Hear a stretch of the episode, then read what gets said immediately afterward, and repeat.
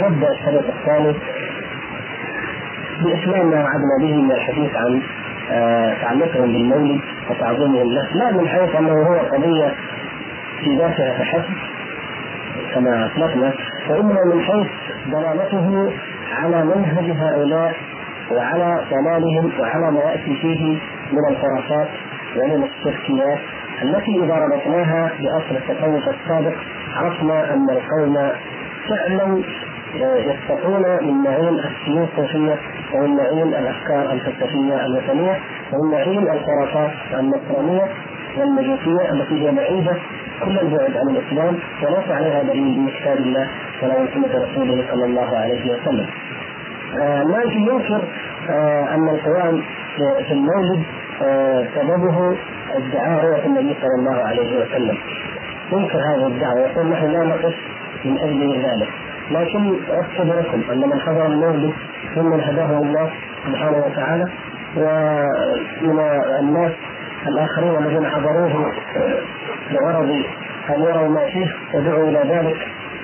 فوافقوا أكدوا وأخبروا أنهم يقولون جاء الرسول جاء الرسول ويقفون وعلى أي حال مهما أنكر آه، المالكي وقال هو وأصحابه فنحن نقرأ ما ذكره هو بنفسه في كتاب الذخائر آه، صفحة 107 ليرى الحق بإذن الله تعالى. يقول العنوان صلوات مأثورة لرؤية الحبيب صلى الله عليه وسلم.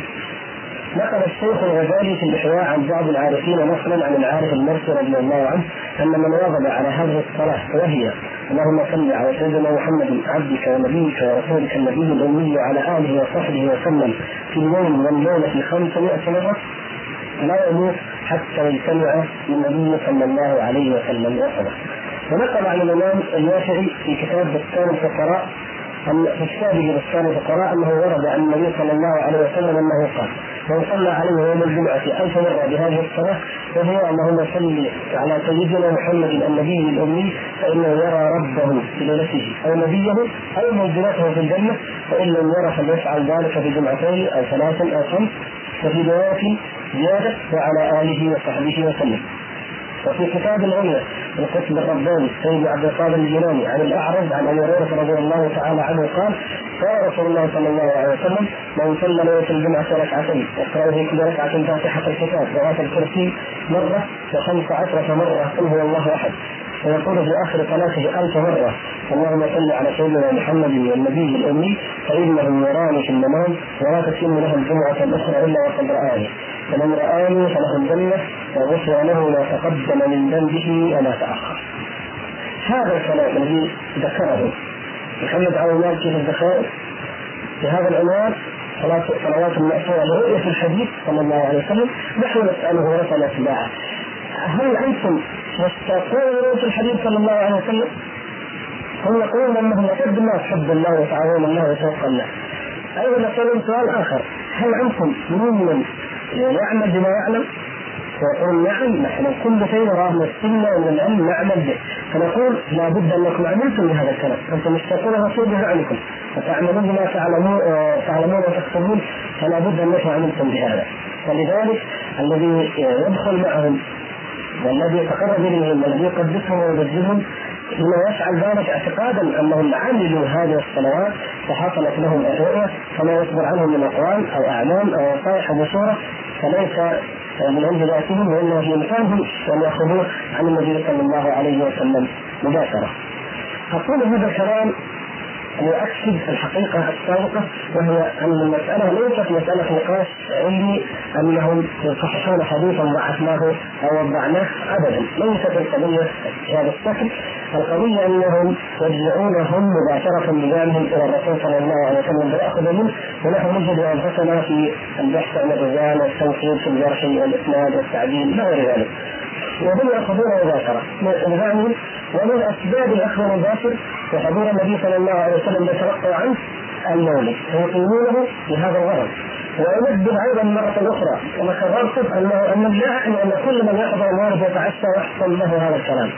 لأن المسألة درجات وسيبين بعد قليل درجات ومراتب ورجال الغيب عند الصوفية فيتضح أن المسألة درجات وأن الذي يحضر يتعشى أو يتبرع لهم بعشاء ليس مثل المريد المتعمق الذي يداوم على ذكر آه، الاوراد وعلى ما يحصل في الخلوات وعلى ما يتقرب به هؤلاء الناس. ومعكم الآن شاهدا واحدا لتعرفوا به أيها الأخوة لماذا يدافع حاكم الرفاعي وأمثاله عن آه، عن المالكي. آه، هناك كتاب رفاعي نقل منه الرفاعي وجعله مراجعه في الأخير. هو كتاب سوء السجن الذي نقلت منه بعض الاشياء قبل في الشريط الأول. أنا أقرأ لكم فقط منه قضية هذا المؤلف عندما عين درجة أو حصل على درجة القطب الأعظم أو الوسط الأعظم. الذي سنعرف عند تفسير رجال الغيب سنعرف قيمته وما وما هي مهمته بالنسبة للرجال الصوفية.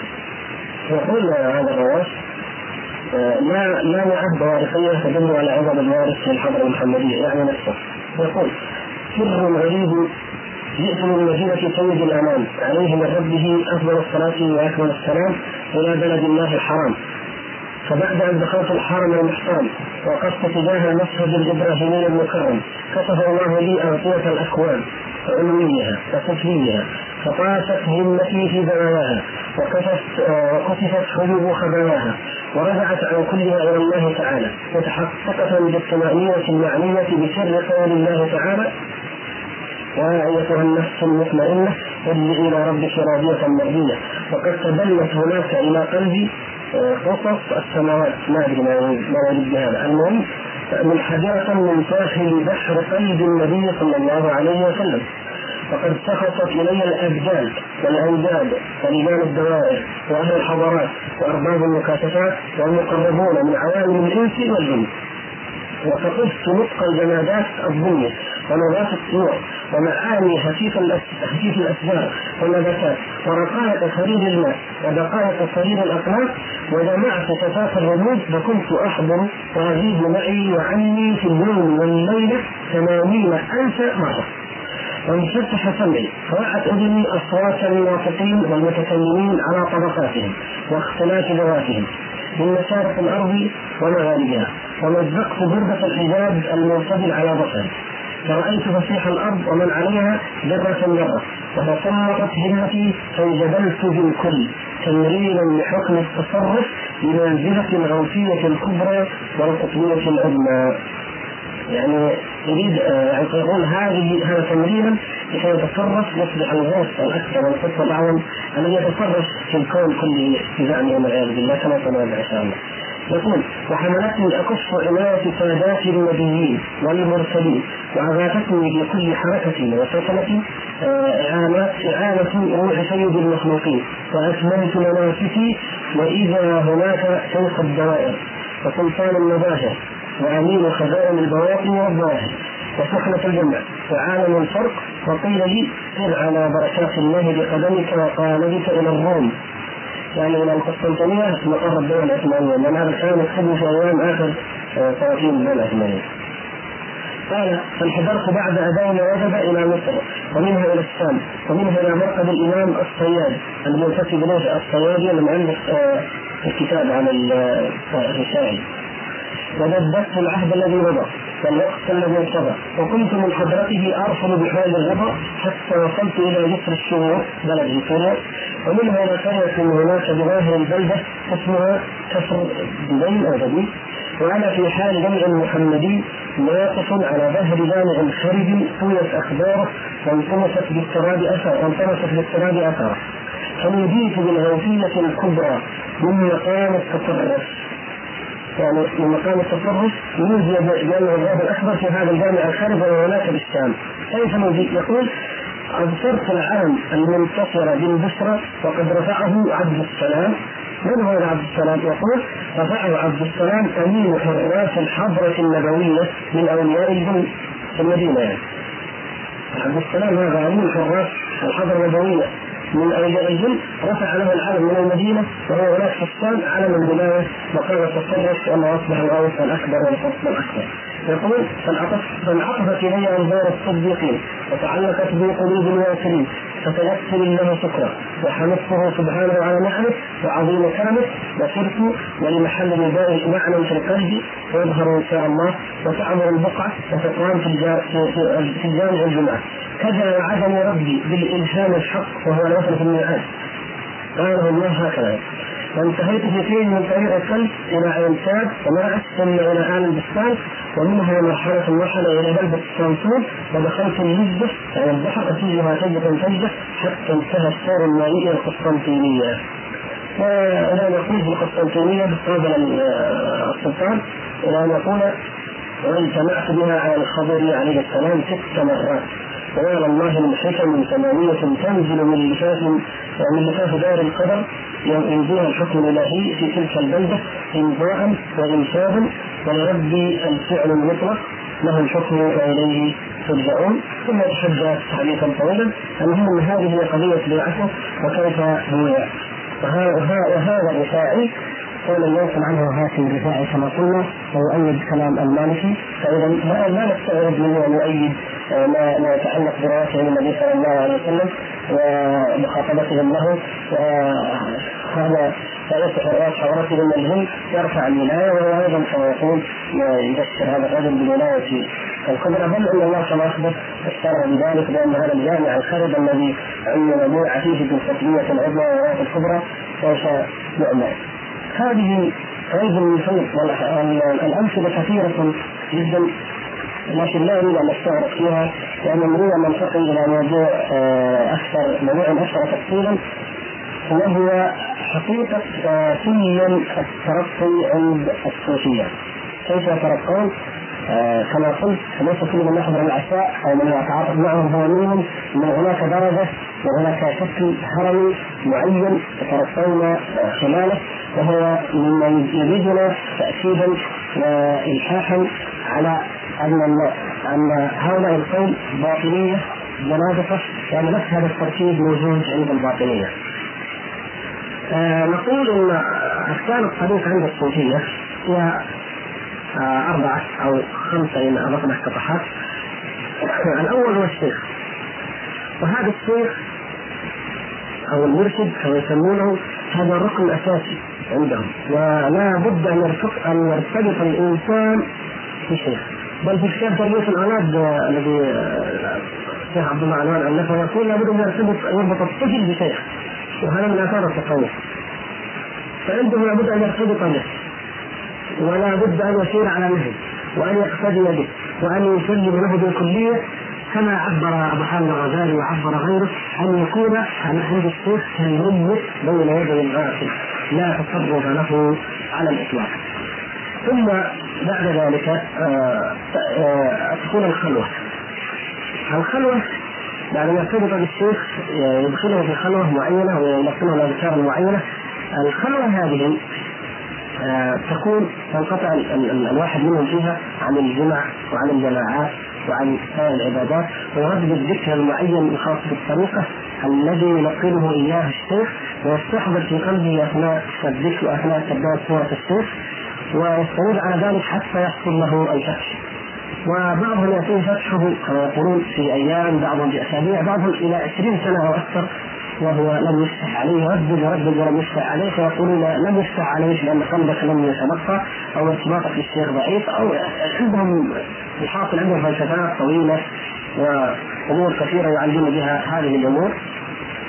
ثم إذا حصل الفتح أو الكشف ينتقل الطالب أو المريد من مرحلة المجاهدات والرياضات إلى المرحلة التي يسمونها مرحلة المشاهدات والكشوفات والتجليات. فيحصل له الفتح بأن يخاطب خاطبه رجل أو يرى يعني مناظر غريبة جدا أو يرى أشياء تخاطبه وتكلمه.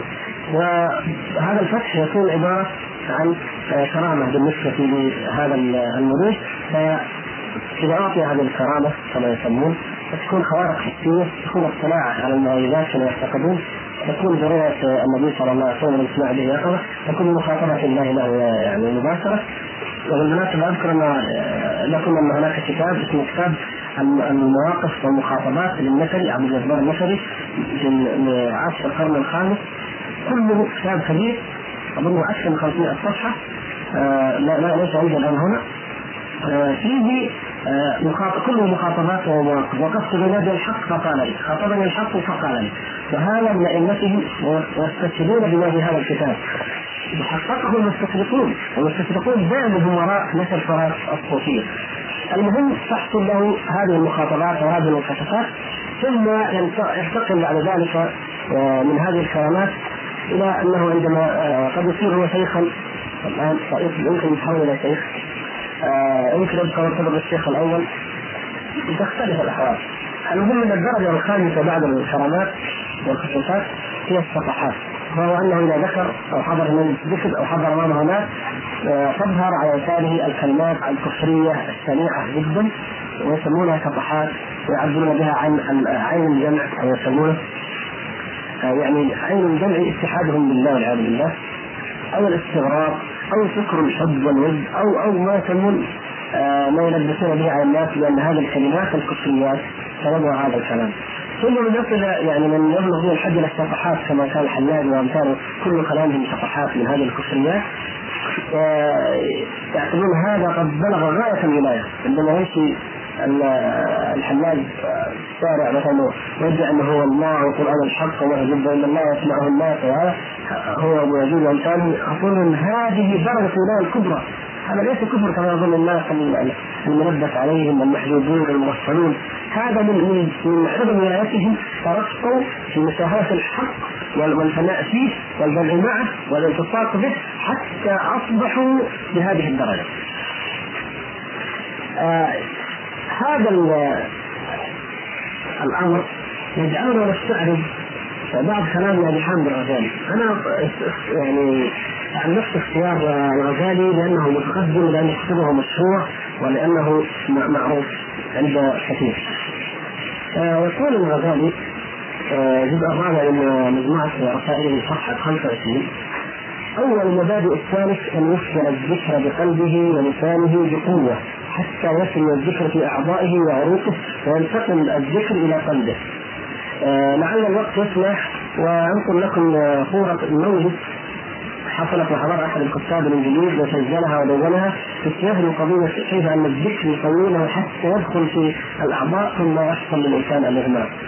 آه يقول آه حتى يصل الذكر في أعضائه وعروقه وينتقل الذكر إلى قلبه فحينئذ يسكت لسانه فيبقى قلبه ذاكرا يقول الله الله باطلا مع عدم رؤيته لذكره ثم يسكن قلبه ويبقى ملاحظا لمطلوبه مستغرقا به معكوفا عليه مشغوفا إليه مشاهدا له.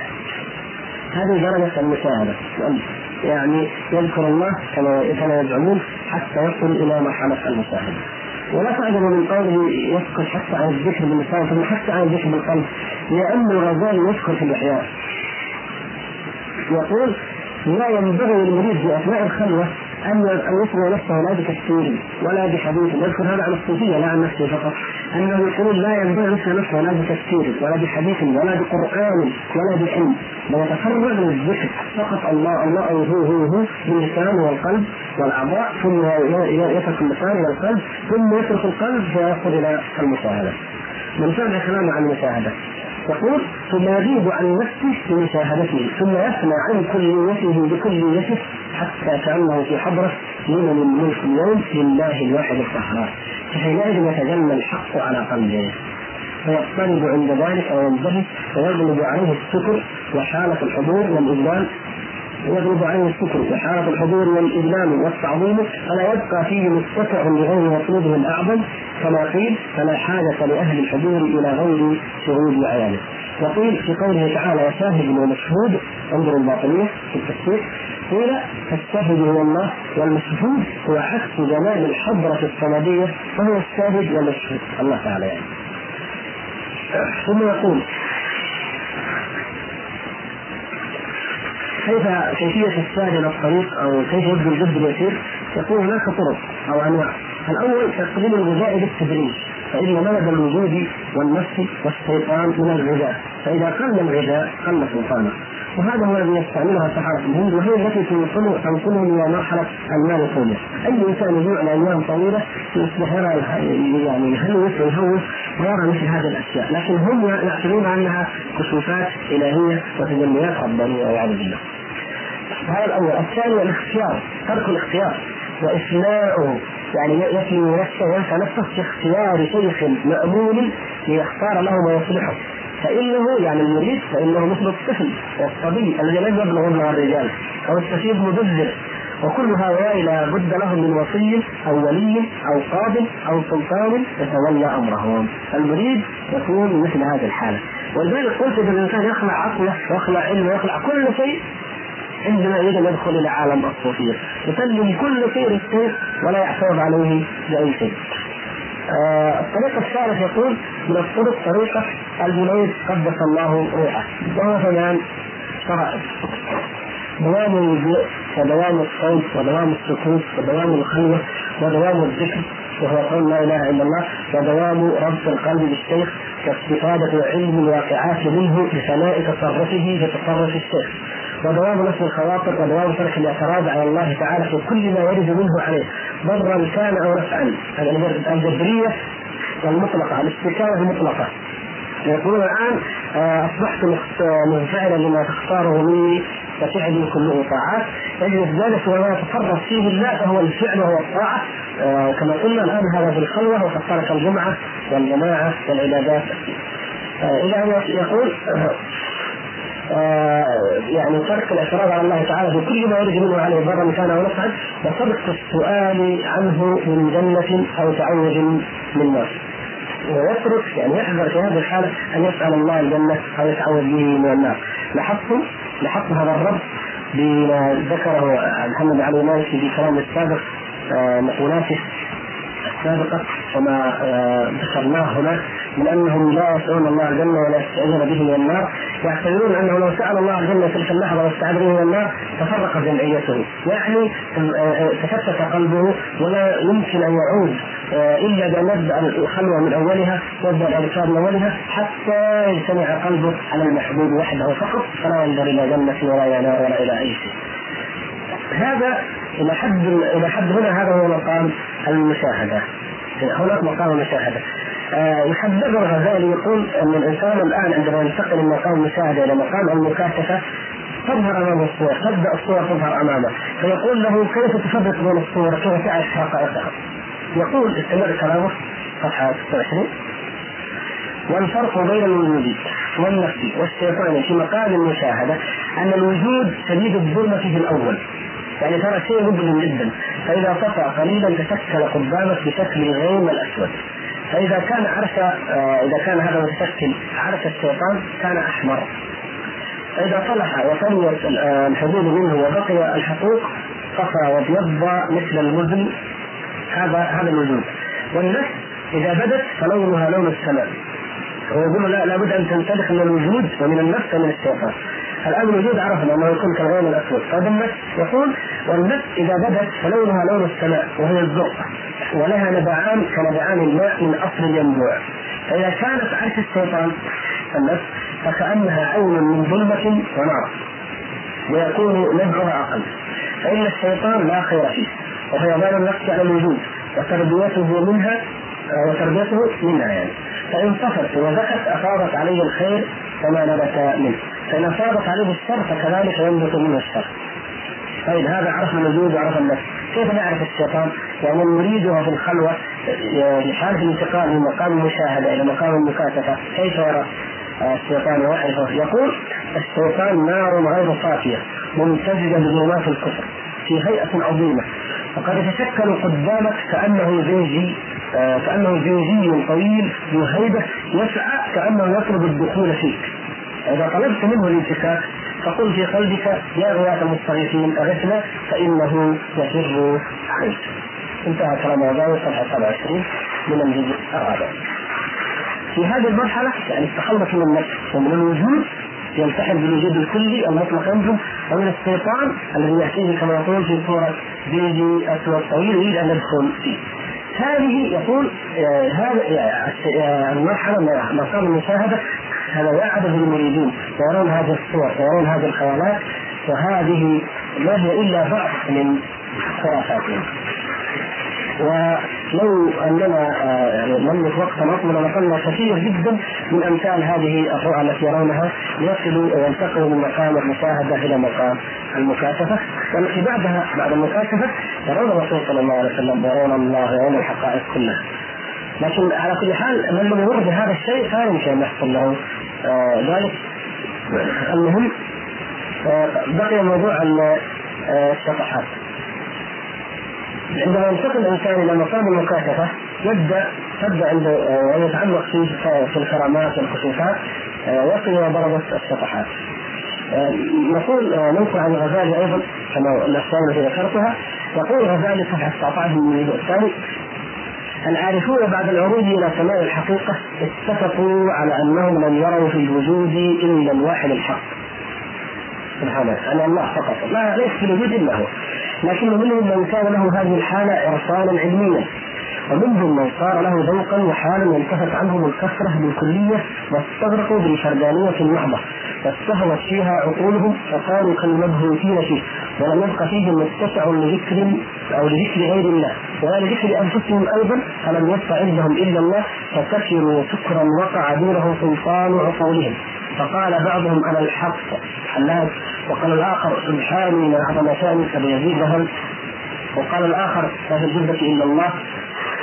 وكلام العشاق في حال السكر يطوى ولا يحكى فلما خف عنهم سكرهم وردوا إلى سلطان العقل الذي هو ميزان الله بأرضه عرفوا أن ذلك لم يكن حقيقة الاتحاد بل يشبه الاتحاد. يعني لو نقرأ أن بعض الصوفيه يقول إن الحلاج استحق القتل لماذا؟ يقول إنه باح بالسر قبل أن يصل إلى الدرجة العليا، الحلاج لم لم يصل إلى حقيقة الاتحاد عندهم. بل رأى حوادث وضوارب كما يسمونها فقال أنا الحق فقتل هو يستحق القتل في نظرهم لا لزندقته لا لدعوى أنه هو الحق لكن يقولون لأنه لم يصل بعد صرح وباح بالسر قبل أن يصل بعد. الغزالي يقول أن هؤلاء لم لم يروا لم يروا لم تحصل لهم حقيقة الاتحاد. بل هذا يشبه الاتحاد. مثل قول العاشق نتابع آه، كلامه يعني مثل قول العاشق في حال فرض العشق أنا من أهوى ومن أهوى أنا نحن روحان حللنا بدلا وهذا من ذات حلال فلا يبعد أن يبدا الإنسان آه، مرآة مرآة فينظر فيها ولم يرى المرآة فقط. فيظن أن الصورة التي رآها في المرآة هي صورة المرآة مستحية بها. يشبه رؤيتهم لله. هذه كإنسان ينظر في المرآة فنسي المرآة وظن أن الصورة التي رآها أمامه هي عين. الأشياء المرئي بينما هو في الحقيقة مجرد مرآة. يقول ان إن بعض العارفين لم يصل لدرجه الاتحاد ولكن يظن أنه وصل إليها وهي انها كالمراه. أو من يرى الخمر في الزجاج فيظن أن الخمر كلون الزجاج فإذا صار ذلك عنده مالوفا ورسخ به قدمه واستغرقه فقال رق الزجاج ورافت الخمر فتشابه فتكاثر الأمر فكأنما خمر ولا قدح وكانما قدح ولا خمر طبعا يعني اتصال الصوفيه بأداة الخمر والعشق والغزل والنهوض والحدود والحدود هذا أمر كأنه يعني يحتاج إلى تنبيه لأنه دائم عندهم. يقول وفرق بين أن يقال الخمر آه، قدح وبين أن يقال كأنه قدح. آه، يعني أيضا فرق بين أن يقول أنه رأى الله أو كأنه رأى الله وتجلى له. وهذه الحالة يقول وهذه الحالة إذا غلبت سميت بالإضافة إلى صاحب الحال فناء بل فناء الفناء لأنه فني عن نفسه وفني عن فنائه فإنه ليس يشعر بنفسه في تلك الحال ولا بعد شعوره بنفسه ولو شعر بعدم شعوره بنفسه لكان قد شعر بنفسه. وتسمى هذه الحال بالإضافة إلى المستغرق فيها بلسان المجاز اتحادا وبلسان الحقيقة توحيدا. هذا توحيد الصوفية يا أخي؟ هذا توحيد الصوفية. توحيد الصوفية هو هذه الحالة حالة الاستغراق التي تسمى بالإضافة إلى المستغرق فيها بلسان المجاز اتحادا كما يقول الغزالي أنه مجاز فقط وبلسان الحقيقة توحيدا وليس مجاز. لسان الحقيقة عن الصوفية تسمى توحيدا. ووراء هذه الحقائق أيضا أسرار لا يجوز الخوض فيها. يقول أبو حامد أيضا لا يزال هناك أسرار وأمور لا يجوز الخوض فيها ولا يجوز ذكرها لأنه لو ذكرها هو أو غيره ربما كان مصيره مصير الحلاج من القتل ومن الإعدام. آه هذا عرض يعني سريع من آه هذا الكاتب المتقدم الغزالي لدرجات أو أركان الطريق عند الصوفيه ابتداء من آه، الشيخ والخلوة ثم المشاهده ثم المكاشفات وأخيرا الصفحات. بعد ذلك يصبح الانسان عندهم من رجال الغيب. آه، رجال الغيب هؤلاء هم كما يزعمون الأولياء هم آه، الذين يتصرفون في الكون ويتحكمون في كل صغيرة وكبيرة كما سيأتي في النماذج التي نذكرها عنهم. أعظم رجال الغيب عندهم هو القطب الأعظم أو قطب الوجود أو الغوث الأعظم أو واحد الزمان هذا اسماء متقاربة هناك حقيقة فلسفية ثابتة وأكثر الباحثين المعاصرين ذكروها ونقلوها ومن قبلهم أيضا أن آه، أصل فكرة القطب الأعظم عند الصوفيه هي العقل المطلق عند افلاطون. آه، افلاطون كما ذكر سيد قطب رحمه الله في اختصاص القول الاسلامي في فصل الواقعية نقلا على ما اعتقد عن العقاد إنما سيد ذكرها صفحة 166 والعقاد ذكر ذلك في عقاد المفكرين المهم أن افلاطون يقول إن الله كامل ولا يصدر عنه الشر. والعالم ناقص فالشر فيه كثير. ولا يليق بالكامل أن يفكر في الناقص ولا يليق بالله أن يكون هذا الشر منه. فلا بد من تقدير واسطة بين الله والعالم. تكون هي المتصرفه في الكون. ولا تستغرب من يقول اخرون افلاطون بينما أنا أقول أن اصل التصوف الهندي. لأن البيروني نفسه ذكر هذا ومعروف هذا في تاريخ الفقه الأوروبي اليونان لم يكونوا يملكون فكرا فلسفيا وإنما كانوا يقتبسون من من الهند. والجنس الآري يجمع الأوروبيين والهنود جنس واحد. ثم لما وجدت لهم فلسفاتهم أفلاطون وأرسطو وامثالهم استغنوا وانفصلوا عن الهنود في حين أن أرسطو وأفلاطون يعتبروا متأخرين بينما في الهنود آلاف السنين قبل الميلاد. والحاصل أن هذا الذي كان العقل المطلق عند افلاطون سماه الصوفية القطب الأعظم أو واحد الزمان أو الغوث الأكبر أو نحو ذلك. ويقولون كما في طبقات الشعراني واحد من 73 يقول لو لم يصبح واحد الزمان يتوجه في أمر الخلائق من البشر لفجأهم أمر الله عز وجل فأهلك. يقول أن مهمة القطب هذا أنه لو كان أمر الله يأتي البشر مباشرة لامر الله أن هذا يحيا وهذا يموت وهذا كذا مباشرة ما يتحمل البشر فيهلكهم الأرض يشفاهم الأرض ويهلكهم فيحتاج الله والعياذ بالله أن يحتاج إلى واسطة يتلقى الأمر ثم هو ينفذه في الكون وهو الغوث وهو آه، واحد الزمان أو القطب الاعظم. ويقولون أنه لو أن المدد الحقيقي ورد في هذا العالم من عارفين على السواء لترى في قلوب الآخرين أي يعني متلقين المدد لترى في قلوبهم الشرك الخفي. يعني لابد أن يكون القطب واحد. القطب واحدا ولذلك هذا بفاعل قرأت لكم تعيينه قطبا. يقول حتى النبيين يسلمون والصديقين كلهم والابدان جميعا والنجباء والنقباء كلهم يسلمون لأنه لابد أن يكون واحد. لماذا قال؟ لو, لو كانوا اثنين ربما يدخل الناس في الشرك. سبحان الله كأن الصوفية يحاربون الشرك يعني. قال لابد أن يكون القطب الواسطه بين الله وبين الخلق المتصرف في الأكوان. واحد. وبعدين العجيب أن كل طائفة من الطوائف الصوفية تدعي القطبية العظمى لشيخها فقط دون من سواه وبذلك فرقوا الأمة ومزقوها. والغريب أن الرفاعي والقادري كانا متعاصرين. فإذا كان القطب واحدا فأيهما كان متطرف في الكون؟ نتركه كلام الصوفية ولهؤلاء الخرافيين الذين يقولون أننا نحن أهل السنة والجماعة نحن نفرق الأمة عندما نقول نترك هذه الخرافات لكن هم آه الذين يفرقونها فماذا يكون جوابهم عن وجود قطبين في وقت واحد؟ الله أعلم. المهم أن بعضهم أيضا يدعي أنه أعلى من درجه القطبية. مثلا أحمد الرفاعي مؤسس الرفاعية يدعي ذلك وقد نقل عنه الشعراني أنه قال له أحد تلاميذه يا سيدي أنت القطب فقال نزه شيخك عن القطبية. فقال وأنت الغوث؟ فقال نزه شيخك عن الغوثية.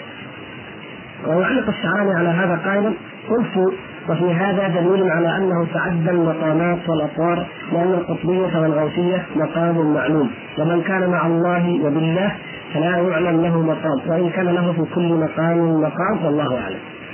يقول إن الصوفية متفقون على أنه ليس بعد القطبية إلا الالوهيه، بما أعلم ان ليس هناك خلاف في هذا. اعلى من درجة القطب ليس هناك درجة أعلى. وليس هناك مقام أعلى من مقام القطبية. اذا فهذا يتفق مع دعواهم الاتحاد بالله سبحانه وتعالى أو حلول الله فيهم أو وحده الوجود أي أنه ليس بعد درجه القطبية إلا أن يكون درجه الالوهيه ويتحد بالله فكأنه هو الله. وليس هذا غريبا بعد أن سمعنا ونعلم جميعا ما صرحوا به من قولهم أنا الله وما في الجد إلا الله وقول بالعربي العبد رب والرب عبد. فهذا كله جائز وارد آه بقي أن نتحدث عن بعض أعمال القطب الأعظم. غير تصرفه في الكون وانقاذه المنفوذين واغاثته من ناحيته ذكر الكرامات هناك أمر خطير جدا وهذا كما قلنا يتعلق بالمنهج الصوفية في التلقي الذي هو أصل موضوعنا هنا. آه، من أعمال القطب أعظم التشريع، من أعظم اعمالهم يشرع لهم الأذكار والأوراد والأوعية والأدعية ثم يستعملونها وهي آه، كما يزعمون ترفع المريدين إلى الملأ الأعلى تصلهم إلى العرش بالقوة الروحانية كما في كتاب مطبوع اوراد الرفاعية وأيضا عن اوراد الشامليه كتب الاوراد تقرأ فيها أن هذه لهذا الذكر قوة روحانية عظمى دافع إلى آخره. هذه القوة الروحانية بزعمهم تجعل الذاكر المريد هذا يرى الرسول صلى الله عليه وسلم يقظه بل تجعله يرى الله تعالى بزعمهم. ونختار من هذه التشريعات قضيتين كانت آه، مما ناقش وزعزع حوله الرفاعي وربما أيضا تعرض لها أصحابه وهي قضية آه، صلاة الفاتح وقضية ثانية قضية التوحيد والوحدة.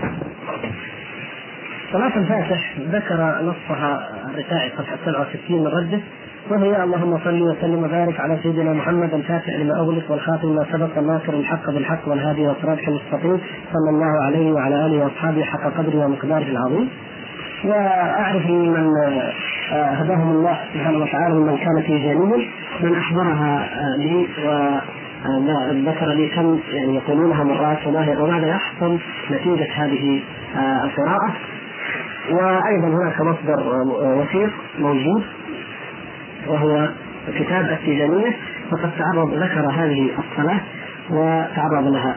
يهمنا هنا يعني قضية القطب أو أنها من أعمال القطب. قول الرفاعي أن هذه الصلاة عن الصلاة يقول هذه أنفاس رحمانية وعوارف صمدانية يعني كأنها من أنفاس الرحمن ومن عوارف الصمد سبحانه وتعالى لقطب دائرة الوجود وبدر أساتذة الشهود تاج العارفين سيدنا وأستاذنا ومولانا الشيخ محمد بن أبي الحسن البكري إلى آخره. يعني ما دام هذا القطب البكري هو الذي وضعها هو الذي كتبها. فهي انفاس رحمانيه وعوارف صمدانيه ولا يحق لأحد أن يعترض عليها على الإطلاق.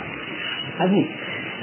التيجانية أخذوا هذه يعني أخذوها ما دامت عن هذا الكتب أخذها التيجانية وعلى أي حال ماذا يقول عنها التيجانية؟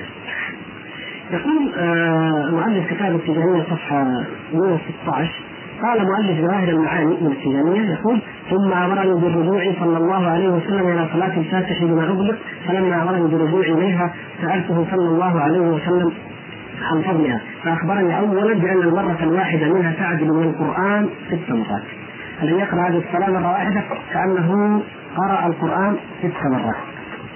لاحظوا من الذي يزدري كتاب الله ويحتقر كتاب الله وبالتالي يحتقر رسول الله ويكرهه ولا يحبه. من؟ طيب. ثم أخبرني ثانيا أن المرة الواحدة منها تعدل من كل تسبيح وقع في الكون ومن كل ذكر ومن كل ومن كل دعاء كبير أو صغير. ومن القرآن ستة آلاف مرة لأنه من الأذكار. أي القرآن. ثم أيضا نذكر في صفحة 17 أنهم يعتقدون أنها من كلام الله. وبذلك يقول مؤلف الرماح أن من شروطها من شروطها الصلاة أن يعتقد أنها من كلام الله. هذا ينص على أنه يعتقد أنها من كلام الله والرفاعي نفسه هاشم بربه يقول ينقل انها أنفاس رحمانية. من أنفاس الرحمن سبحانه وتعالى الرحمن. اذا هذا يؤيد ما قلناه من أن القطب عندهم يعني له درجة الالوهيه حتى أنه يشرع هذه الأشياء ويقول أنها من الله وأن على على الذاكر يعتقد أنها من كلام الله. ويقول أيضا المؤلف التجانيه وقال مؤلف في المستفيد مع اعتقاد المصلي أنها ليست من تأليف البكري ولا غيره وأنها وردت من الحضرة القدسية مكتوبة بقلم القدرة في صحيفة نورانية. هذه هي الصلاة. صلاة الفاتحة وهذه قيمتها عندهم فهي من كلام الله عند الصوفية ولها هذه المنزلة.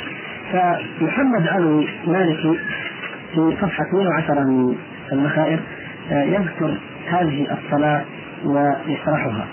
فهو انظر كيف هذا الداعي وهذا تجاني والمالكي طريقته اظن على الطريقة الحسينيه العربية هذه الذي في مصر المهم الطرق تختلف لكنهم يتفقون على هذه الصلاة التي يقولون إن من ذكرها من قرأ بها أفضل من القرآن ومن القرآن المهم ستة آلاف مرة فانظروا بعد ذلك أي كفر وأي شرك فوق هذا.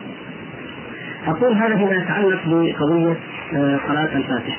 آه، القضية الأخرى التي من تشريعات الأصحاب أو من كلام الأصحاب آه، قضية الوحدة والتوحيد آه، العبارة التي يقولها الصوفية ويقول وهي اللهم اصرف بي على الباطل فادمغه أو فأدمغه وزجني في بحار الأحدية ويشن من أوحام التوحيد.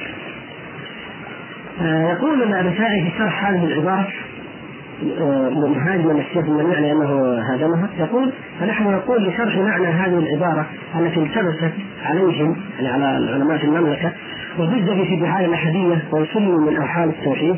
إن التوحيد لغة الحكم بأن الشيء واحد والعلم بأنه واحد.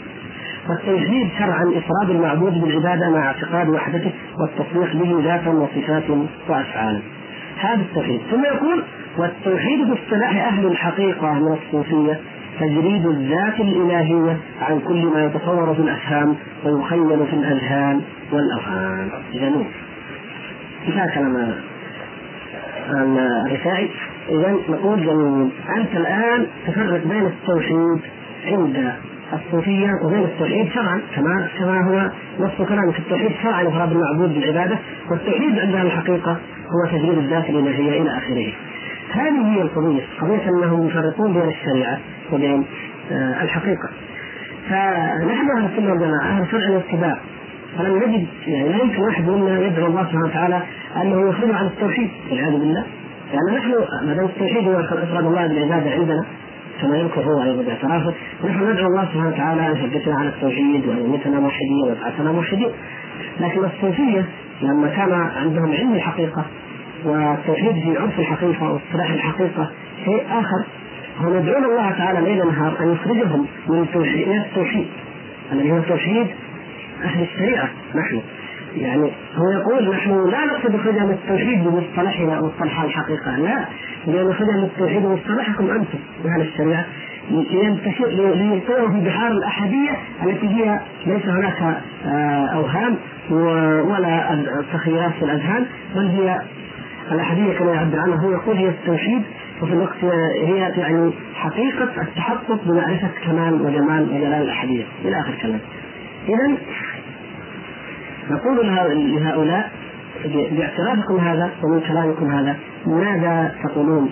هل كان النبي صلى الله عليه وسلم على التوحيد الذي عرفتموه بانه التوحيد شرعا أو على الأحادية التي تريدون أن ينتشلكم آه، الله إليها ويزوج بكم في بحارها نسألكم ونقول لكم الرسول صلى الله عليه وسلم عندما أرسل معاذا إلى اليمن وقال له كما في الرواية الصحيحة في البخاري فليكن أول ما تدعوهم إليه أن يوحدوا الله.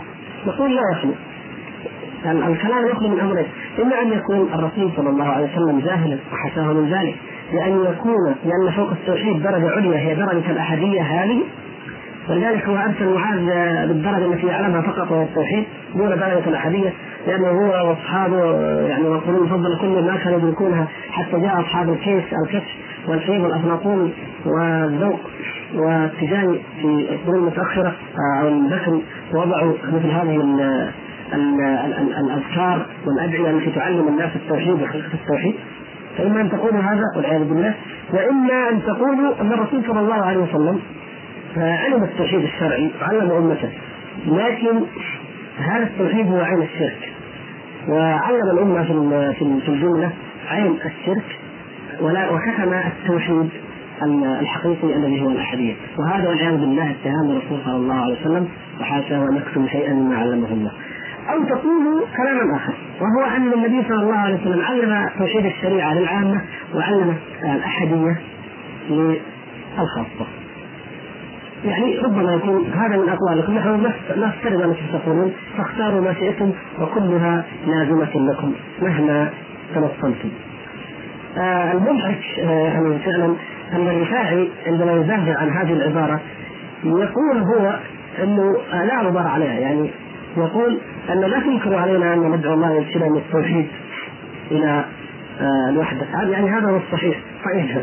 أنت تقول التوحيد إفراد الله بالعبادة وتقول لا تنكر علينا أن ندعو الله أن ينتشلنا من التوحيد ويزج بنا بالأحدية طيب أنت إذا تدعو الله أن ينتشلك من التوحيد الذي هو إفراد المعبود شرعا. أو ينتشلك من التوحيد الذي عرفته أنه توحيد الحقيقة. يعني سواء هذا أو هذا فأنت تدعو الله أن ينتشلك منه إما توحيد أهل الشريعة وإما توحيد أهل الحقيقة. فتدعو الله أن ينتشلك من التوحيد. على أي تعريفين؟ تعريفها للشريعة والحقيقة أن تدعو أن ينتشلك من التوحيد ولهذا أقول أنها رجل لا يعي ما يقول لكن من المؤكد من الأقطاب الذين وضعوا هذه العبارة يعون ذلك جيدا ويفهمون دلالتها لأنهم ينتشلهم من هذا ومن ذاك ليتحقق لهم وحدة الوجود التي هي عندهم عين الأحدية. ننتقل الآن الحديث عن رجال الغيب. عندما نرجع سهل أو قريب صاحبه آه، في هذا يعني كانه معاصر سنه مدهاني الذي توفي سنة 1350 ف حتى لا يكون هذه فكرة قديمة كما يقول بعض الناس مع الأسف هذه أفكار قديمة وعفى عليها الزمن. لا نبهاني توفي عام 350 فلمنهم ما زالوا موجودون ومنهم هؤلاء القوم. آه، أو من طرق أخرى آه، يقول أن رجال الغيب كثيرون. ومنهم رضي الله عنهم النقباء وهم اثنا عشر يكون اثنا عشر. اثنا عشر نقيبا في كل زمان لا يزيدون ولا ينقصون ومنهم رضي الله عنهم النجبة وهم ثمانية في كل زمان لا يزيدون ولا ينقصون ومنهم رضي الله عنهم الحواريون وهو واحد في كل زمان لا يكون فيه اثنان فإذا مات ذلك الواحد أقيم غيره. ومنهم رضي الله عنهم الرجبيون. وسموا رجبيين لأن حال هذا المقام لا يكون له إلا في شهر رجب. ومنهم رضي الله عنهم الابدان وهم سبعة لا يزيدون ولا ينقصون يحفظ الله بهم الأقاليم السبعة. فبين قلنا والله صرف الله عز وجل عند الصوفيه الا بواسطه فالأقاليم السبعة على الجغرافيا القديمة اللي كانت قبل ألف آه، وضع الصوفية آه، سبعة من الرجال الأبدان كل منهم يحفظ اقليمه ويتصرف فيه. يقول عنه رضي الله عنه الختم وهو واحد لا في كل زمان بل واحد واحد في العالم يختم الله به الولاية المحمدية. خاتم الأولياء واحد. ولذلك خاص ابن عربي وابن سبعين وأحمد التيجاني ومحمد محمد طه. كل منهم يدعي ويحرص أن يكون هو خاتم الولاية كما كما يدعي آه، كذابين الشيعة وغيرهم ان كل منهم هو المهدي المنتظر. يقول فمنهم رضي الله عنهم 300 نفس على قلب آدم عليه السلام. ومنهم رضي الله عنهم أربعون نفسا على قلب نوح عليه السلام. ومنهم رضي الله عنهم سبعة على قلب الخليل عليه السلام. تذكروا ما قلت لكم من أن حرصهم على تعظيم الرسول صلى الله عليه وسلم إنما هو تعظيم لأنفسهم. لأنهم يقولون أن رجال الغيب منهم من يصل إلى أن يكون على قلب فلان من الأنبياء. فهو كالنبي فأسقطوا الفرق بين البشر العاديين وبين الأنبياء صلوات الله وسلامه عليهم. بل بين الملائكة أيضا يقولون ومنهم رضي الله يقول مبهاني ومنهم رضي الله عنهم خمسه على قلب جبريل عليه السلام. ومنهم رضي الله عنهم ثلاثة على قلب ميكائيل عليه السلام. ومنهم رضي الله عنهم واحد على قلب إسرافيل عليه السلام. ومنهم رضي الله عنهم ثمانية عشر نفسا أيضا. هم الظاهر بأمر الله عن أمر الله. انظروا. ومنهم رضي الله عنهم ثمانية رجال يقال لهم رجال القوة الإلهية ومنهم رضي الله عنهم خمسة عشر نفسا. هم رجال الحنان والعطف الإلهي الله تعالى قوته وحنانه ورحمته تكون عن طريق هؤلاء بزعمهم ومنهم رضي الله عنهم أربعة وعشرون نفسا في كل زمان يسمون رجال الفتح. ومنهم رضي الله عنهم آه، واحد وعشرون نفسا وهم رجال التحت والسفل ومنهم رضي الله عنهم ثلاثة أنفس وهم رجال الإمداد الإلهي والكون. ومنهم رضي الله عنهم ثلاثة أنفس إلهيون رحمانيون في كل زمان ومنهم رضي الله عنهم رجل واحد وقد تكون امرأة في كل زمان ومنهم رضي الله عنهم رجل واحد مرتب ممتزج في كل زمان لا يوجد غيره في مكانه وهو يشبه عيسى عليه السلام. متولد بين الروح والبشر. لا يعلم له أب بشري كما يحكى عن بلقيس أنها تولدت من بين الجن والإنس. فهو مركب من بين وبين جنسين مختلفين وهو رجل البرزخ به يحفظ الله تعالى البرزخ. إلى آخر كلامه. المهم انظروا ترتيب هؤلاء الرجال. انظروا تصويتهم انظروا أعدادهم. لماذا كان بهذا الشكل انظروا هذا الأخير الذي يشبه عيسى أليس آه هذا يصدق ما, ما أن أصل الصوفية أو من النصرانية التي هي في الأصل عن منقوله نقلها بولس شاول اليهودي عن النصرانية فهي جسيسه يهودية نقلت من النصرانية ديانة وثنية شرقية إلى النصارى ثم أخذها عن طريق النصارى.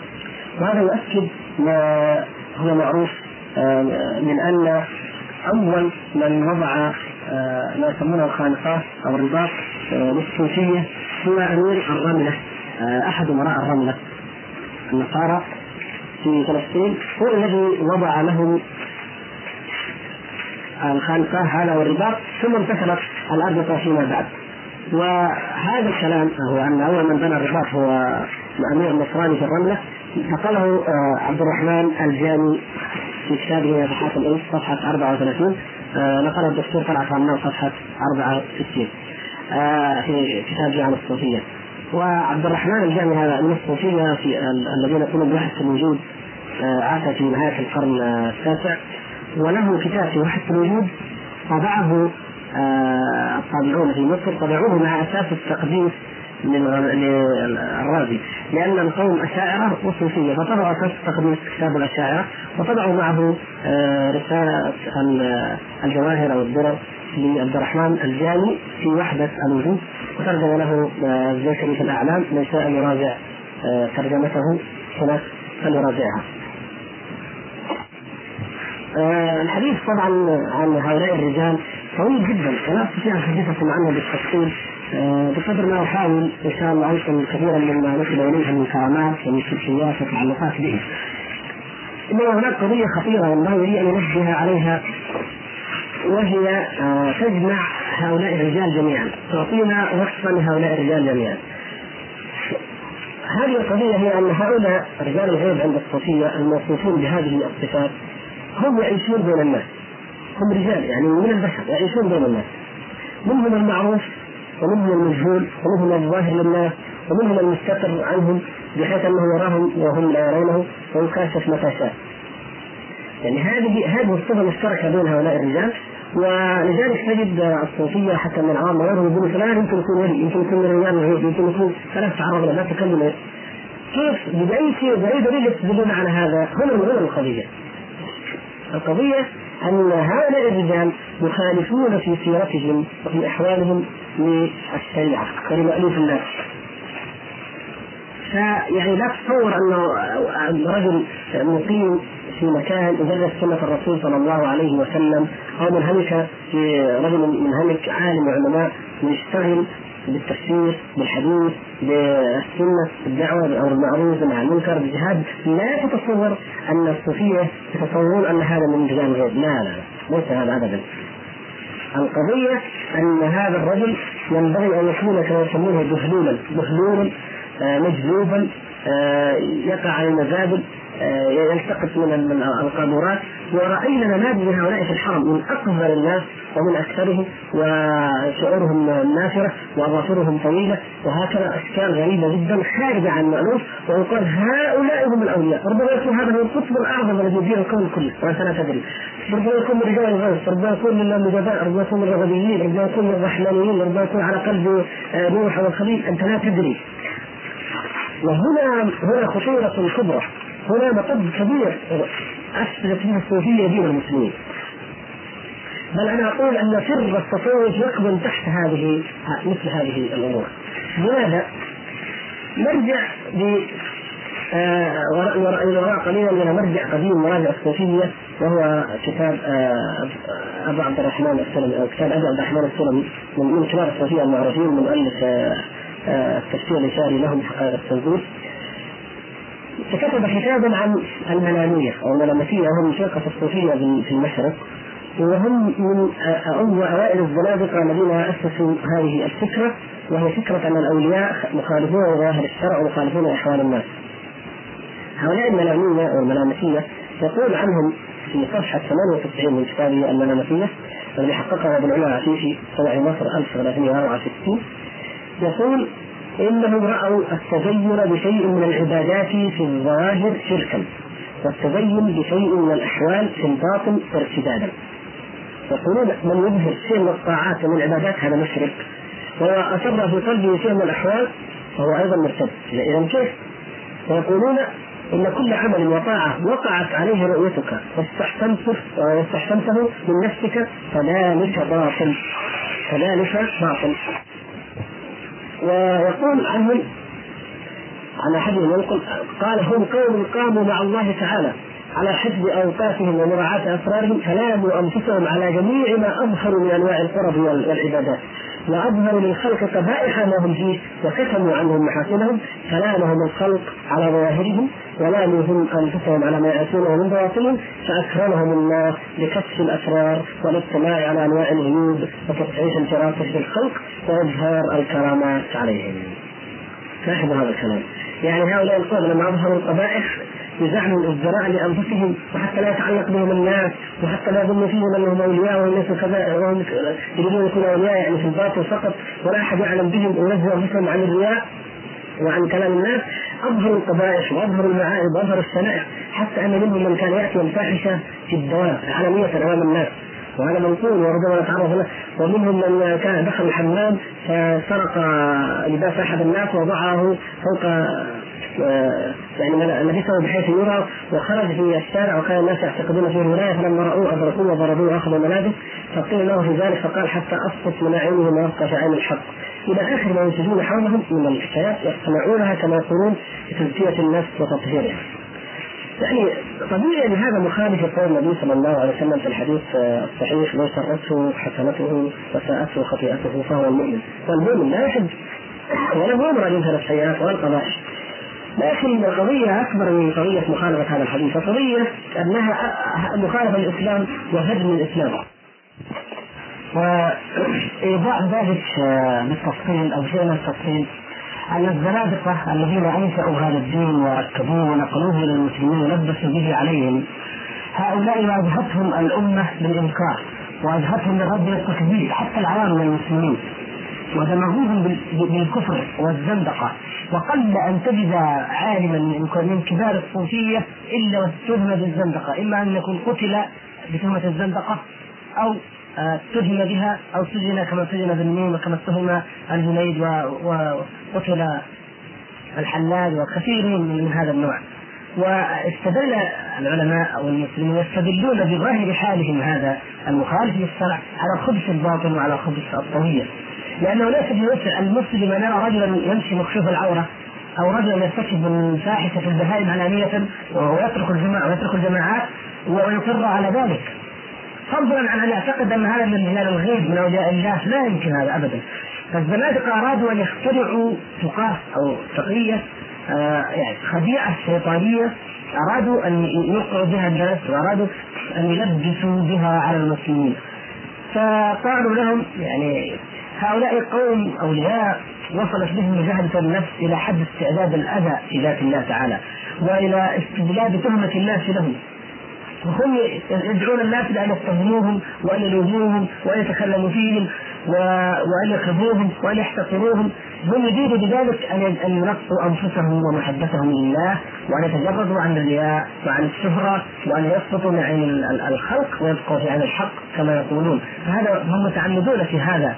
ويحبون أن يقول الناس إنهم زنادقة وإنهم مخالفون وإنهم كذا ويستمرون على إظهار هذه الأحوال. آه على حد قول الشاعر كما هم يقولون يعني أجد الملامة في هواك لذيذة حبا لذكرك فليلمني النمو. لكن بالحقيقة أن المسخور منهم المستهزأ بهم هم هؤلاء أصحاب الظاهر. المبصرون الذين يعتقدون مثل هؤلاء الأولياء أو يلمزونهم أو يتكلمون فيهم بدعوى أنهم مخالفون لظاهر الشرع وهؤلاء شاهدوا الحقيقة الكونية وأدركوا سر القدر واشتغلوا بإصلاح القلب عن إصلاح الظاهر واشتغلوا بمحبة الحق عن إنكار أو عن سماع إنكار الخلق. ويقولون بجملة ما يقولون ويتعللون به إنكم أنتم يا أهل الظاهر الفقهاء والعلماء والرسول تنكرون علينا ان نترك صلاة الجمعة. وأنتم تكتبون في كتب الفقه أن من خاف ضياع ماله جاز له تركها لأجله، ومن كان مسافرا ولو كان مسافرا للدنيا أو للتجارة يجمع المال يجوز له أو تسقط عنه صلاة الجمعة، فكيف الذي في الخلوة مستغرق مع الله سبحانه وتعالى وقلبه متعلق بمحبه الله الذي اغنى من الدنيا كلها وتقولون هذا هذا لا يمكن آه، أن يترك الجمعة والجماعات ولا يجوز له أن يعتكف في خلوة ويترك آه، الجمعة والجماعات. كيف يعني هل أليس الله تعالى أغنى وأعظم من الدرهم والدينار؟ المجتمع مع الله؟ أليس أعظم ممن هو مجتمع على قليل من المال؟ آه، يخشى أن أن يضيع منه فيجوز له عندكم في فقهكم أن يترك الجمعة لأهله ويقولون آه يعني عندنا أدلة طبعا الادله ياتينا بها بعدين كما قلنا. يقولون يعني أنتم مثلا آه تقولون إن الإنسان إذا أغمي عليه فكشفت عورته هذا جائز وقد يكون الاغماء هذا بسبب الشمس ضرب الشمس أغمي عليه فكشفت عورته هذا جائز. وتذكرون مثلا من الأدلة آه وهو موجود في كتب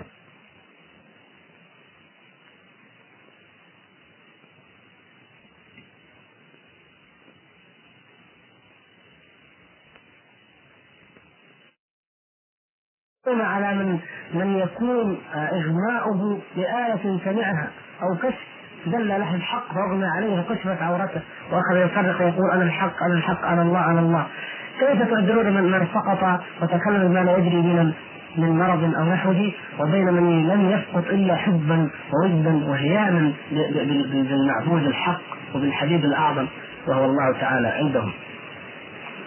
أقول انه رأى الزنادقة أن هذه هي أخطر وسيلة لهدم دين الإسلام وإبعاد الأوامر والنواهي وإبطالها وإبطال الجهاد إبطال الأمر بالمعروف والنهي عن المنكر واندثار أمر الإسلام بالكلية. ويعني القصص في ذلك كثيرة منها ما ذكره شيخ الإسلام وتحدث عنه في كتاب الاستقامة أن بعضهم كان اذا سمع المؤذن يقول اسكت يا كلب لعنك الله أو نحو ذلك ينهار ويشتمه وكثير منهم كان يصنع هذا. فإذا قيل له كيف تقول ذلك؟ قال هؤلاء أهل الظاهر. يؤذن في الظاهر وفي الباطن. آه، لا يعلم حقيقة التوحيد الذي يقوله. عندما يقول أشهد أن لا إله إلا الله. فإذا قدم أحد كيف تقول للمؤذن هذا الكلام؟ يقول هذا من ولايته. هذا من فهمه للتوحيد. يشتم المؤذن لأنه يقول أشهد أن لا إله إلا الله وهذا يدرك التوحيد. إلى غير ذلك المهم أن هذه طريقة لإسقاط الأوامر والنواهي لا تنكر على أي إنسان. لا تنكر. أنت لا تدري في عرفهم في كلامهم. لا تدري ربما هذا المسجوب الذي تراه مطروحا على المزبلة آه والناس هناك يصلون. آه ربما أنه ما يفعل هذا إلا تسترا والا فهو قوام بالليل وبكاء بالسحر وأواه منيب في خلوته حين ينقطع عن الخلق وينفرد بالحق. وما يدريك أنك قد تنكر على رجل سكران بالشارع. وما هو بسكران سكر خمر إنما هو سكر الوله والمحبة والود والشوق. أيضا قد ترى امراه عاريه الشعر والنحر تواجد تتمايل فتقول هذه لاهيه أو راقصة أو هذه مطربة وهي هذه ولية هذه مستغرقة في عين الجمع مع الله. انت ترى جسدها على الأرض ولكن قلبها في السماء عند الله أو في العرش أو كذا. ممكن آه، ترى مجنونا آه، يرغي ويزبد ويطارد الصبيان في الشوارع. وتقول الحمد لله الذي عافاني وابتلاه به أو نحو ذلك. ولكن لا تدري يعني على كلام لا أنت المبتلى بحجاب الغفلة.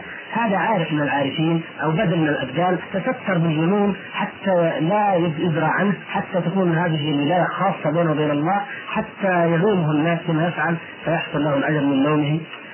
أقول إن مثل هذا الكلام هو الذي يعني تلبيس الحقائق إضاعة المعايير التي نعرف بها الصالح من الصالح والمجنون من الصاحب تضييع المعايير وإسقاط العوام لها ثم نشر هذه بين عامة المسلمين وجهلتهم خاصة المناطق النائية في القديم وخاصة الآن جميع عوام المسلمين آه، تنشر هذه بينهم فماذا يكون رد الفعل عند المسلمين اذا؟ إذا اعتقدوا أن الولي ليس الذي يدرس آه، كتاب الله والصحيحين في المسجد الحرام مثلا والجهاد في سبيل الله وإنما الولي هذا الاشعث الأكبر القذر الممكن الذي يراه يلتقط القنائم من جوار الحرم ولا يمد يده لأحد لأنه متوكل فيقول ربما كان هذا هو القطب الأعظم.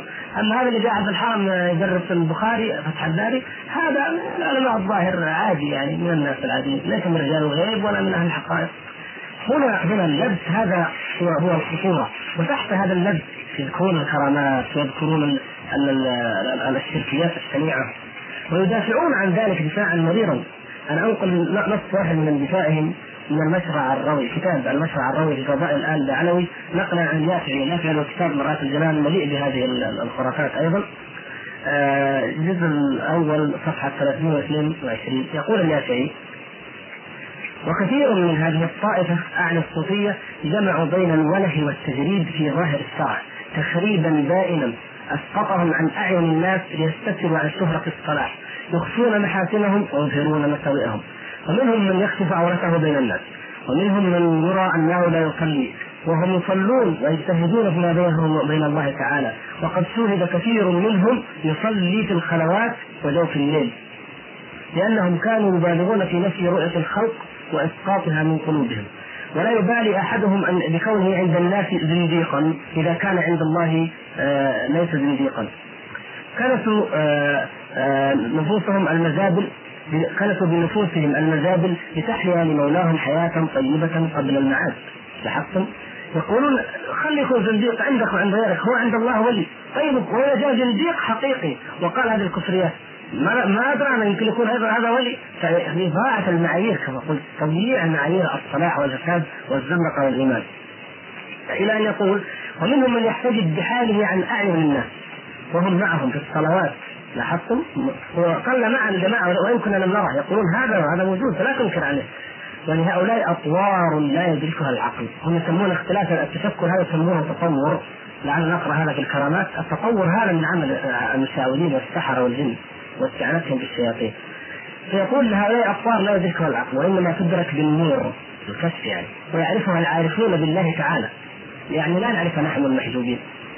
يقول فقد روينا أن بعضهم كان لا يرى أنه يصلي فأقيمت الصلاة يوما وهو جالس فقال له بعض الفقهاء قم فصل مع الجماعة مع مع إنكار عليه الفقيه أنكر عليه قال له قم صل.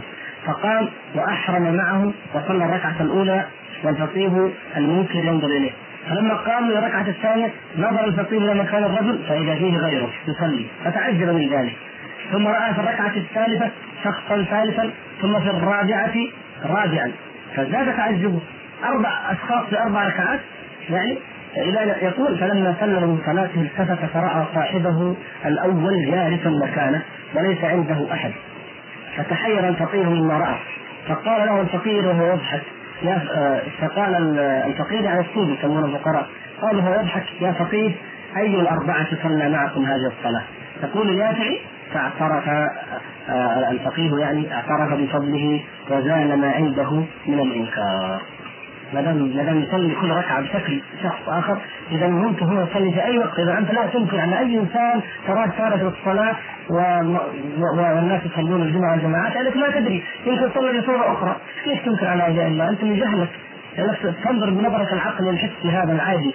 وهؤلاء قوم لهم أمور أخرى ولهم اطوار أخرى.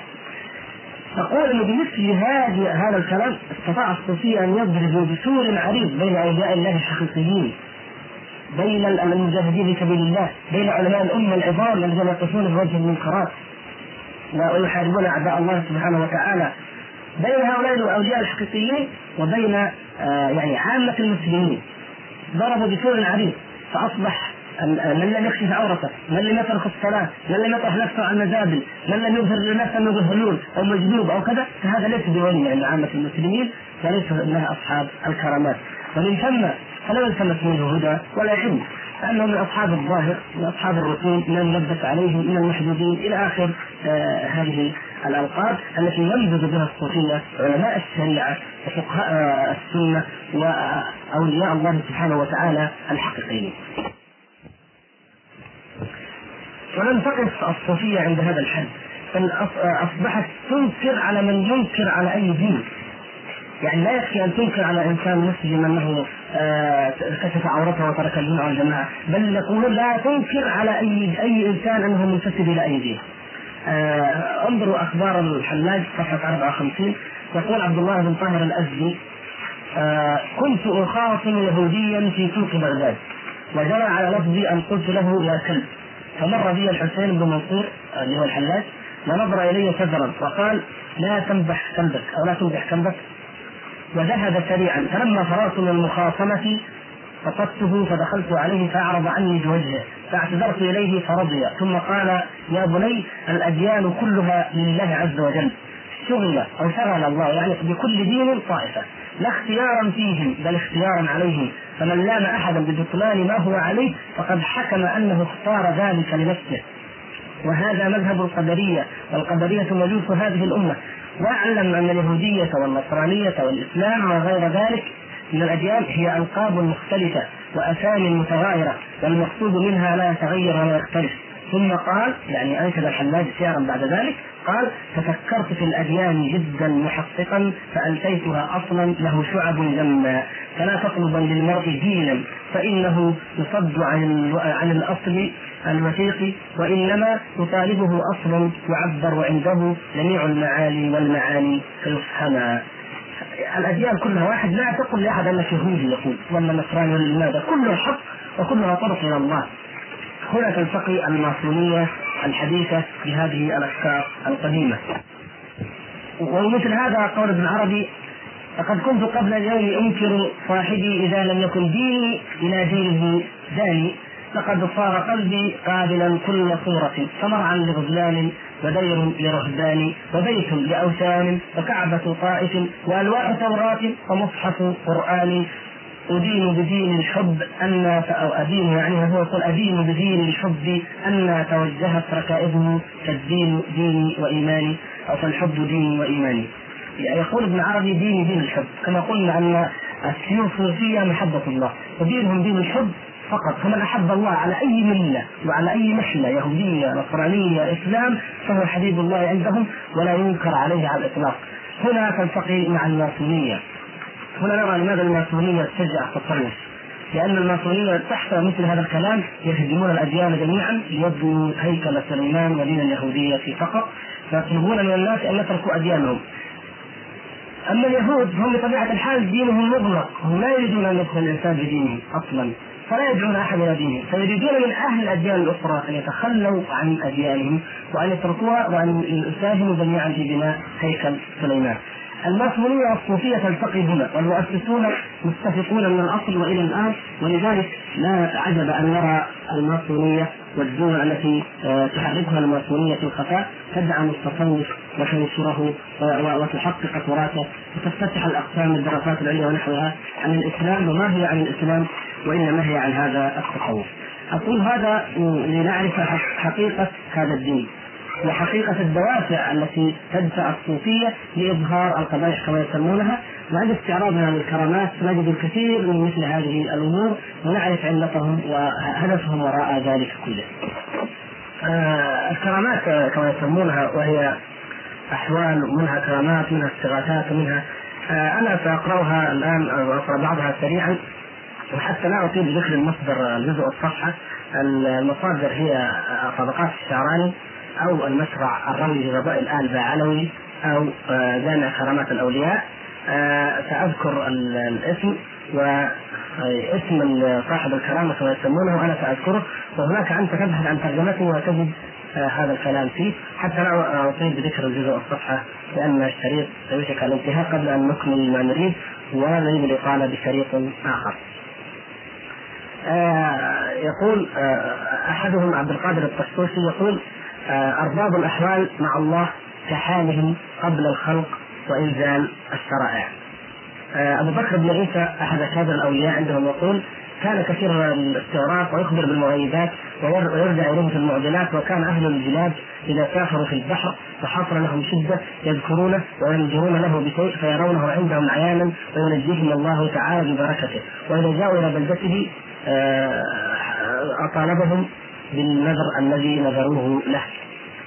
ابو عبد الله محمد بن علي الرياحي نقلا عن الجندي يقول عن فقيه محمد بن عباس الشعبي آه، رأيت ذات ليلة في المنام أن القيامة قد قامت ورأيت الناس مجتمعين في صعيد واحد حفاة عراة كما جاء في الخبر وأنا من جملتهم عريان ورأيت موضعا مرتفعا والقاضي محمد بن علي صاحب الكرامة الولي هذا واقف عليه وثيابه وعليه ثيابها ثيابه كلها. وفوق حتى العمامة والناس محدثون به. فهرولت إليه فلما دنوت منه سمعته يقول لهم كلكم في شفاعتي فاطمأنوا. فقلت له وأنا معهم؟ فقال وأنت معهم. يروون عن أحد كبرائهم من يسمى محمد الحنفي شمس الدين أنه اوصى في مرض موته فقال من كان له حاجة فليأتي إلى قبري ويطلب حاجته اقضيها أنا. أبو عبد الله محمد بن يوسف اليمني الضجاعي من كراماته أنه رأى رسول الله صلى الله عليه وسلم وهو يقول له اذا أردت أن يفتح أن يفتح الله عليك بالعلم فخذ من تراب قبري الضرير شيئا وابتلعه على الريق ففعل الفقيه ذلك فظهرت بركته. وعن هذا الحنفي أيضا يقولون عنه هو أعظم يسمونه أعظم خلفاء البكري آه، أن امتحنه البكري مرة فقال له كان الليلة في نفسي أمر ما هو؟ فأخبره به فقال أصبت الذي هذا الذي كان في نفسي. هذا علم الغيب وعندهم كثير جدا يعلم الواحد منهم ما في نفس المريد. ويقول اشتد بنا الكرب آه الليلة والأغلال في أعناقنا فاستغثنا بحضرة الشيخ واستجرنا. ومتى استغاث به أحد أدركه. الرفاعي والبحريني وهذا المغرب يقولون هذا جهال يفعله بعض الجهال. هؤلاء الأولياء يقول تعالى عند قبري ويقول استغثنا ويقول استغث آه، أيضا نستمر مع العجلة. هذا يعني يقول كان جالسا مع أصحابه في في في رباطه إذا ابتلت يده الشريفة وكله إلى أبطه فعجبوا من ذلك وسألوه عنه فقال قدس الله سره. استغاث برجل من المريدين آه، تاجر كان راشما في السفينة وقد كانت تغرق تغرق فخلصتها من الغرق. فابتل لذلك كمي ويدي فوصل هذا التاجر بعد مدة وحدث بهذا الأمر كما أخبر الشيخ، الشيخ بحضر موت والسفينه في بحر الهند وأنقذها وهو جالس مع أصحابه لأنهم استغاثوا به. ويقول علي بن محمد بن سهل المصطفى الديوري تركت قولي للشيء كن فيكون تأدبا مع الله تعالى. تأدبا مع الله وإلا وإلا يستطيع أن يقول الشيء كن فيكون. وجاكير الهندي يقول استأذن رجل وافق الشيخ جاكير في ركوب في ركوب بحر الهند للتجارة فقال له الشيخ هذا الولي قال إذا وقع آه، إذا وقعت بشده فنادي باسمي فلما كان وقت كذا وكذا عصفت الرياح الشمالية فتلاطمت الأمواج فأشرفنا على الغرق. فتذكرت قول الشيخ فقمت واستقبلت العراق وناديت يا شيخ جاكير ادركنا فلم يتم كلامي حتى رأيناه عندنا في السفينة واشار بكمه إلى الشمال فسكنت الريح ومسى خطواته يمينا وشمالا فسخن البحر ثم اشار بكمه إلى الجنوب فحبت ريح طيبة أوصلتنا إلى طريق السلامة ومشى الشيخ على الماء حتى غاب عنا.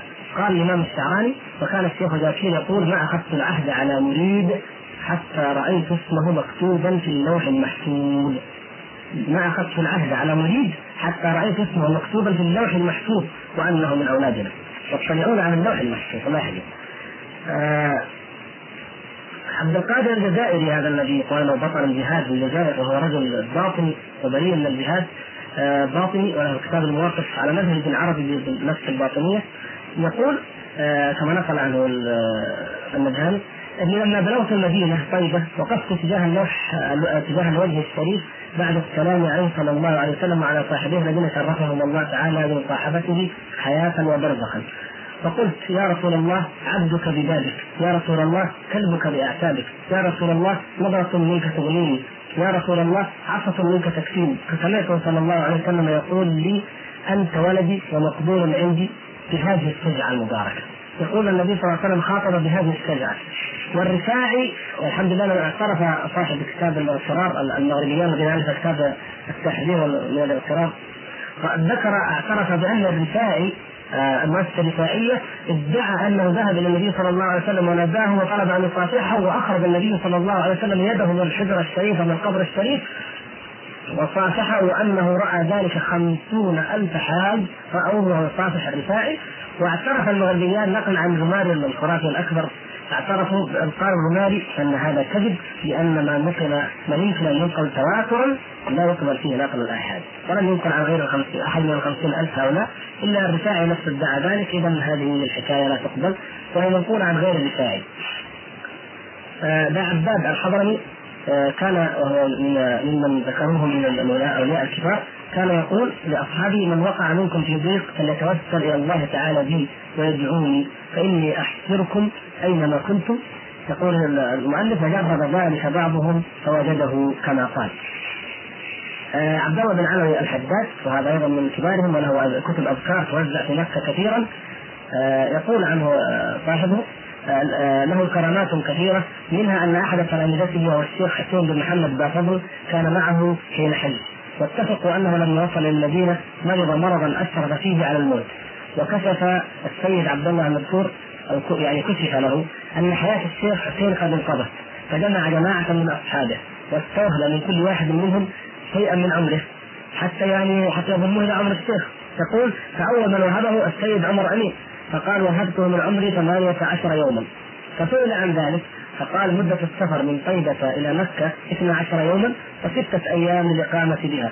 فوهبه آخرون شيئا من أعمارهم فعاش الرجل المهم وذهب إلى أن يقول أنه لما كاشف جماعة ما في قلوبهم آه زاد في عمر الرجل وذهب إلى مكة وهو مات حتى انتهت الأيام التي اعطوه انظروا يعني هل تجدون لانهم يتصرفون حتى في أعمارهم وحتى في أعمار غيرهم غيرهم يعطونه وينقصونه. آه عبد الله بن علوي آه ينقل عنه النشر الرأوي آه الثانية 409 المهم يقول اشترط رجل عليه أن يضمن له الجنة. فدعا له بالجنة فحصلت حال الرجل وانتقل إلى رحمة الله وشيعه السيد عبد الله المذكور وحضر دفنه. وجلس عند قبره ساعة فتغير وجهه تغير وجه علوي وهو واقف عند القبر. ثم ضحك واستبشر فسئل عن ذلك فقال إن الرجل لما سأله الملكان آه، الملكان عن ربه من ربك؟ قال شيخي عبد الله باعلوي فتعبت لذلك يعني باعلوي يقول أنا تعبت لذلك هو قاعد سمع فقال تعبت لذلك. فسأله أيضا فأجاب بذلك. فقال مرحبا بك وبشيخك عبد الله باعلوي فيعني رحب به الملكان وقال مرحبا بك بشيخك ولا يهمه وان قلت ربي هو شيخي.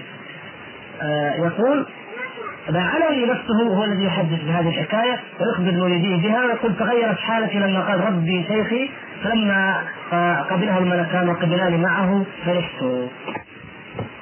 ويعلق المؤلف يقول وقال بعضهم هكذا ينبغي أن يكون الشيخ يحفظ مريده حتى بعد موته. وينقل يقول ومن كراماته أنه كان يخبر أصحابه بما في بيوتهم أو ما يظهرونه ما يظهرونه يعني في أنفسهم ويخبر أهله بما يخفونه عنه. وأخبر جماعة قصدوه من بعيد ما وقع لهم في طريقهم. ومنها أنه ما استغاث به أحد بصدق نية وحسن الظن إلا أتاه الغوث سريعا. لاحظوا أن الطبعه الاخيره من مسع الرجل الذي طبع طبعه الشاطئ في جدة. آه يعني حدثوا آخر الكرامة هذه، بعض هذه الكرامات يحدثونه حتى آه ويكتبون تحت ها هنا شيء حدثنا. ها هنا يعني جمل حدثت. لكن في جامعة كرامات الأولياء هذه الكرامات مذكورة كاملة. فحبيت أن أنبه على ذلك. آه يقول آه وعن ينقل عن إبراهيم الخراساني بينما أنا في يوم طائف إذ عدلت إلى آه فدخلتها فما لبثت أن دخل علي ثعبان كأنه نخلة. فجعل ينظر إلي فقلت لعلي رزق له. فخرج ثم أقبل إلي وفي فمه رغيف حواري فوضعه عندي ورجع. فقال رأيت بقية بالمسجد الحرام عليه خرقتان. فقلت في سري هذا آه، أو شبهه ككل الناس ككل الناس أو كل على الناس. قال فناداني الفقير هذا وقال إن الله يعلم ما في أنفسكم فاحذروه فاستغفرت الله في سري. فناداني قال وهو الذي يقبل التوبة عن عباده. ثم غاب عني فلم أره.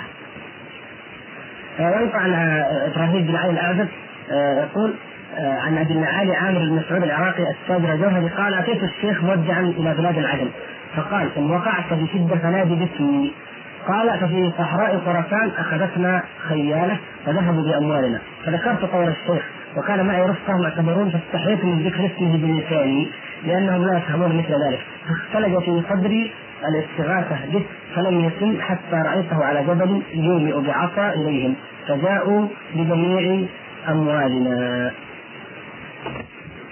من كرامات العيدروس ومن المعظمين مع الأسف حتى الآن عند كثير من أهل الحجاز وخاصة من الحضاري يقولون يقول المذهبي آه أنه لما رجع من الحرمين دخل زينة وكان الحاكم بها يومئذ محمد بن عتيق واتفق أن أم ولد له جارية يعني ماتت وكان مصروفا بها فدخل عليه الشيخ ليعزيه ويقبله فلم يجد فيه شيء ورآه في غاية التعب وأكب على قدم الشيخ ليقبلها ويبكي فكشف الشيخ عن وجهها وناداها باسمها فأجابته ورد الله عليها روحها وأكلت الهريسة بحضرة الشيخ. لاحظوا يعني لاحظوا أشياء تغني عن التعليق. آه وينقلون إنه يعني عن عن السقاف أيضا وهو ممن يعتقد فيه يعتقدون فيه كذلك كالعيدروس الحداد. آه، يقولون وفي المشرع الروي أنه مكث نحو ثلاثين سنة ما نام فيها لا ليل ولا نهار. وهو يقول كيف ينام من إذا رقد على شقه الأيمن رأى الجنة وعلى شقه الأيسر رأى النار. يقولون وكان يزور قبر النبي هود على نبينا وعليه أفضل الصلاة والسلام ويمكث عنده شهرا لا يأكل فيه إلا نحو كف دقيق. ثلاثين سنة ما نام. يعني الكرامات هذه كما فيها الشركيات فيها الخرافات فيها ما يصدقها العقل وهي مختلطة وتكثير فيها عن التعليق آه عن نفس شمس الدين الحنفي يقولون كان رضي الله عنه يتكلم على خواطر القوم ويخاطب كل واحد من الناس بشرح حاله يعني قبل أن يتكلم المريض يقول له أنت تريد كذا وعندك كذا. فقال له رجل بلغنا عن الشيخ عبد القادر الجيلاني رضي الله عنه أنه عمل يوما ميعادا سكوتيا لأصحابه. حضرة سكوتية. يكون كلهم ساكتون ولكن القلوب فقط تتخاطب وبعضهم يخبر بعض. يقول ومرادنا أن تعمل لنا ذلك؟ فقال الشيخ الحنفي نفعل ذلك غدا إن شاء الله تعالى. فجلس على الكرسي وتكلم بغير صوت. هذا الشيخ. تكلم بغير صوت ولا حرف. هم يقولون إن الله تعالى يتكلم بلا صوت ولا حرف. نفس مذهبهم الأشاعرة يعني. هم أشاعرة كثير فما هذا تكلم بغير صوت ولا حرف؟ المهم فأخذ كل من الحاضرين مسروبه وصار كل واحد يقول يعني كل واحد من الحاضرين تلقى آه، ما قال له الشيخ. ثم بعد ذلك طلب منهم الشيخ ان يتكلموا فقال واحد ألقي في قلبي كذا. قال الشيخ صدق أنا قلت ذلك. قال الآخر ألقي كذا. يقول فكان كل من يقول ألقي الي في قلبي كذا وكذا يقول له الشيخ صدق يعني أنا هكذا قلت هكذا وضعت وألقيت في قلبي. آه نصل الآن إلى رجل مهم جدا وهو الرفاعي نفسه، الرفاعي مؤسس الطريقة الرفاعية، والطريقة الرفاعية مشهورة بالخرافات جدا مشهورة بالسحر وبالشعوذه أكثر من غيرها من الفرق، حتى أن بعض الفرق الصوفية تعتبرهم مجرد سحره وليسوا من من الصوفية في شيء. وقصتهم مع شيخ الإسلام ابن شرحها رحمه الله وفصلها في آه آه الفتاوى وهم يسمون بالبطائحيه لأن الرفاعي كان في البطائح وكانوا يعني وصل وصلت المناظرة من الشدة إلى حد أنهم قالوا للامير نحن على الحق تيميه على الباطل نحن نستطيع أن ندخل النار وهذه الكرامة لنا تدل على ان على الحق. شيخ الإسلام رحمه الله بثاقب علمه قال آه نحن نغسل آه أجسادنا أنا وإياكم نغسلها بانواع قوية المنزلات قوية نغسل أجسادنا ثم ندخل النار جميعا ومن أحرقته فعليه لعنة الله وهو ليس بالولي فعند ذلك آه نكصوا على أعقابهم وخسئوا أمام الجمهور أمام الأمير وأمام الذين معه وعرف الناس أنهم دجالون وأخبر شيخ الإسلام ابن تيمية بدجلهم وأنهم يدهنون بأنواع من الدهون ثم يدخلون النار أو يضعون ايديهم فيها فلا يحترقون فيقولوا للناس نحن أولياء. أحمد الرسائي هذا مؤسس هذه الطريقة ينقلون من كراماته أنه كان إذا صعد الكرسي لا يقوم قائما وإنما يتحدث قاعدا وكان يسمع حديثه البعيد مثل القريب حتى أنها أهل القرى التي حول القرية التي كانوا فيها كانوا يجلسون على سطوحهم يسمعون صوته ويعرفون جميع ما يتحدث به حتى كان الأطرش والاصم إذا حضروا يفتح الله اسماعهم لكلامه. وكانت أشياخ الطرق يحضرونه ويسمعون كلامه. يعني يأتون هذه من كراماته من كراماته يذكرون احياء الموتى يقولون أنه كان جالسا وحده فنزل عليه رجل من الهواء وجلس بين يديه. فقال الشيخ مرحبا بوفد المشرق. فقال له إن لي عشرين يوما ما أكلت ولا شربت وإني أريد أن تطعمني شهوتي. فقال له وما شهوتك؟ قال فنظر إلى الجو وإذا خمس وجات طائرات. فقال أريد إحدى هؤلاء مشويه ورغيفين من بر وكوزا من ماء بارد فقال له الشيخ لك ذلك؟ ثم نظر إلى تلك الوجات وقال عجل بشهوة الرجل. قال فما تم كلامه حتى نزلت إحداهن بين يديه مشوية. ثم مد الشيخ يده إلى حجرين كانا إلى جانبه ووضعهما بين يديه فاذا هما رغيفان ساخنان من أحسن الخبز منظرا ثم مد يده إلى الهواء واذا بيده كوب أحمر فيه ماء. قال فأكل وشرب ثم ذهب في الهواء من حيث أتى. فقال الشيخ رضي الله عنه وأخذ تلك العظام ووضعها في يده اليسرى وأمر بيده وأمر بيده اليمنى عليها وقال أيتها العظام المتفرقة والأوصال المتقطعة؟ اذهبي وطيري بأمر الله تعالى بسم الله الرحمن الرحيم. قال فذهبت وزة سوية كما كانت وطارت في الجو حتى غابت عن منظري. وأحد تلاميذه ويدعى المليجي علي المليجي يقول آه أنه كان يزور أحدهم فذبح له آه سيد علي فرخا وأكله. وقال لسيدي لابد أن أكافئك. فاستضافه يوما فذبح للسيد آه علي فرخه فتشوشت امرأته عليها. فلما حضرت قال لها سيدي علي هش. فقامت الفرخه تجري. فقال الشيخ علي السيد هذا قال يكفينا المرض ولا تتشوشي واخر وفي الأجوبة المرضية للشعراني يقول ومما يتميز به الصوفية عن الفقهاء الكشف الصحيح عن الأمور المستقبلة وغير ذلك فيعرفون ما في بطون الأمهات أذكر هو أم أنثى أم خنثى ويعرفون ما يخطر على بال الناس وما يفعلونه في قعور بيوتهم ومن كرامات علوي أو بعلوي ذا أن علي بن عبد الله بن غريب مرض هو ابن ثلاثة أشهر مرضا شديدا فجاءت به أمه إلى السيد علوي وهي مشفقة عليه من الموت فقال لها آه ما الذي ما أو ما أقلقك عليه؟ إن عمره مئة سنة لا يموت ابن ثلاثة أشهر ودعا له بالعافية فعوفي وعاش مئة سنة. هذا فقيه علوي من أسرة أسرة معروفة كبيرة التي ألف عنها كتاب النشر الروي وشعبان المجذوب يقول الشعراني أخبرني سيدي علي الخواص رضي الله عنه ان الله تعالى يطلع الشيخ شعبان على ما يقع في كل سنة من رؤية هلالها فكان إذا رأى الهلال عرف جميع ما فيه مكتوبا على العباد. الأنبابي يقولون من كراماته أنه كان يطلع على اللوح المحفوظ إسماعيل بن يوسف الأنبابي كان يطلع على اللوح المحفوظ فيقول يقع كذا فلا يخطئ. لاحظتم؟ اللوح المحفوظ. ومرة أنكر عليه رجل من علماء المالكية وأفتى بتأجيره فبلغه ذلك فقال رأيت في اللوح المحفوظ أنه يغرق في البحر. أي يعني فكان كما كان.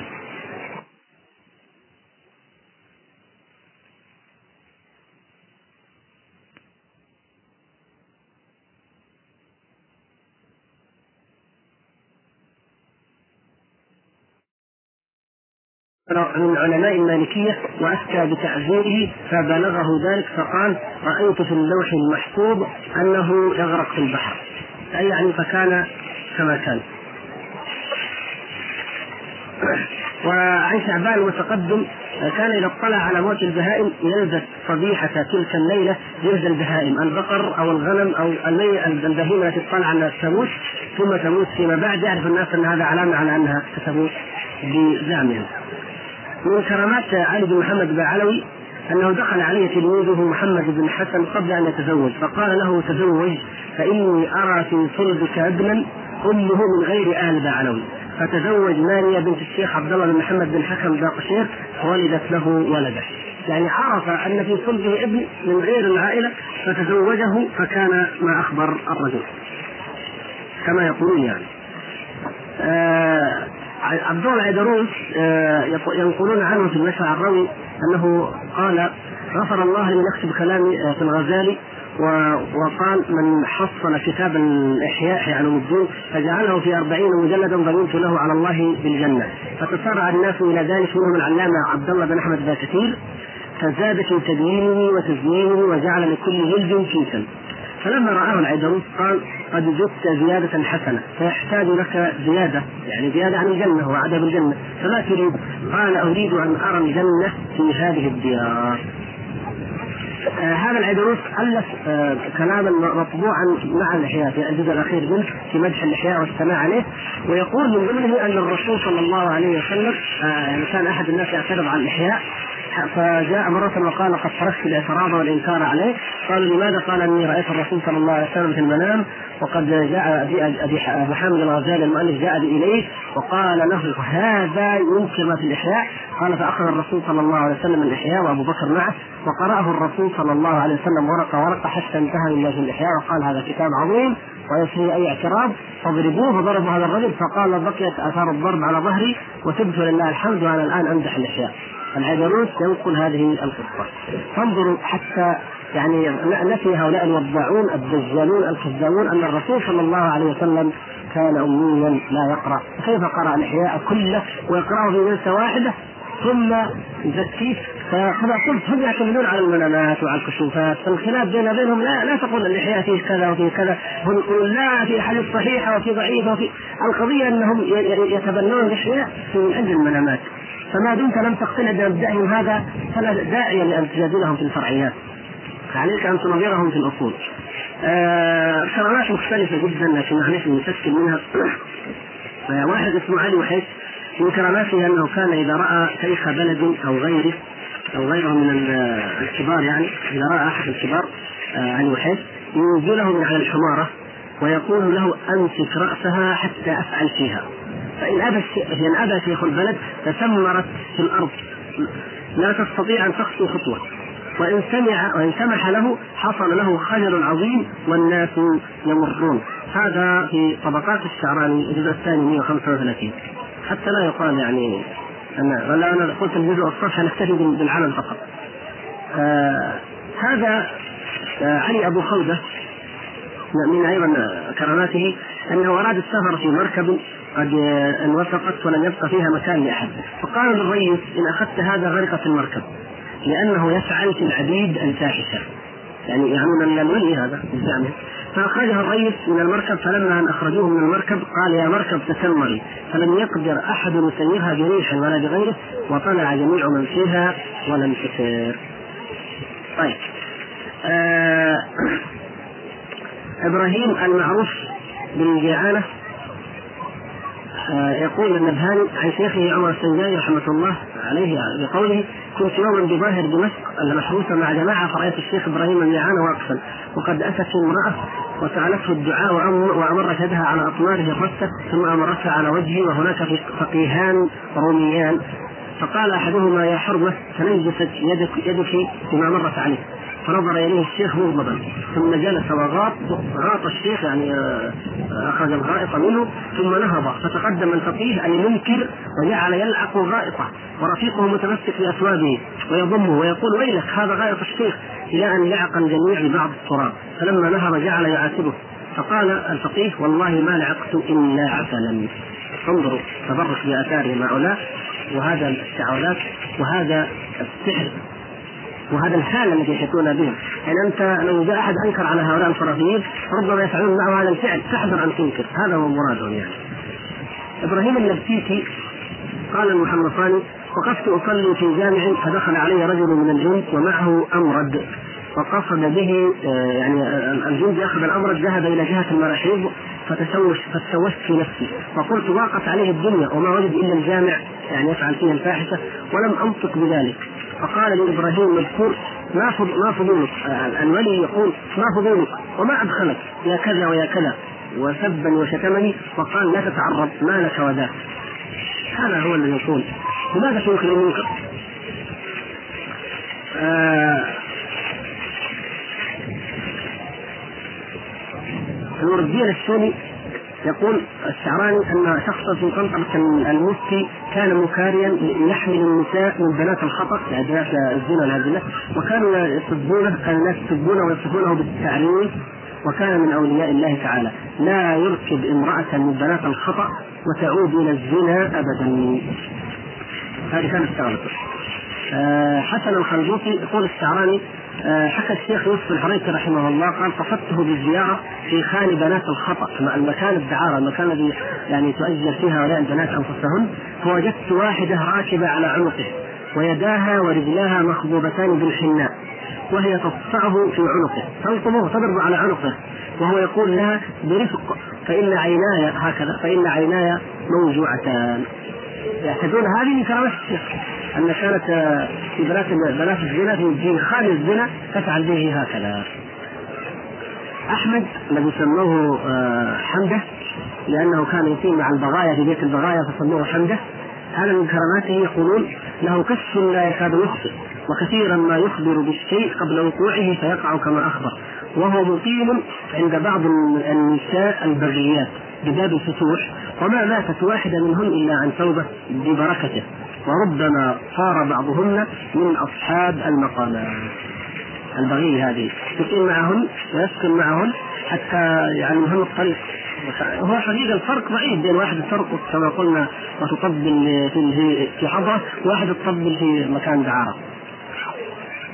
آه وعن نور الدين بن عظمة من كراماته ما حكاه حسيس أنه مر عليه يوم فجرى في خاطره الإنكار عليه. لعدم ستر عورته فما تم له هذا الخاطر إلا وقد وجد نفسه بين إصبعين من أصابعه يقلبه كيف شاء ويقول ويقول له انظر إلى قلوبهم ولا تنظر إلى فروجهم. آه إبراهيم العريان من أئمتهم كان رضي الله عنه كما يقولون إذا دخل على بلد سلم على أهلها كبارا آه، وصغارا باسمائهم كأنه تربى بينهم وكان يطلع على المنبر ويخطب عريانا فيقول دمياط مبلوك بين القصرين جامع طولون الحمد لله رب العالمين. فيحصل للناس بسط عظيم يضحكوا ويفرفشوا يقول النووي وكان محبوبا للناس معظما عندهم معتقدا وكان يصعد المنبر فيخطب عريانا ويذكر الوقائع التي تقع في الأسبوع المستقبل فلا يخطئ في واحدة. آه طيب معلش. آه من كرامات عبد الهين الارناؤوطي كما ينقلون أنه كان يجمع الدراهم من الناس وينفقها على النساء العجائز البغايا اللاتي كسدن وصرن بحالة لا يقبل عليهن أحد من الفساق فكان يجمعهن في حجرة وينفق عليهن ما يجمعه ويأوي إليهن وينام عندهن ويخدم له. الدباغ عبد العزيز الدباغ يقول أحد منهم أحد مريديه أنني ذهبت آه، إلى لزيارته وكانت إحدى زوجاتي حاملا. آه، فأقمت معه تحدثت معه في شأنها فقال لي أنها تلد ولدا ذكرا اسمه أحمد. فمكثت ثلاثة أشهر أو مكثت ومضيت لزيارته فقال لي آه، حملت زوجتك فقلت لا أدري يا سيدي. فقال إنها حامل منذ خمسة عشر يوما. وهو ذكر إن شاء الله تعالى فسمه باسمي وهو يشبهني لا وهو يشبهني إن شاء الله تعالى. فلما وضعت آه، فلما رجعت أعلمت الزوجة بما قال وفرحت أو فرحت ثم ولدت ذكرا كما قال رضي الله عنه وهو أشبه الناس به. بشرة. ومنها أن الزوجة الأولى حملت ثانية فسألت عن حملها قال لي بنت وسمها باسم أمي. وكثير عن الدباغ. هذا كرامات يعني في الأولاد أنه يعرف الذكور من الإناث ويضع على الذكور ويضع هذا الإناث والعياذ بالله. آه الشيخ علي العمري من كراماته رضي الله عنه كما يقول ترضى عنه النبهاني ما أخبرني به إبراهيم الحاج المذكور قال دخلت في هذا النهار إلى الحمام مع شيخنا الشيخ علي العمري ومعنا خادمه محمد الدبوسي الطرابوسي وهو أخو إحدى زوجات الشيخ ولم يكن في الحمام غيرنا ثلاثة في الحمام قال فرأيت من الشيخ كرامة من أعجب خوارق العادات وأغربها. وهي أنه أظهر الغضب على خادمه محمد هذا وأراد أن يؤدبه فأخذ الشيخ إحليل نفسه بيديه الاثنين. أخذ عضوه عضو التناسلي أخذه بيديه من تحت إزاره فطال طولا عجيبا بحيث أنه رفعه على كتفه وهو زائد طويل عن كتفه كمان. وصار يجلد به خادمه المذكور والخادم يصرخ من شدة الألم. فعل ذلك مرات ثم تركه وعاد إحليله يعني عضوه عاد إلى ما كان عليه أولا. ففهمت أن الخادم قد عمل عملا يستحق التأديب فأدبه الشيخ بهذه الصورة العجيبة. ولما حكى ذلك الحاج إبراهيم حكاه بحضور الشيخ وكان الشيخ واقفا فقال لي الشيخ لا تصدق وانظر ثم أخذ بيدي بالجبر عني ووضعها على موضع احليله فلم أحس بشيء مطلقا حتى كأنه ليس برجل بالكلية فرحمه الله ورضي عنه ما أكثر عجائبه وكراماته. انتهى كلام الابهاني آه، صفحة 206 انظروا هذه الكرامات. هل هذه من الكرامات؟ يضرب المريد بعضوه اشياء كثيرة يعني يمنعني الحياة عن ذكر البعض ولكن رأيت أن لابد أن نذكر البعض على الأقل حتى تعرف حقيقة هؤلاء الذين يدعون الطهارة ويدعون الولاية. يقول ومن كراماته نفس الشيخ ما أخبرني به بعض الثقات من أهل طرابلس واظن الحاج محمد الدبوسي قال المخبر كان في طرابلس رجل من الشباب قليل الحياء معجبا بإحليله فكان يمازح الشيخ مزاحا باردا فإذا رآه يضع ذلك الشاب يده على أحليه نفسه ويقول له هل عندك مثل هذا؟ الشاب يقول الشيخ ما عندك مثل هذا العضو؟ فكان الشيخ يضحك من ذلك فلما تكرر هذا الأمر مرة بعد أخرى من ذلك الشاب لقيه مرة فقال له مثل ما يقول فضربه الشيخ عليه بيده وقال له اذهب فذهب كأنه امرأة لم يتحرك له شيء. هذه أيضا من الكرامه آه يقول من الكرامات التي أيضا يذكرونها آه قال السراج يروون أن امرأة يقارب عمرها عشرين سنة بدمشق المحروسة أعطاها سيدي تاج الدين نصيبا صالحا من الأسرار.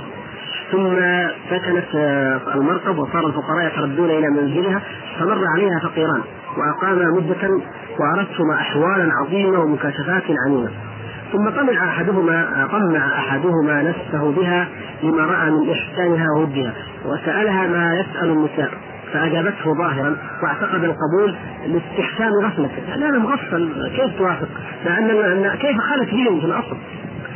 فلما ضاجعها ليلا وجدها خشبة يابسة فقال لنفسه المكابرة الأمارة الثديان ألين شيء في المرأة فلمسهما فوجدهما كحجرين فلمس أنفها فلم يجد أنفا فعند ذلك اقشعر جلده فهذا ما يفعله الأولياء في خلواتهم.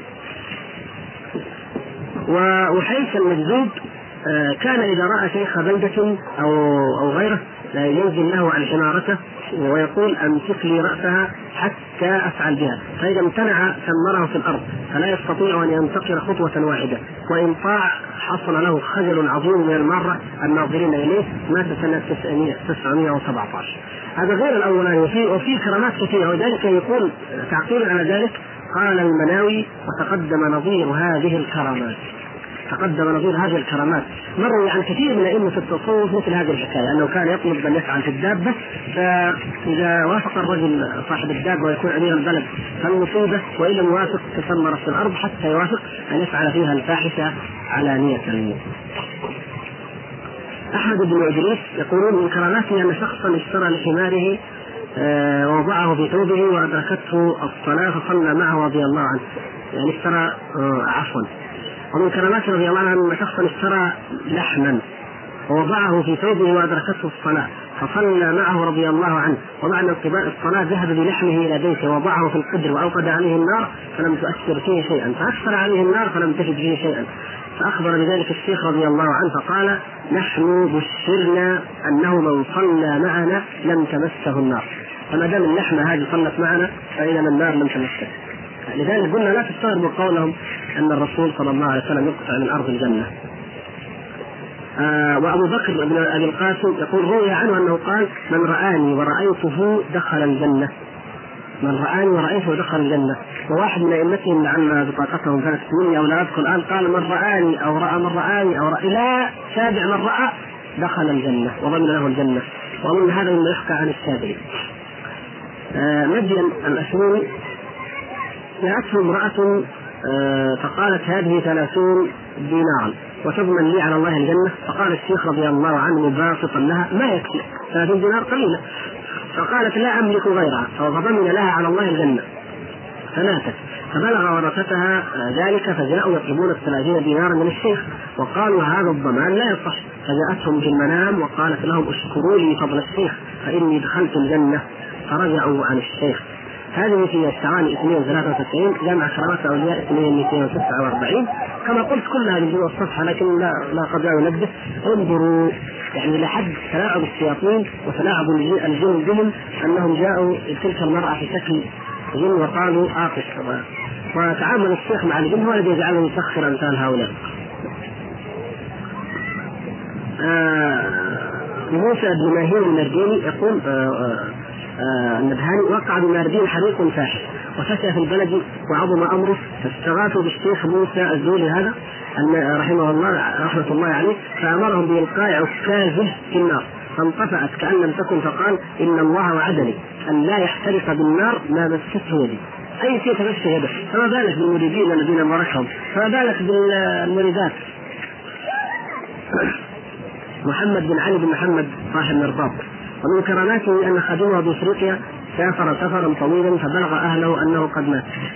فتعبوا وأتوا إلى الأستاذ فأطرق ساعة وقال لم يمت في افريقيا فقيل له قد جاء الخبر بموته. فقال إني اطلعت على أهل الجنة فلم أجده فيها ولن يدخل النار فقيري ولن يدخل فقيري النار.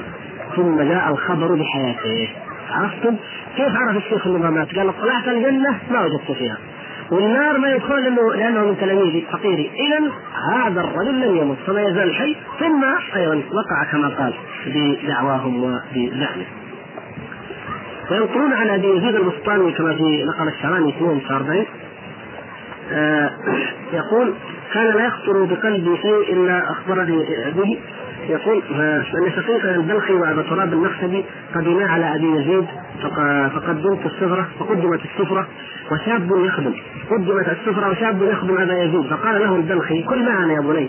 أو قال يا فتى. فقال إني صائم. فقال له أبو تراب آه، أبو تراب هذا النخشبي ورجع اعترض على الإمام أحمد وقال له الناس يشتغلون بالذكر وانت تشتغل في رجل هذا ضعيف وهذا حسن وهذا وانهار الإمام أحمد رضي الله عنه نهرا شديدا بسبب ذلك. لا يريدون أن احدا يقول ضعيف وحسن. كل حديث يضعونه كما يشاءون فهو عندهم كما يريدون. حتى ينفتح له مجال لهدم دين الإسلام فيضعوا من الاحاديث ما شاءوا مثل ما رأينا في كتاب الذخائر من الموضوعات و أبو أبو عبد الرحمن السلمي كان يستحل له وضع الحديث كما يقولون وكثير من الصوفية يستحل أن يضع الاحاديث ليرقق لهم القلوب. بزعمه. الحاصل إن ابو تراب النخشبي هذا آه، قال للولد كل يا ولدي ولك أجر صوم شهر. فأبى الولد. فقال له شقيق كل ولك أجر صوم سنة. فأبى. فقال أبو يزيد دعوا من سقط من عين الله تعالى. فلما دام رفض المشايخ قد سقط من عين الله تعالى. فأخذ ذلك الشاب فأخذ ذلك الشاب في السرقة تحول إلى حرام يعني. فأخذ فقطعت يده. لأنه خالف المشايخ يقول أفطر ونضمن لك أجر سنة على من يضمنون وعن من يضمنون. هذه من مثل هذه الكرامات. الكرامات والعياذ بالله يعني لكن كما يسمونها كثيرة وأنا أحاول الآن أختصر انقل ما يتعلق بشيء مما ذكروه هم عن كون النبي صلى الله عليه وسلم يعلم الغيب وبيده مقاليد السماوات والأرض ونحو ذلك مما ينسبون أمثاله لأوليائهم لنعرف لماذا هم يدافعون عن إثباتها للرسول صلى الله عليه وسلم. ينقلون عن إبراهيم المجدوب آه، آه، الاسم جبته أيضا حتى نراجع ترجمته في جامع كرامات الأولياء وفي طبقات الشعراني كان كل قميص لبسه يخيطه يخيطه ويخرقه على رقبته فإن ضيقه جدا حتى يخترق حصل للناس شدة عظيمة. وإن وسعه حصل لهم الفرج والراحة. ربط ربطوا يعني أقدار الناس وأرزاقهم بثوب هذا الولي بزعمه عبد الرحمن بعلوي يقول كان يخبر بقوله عن نفسه أنه لم يبق بين يدي رسول الله صلى الله عليه وسلم حجاب وأن هذا عبد الرحمن بعلوي وأنه لم يعطى لم يعطى الطريقة النقشبنديه آه، إلا بإذن رسول الله صلى الله عليه وسلم. آه، عبد الرحمن بن أحمد الغناوي يقول آه، كان يستشاره إنسان يقول امهلني حتى أستأذن جبريل ثم يطلق رأسه ثم يقول افعل أو لا تفعل. كان يستأذن جبريل. هذا في صفحة 68 أيضا الجزء الثاني كرامات كرامات الأولياء. يعني اشرنا إلى هذا فيما سبق وأمثاله كثير. آه، يقول الشعراني 236 ومنهم الشيخ عبد الله أحد أصحاب سيدي عمر النبتيسي نفعنا الله ببركاته كتب لي أنه رآني بحضرة رسول الله صلى الله عليه وسلم وهو يقول للامام علي رضي الله عنه ألبس عبد الوهاب طاقيتي هذه وقل له يتصرف في الكون. لماذا يثبتون أن الرسول صلى الله عليه وسلم يتصرف في الكون هم؟ ويدافعون عنه. حتى يثبتوا أنه أعطى الطاقية لفلان وقال يتصرف في الكون نيابة عني. يقول منهم الشيخ سعد الدين الطنابيدي وكان من اشد المنكرين عليه في حضور مولد سيدي أحمد البدوي. ويقول كيف يحضر فلان المولد وفيه هذه المنكرات؟ فرأى النبي صلى الله عليه وسلم وقد إلى صدره وثديه يسخبان لبنا حليبا والناس يشربون إلى أن روي أهل المولد كلهم. وسيدي أحمد البدوي واقف تجاه وجه رسول الله صلى الله عليه وسلم يقول بأعلى صوته من أراد المدد فليزر عبد الوهاب. ومن جملة مواقع لي من يقول الشعراني أنهم أرسلوا إلي نحو خمسة خمسة وسبعين سؤالا في علم التوحيد. التوحيد لأكتب لهم عليها وقالوا قد عجز علماؤنا عن الجواب عنها. وقالوا هذا التحقيق لا يكون إلا من علماء الإنس وسموني في السؤال شيخ الإسلام. آه محمد بن واهب الشاذلي من كراماته أنه كان كثير الرؤيا للنبي صلى الله عليه وسلم في المنام حتى كأنه لا يفارقه. وكان يقول قلت لرسول الله صلى الله عليه وسلم إن الناس يكذبوني في صحة آه رؤيتي لك. فقال يعني الرسول صلى الله عليه وسلم قال له وعزة الله وعظمته من لم يؤمن بها أو كذبك فيها لا يموت إلا يهوديا أو نصرانيا أو مجوسيا. لاحظتم كيف هذا الكلام؟ لا يحتاج إلى تعليق. آه، أبو محمد عبد الله بن أسعد اليافعي هذا يقول لما قصد أنه لما قصد المدينة زيارة النبي صلى الله عليه وسلم قال لا أدخل المدينة حتى يأذن لي رسول الله صلى الله عليه وسلم. قال فوقفت على باب المدينة أربعة عشر يوما فرأيت النبي صلى الله عليه وسلم في المنام. فقال لي يا عبد الله أنا في الدنيا نبيك وفي الآخرة شفيعك وفي الجنة رفيقك. فهو رفيقه. واعلم أن في اليمن عشرة أنفس من زارهم فقد زارني ومن جفاهم فقد جفاني. ولذلك يصر على أن حديث من زارني أو من لم يزرني فقد جفاني ومن حج ولم يزرني فقد جفاني يصر على أنه صحيح يعني يستفيد به مثل هذا الموضع فاذا قلت أنت هذا ضعيف ما يقول يدافع عنه لأنه لم يثبت عن الرسول يدافع عنه لأنه يبطل دعواهم هم المهم فقلت من هم يا رسول الله؟ فقال خمسة من الأحياء وخمسة من الأموات، فقلت من الأحياء؟ قال فلان وفلان في حرب وفلان في مكان منصورة وفلان كذا. إلى أن يقول فخرجت في طلب القوم وليس الخبر كالمعاينة ومن شك فقد أشرك هكذا يقول. من شك فقد أشرك.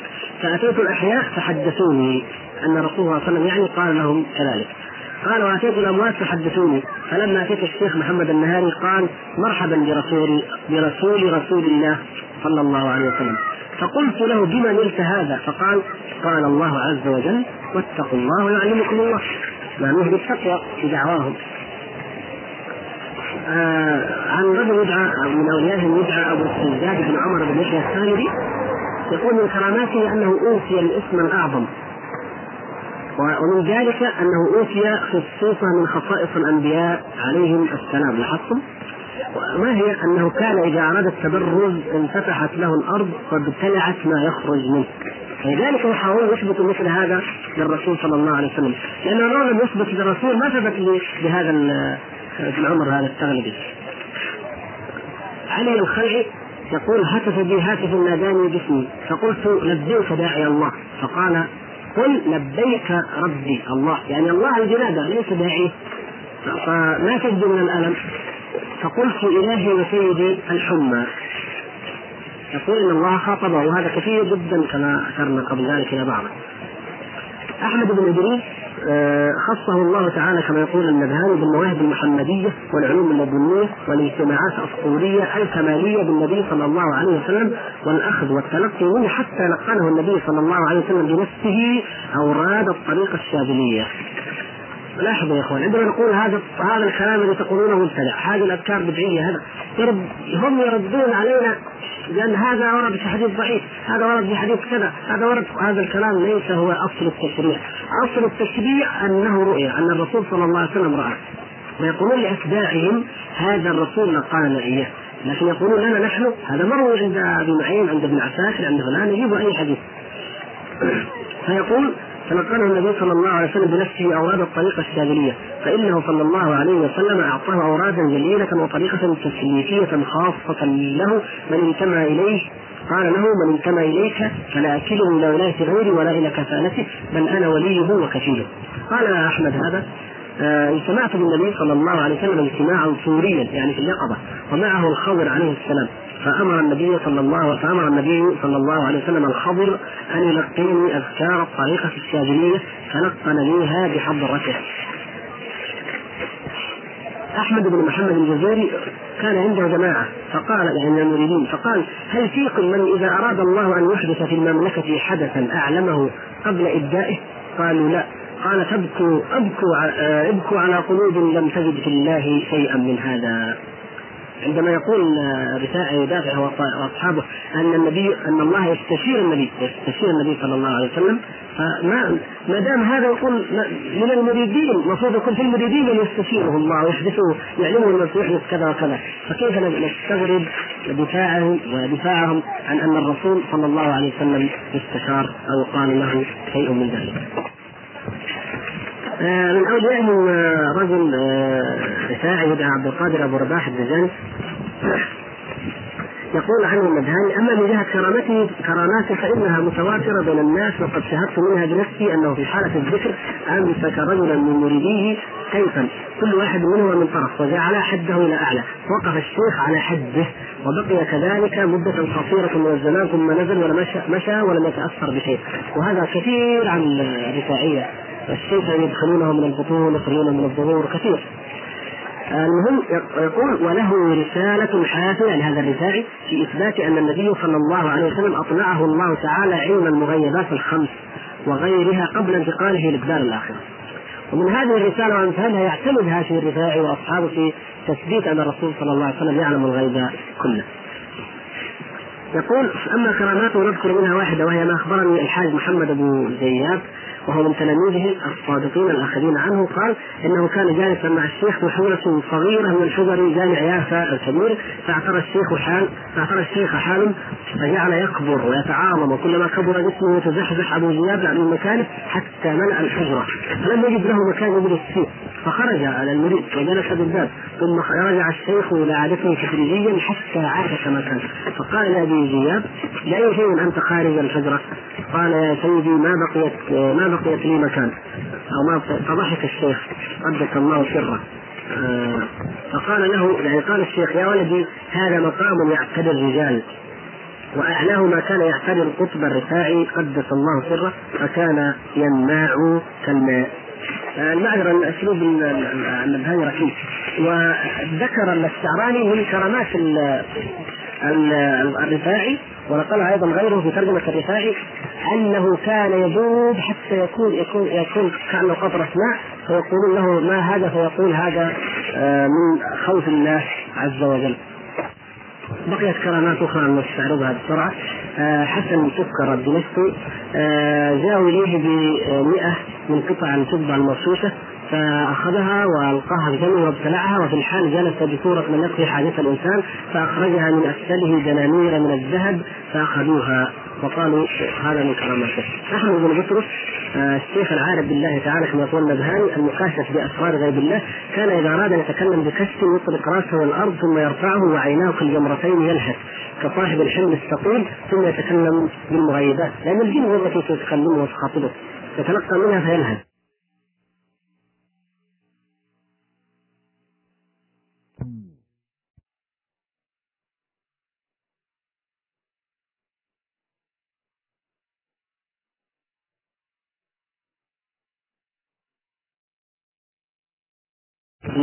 دعوهم ودعواهم. مع التنبيه إلى قضية مهمه وهي أنني تعمدت أن احذف تعقيداتهم. ما يذكرونه من الكفريات والشركيات المعقدة التي فيها وحدة الوجود التي فيها الحلول والاتحاد التي فيها باطنية التي فيها زندقه وغير ذلك من التعقيدات الفلسفية التي تعمدت حذفها بأن كل أحد لا يستطيع أن يفهمها.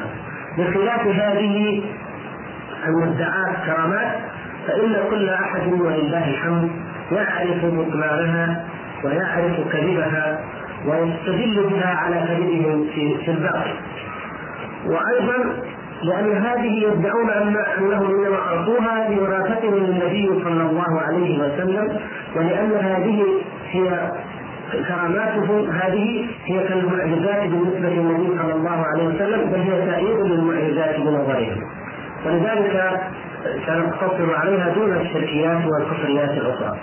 آه نتابع آه الشيخ هذا أحمد الذي قلنا أنه كان ينهش وعيناه كالجمرتين عندما يتكلم بالمغيبات آه هو أيضا يقول شيخه ويقول تلميذه كما ذكرنا الهاني كنت جالسا عنده وحدي فخطر لي خاطر هل للشيخ قوة التمكين؟ فقال نعم لنا قوة التمكين. يعني هنا هنا قضية دعوة الغير علم الغير فعلم علم ما في خاطر المريد وقضية ادعاء قوة التمكين وهي السيطرة على الكون. الشيخ محمد المعروف بأشكال حيات هو يقول الهاني الشيخ الصالح المعروف بأشكال حيات وغيرها من الهوام كالخنافس فما في معنى ذلك. فيرى الخنافس جديدا والحي يفق الشاة أبو الخير الكليجاني آه يقول النبهاني كان لا يفارق الكلاب في أي مجلس كان. لأن نحن نذكر الأخوة بأن الشياطين تتمثل في شكل الكلاب في صورة الكلاب وفي غيرها من الحيوانات لكن بالذات الكلاب ورد في الحديث أن الكلب الأسود شيطان فهذا المدعو بالكوليجاني من أئمتهم. يقولون كان لا يفارق الكلاب في أي مجلس كان فيه حتى في الجامع والحمام. وكان كل من جاءه في حملة، الحملة يعني الحاجة يسمونهم حملة.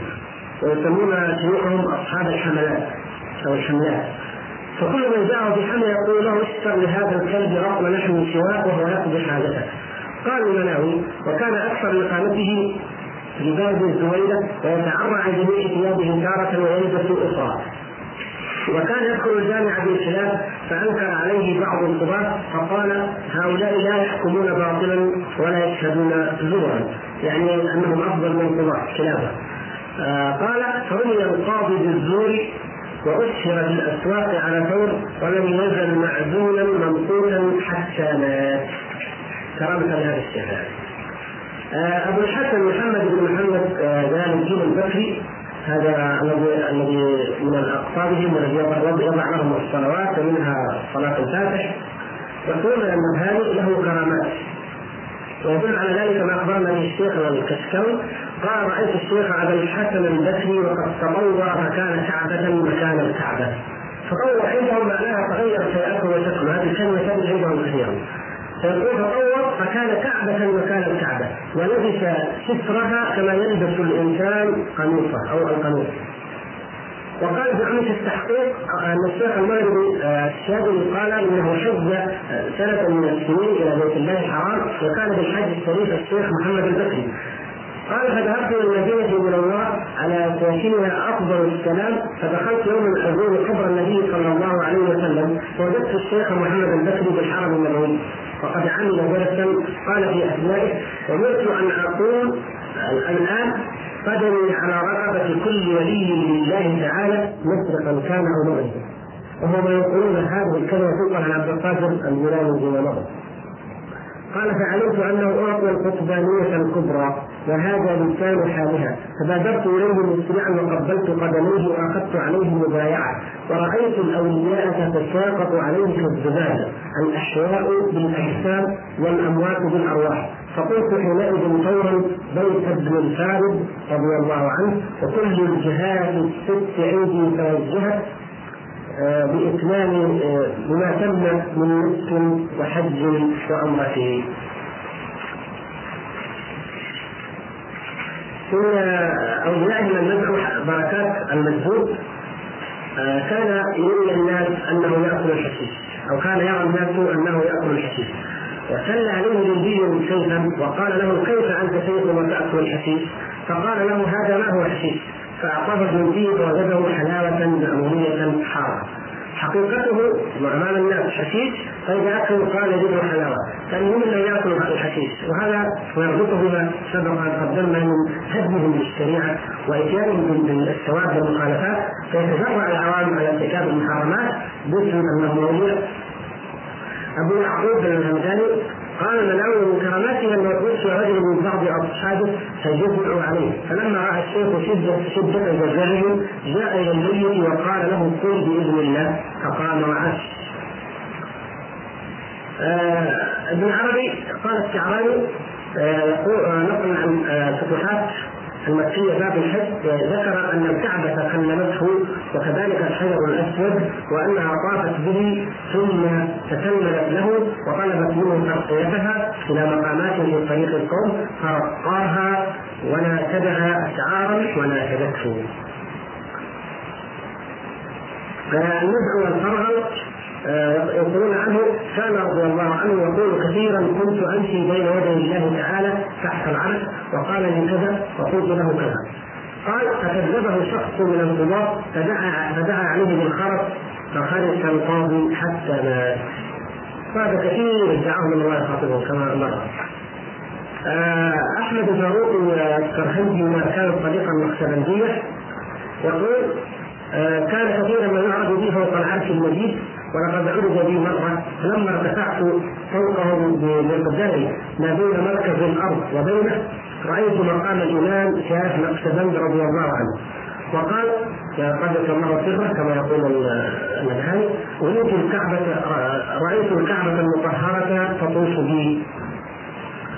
قال ودعاه للافطار في شهر رمضان عشرة من مريديه فأجابهم فلما كان وقت الورود حضر عند كل واحد من العشرة في آن واحد وأفطر عندهم.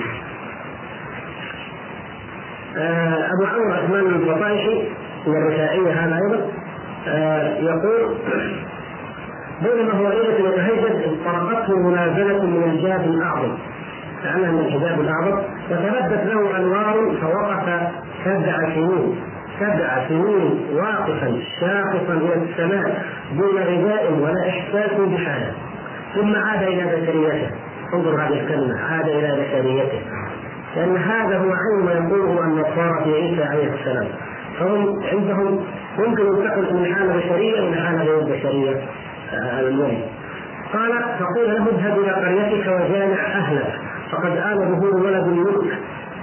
فطرق بابه وأخبر أهله بحاله فقالت زوجته إن فعلت وقضيت تحدث الناس فيا انظر يعني لماذا تحدث؟ عليك زوجها؟ لكن حتى يختلقوا للكرامه من دعواهم. قال فطاب السطح ونادى يا أهل القرية. أنا فلان اركبوا فإني ساركب فأبلغهم الله الصوت والهمهم معناه.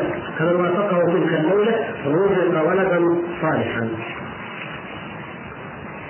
آه يقول آه يقولون ان المدعو أبو بكر عمر آه أبو بكر بن علي بن عمر بن الاهبل أن هرة كانت تأتيه فيطعمها وكان اسمها لؤلؤة. فضربها خادمه ذات ليلة فماتت. فرمى بها ولم يعلم الشيخ ولم يعلم الشيخ بذلك. فقال له أين لؤلؤة؟ فقال ما أدري. فناداها الشيخ يا لؤلؤة. فجاءت إليه تجري أحمد بن عبد الرحمن مشهور بشهاد الدين من آل دعلوي أيضا.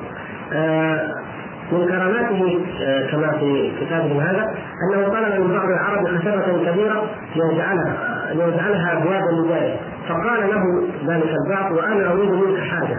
أريد أن أحفظ القرآن عن ظهر قلب فقال الشيخ افتح فمك ففتحه فدخل فيه ثلاث مرات فحفظ القرآن في أسرع زمان المدعو ابا بكر العروده والعبدون تحدث معه شخص من اصحابه في احوال الرجال وما اعطاهم الله تعالى إلى ان وصل إلى أن من الرجال من يطوف بالكعبة شرفها الله تعالى والرجال في مكانه ومنهم من يطوف بالكعبه تشريفا وتكريما قال التلميذ فخرجت فوجدت الكعبة بهيئتها وصفتها التي يعرفها وهي طائفة حول دار الشيخ وفي أرجائها رجال يترنمون بأصوات طيبة بأشياء من جملتها سبحانه وتعالى قد اصطفى رجالا دللهم دلالا. آه المرسي تلميذ آه الشاذلي من الشاذلية يقولون من كرامته أنه كان يقول لي أربعون سنة. أربعون سنة ما حجبت عن رسول الله صلى الله عليه وسلم. ولو حجبت عنه طرفة عين ما عددت نفسي من جملة المسلمين. ولذلك يقولون أيضا عنه أنه كان يقول قد يتبع الله الولي على غيبه إذا ارتضاه بحكم السبق للرسل عليهم الصلاة والسلام ومن هنا نطقوا بالمغيبات واصابوا الحق فيها. ولذلك دعواهم في هذه الكتب الثلاثة وفي غيرها وكما يدعي المالكي دائما ويذكر أن الرسول صلى الله عليه وسلم يعلم الغيب إنما مراده تثبيت واثبات ذلك للأولياء والمشايخ بالسبع كما يدعون. أحمد بن سعد الاديني آه، يقولون اتته امرأة وقالت ادع لي أن يرزقني الله ولدا ذكرا. فقال سترزقين ذلك. هكذا يعني أعطاها. فوضعت أنثى فقالت له فيه فقال والله ما قلت لك إلا بعدما مسكت ذكره بيدي هذه ولكن أراد الله أن يكذب هذه اللحيه انظر هذا الدجال الكذاب وهذا العذر الذي اعتذر به. مما يذكرونه أيضا عن أبي يزيد البسطامي يقول انه قال أدخلني الحي في الفلك الأسفل فدورني في الملكوت الأسفل فأراني ثم أدخلني في الفلك العلوي آه، وطوى لي أو طوى بين السماوات فأراني ما فيها آه، إلى إلى العرش. ثم وقفني بين يديه فقال سلني أي شيء رأيته حتى آه، أهبه لك. فقلت ما رأيت شيئا حسنا فأسألك إياه. فقال أنت عبدي حقا تعبدني لاجل صدقا. هذه تشبه العباره ذكرناها من كتاب المالكي بالضبط يعني. آه لأفعلن بك وأفعلن وذكر أشياء يعني من الابتلاءات اللي ذكر المالكي. قال ابن معاذ فهالني ذلك. وقلت له لم لم تسأله المعرفة؟ قال عرت عليه مني لا أحب أن يعرفه غيره. هذا يسمونه الغير عندهم لا أحب أن يعرف الله غير الله. بزعمه. ولذلك لم يسأله معرفته انظروا هذا المعراج.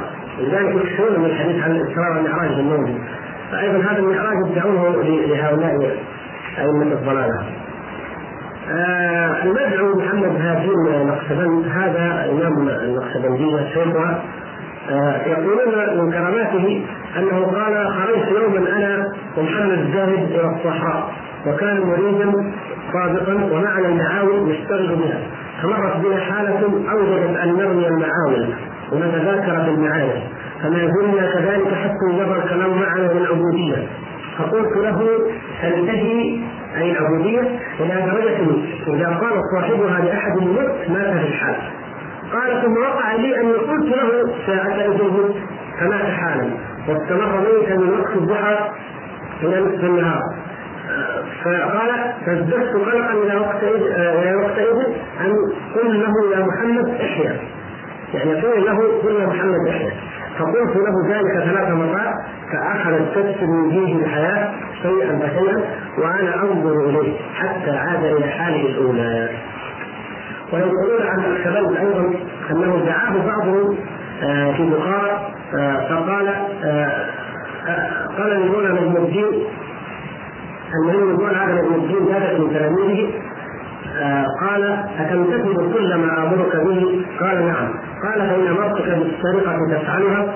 قال لا قال ولما؟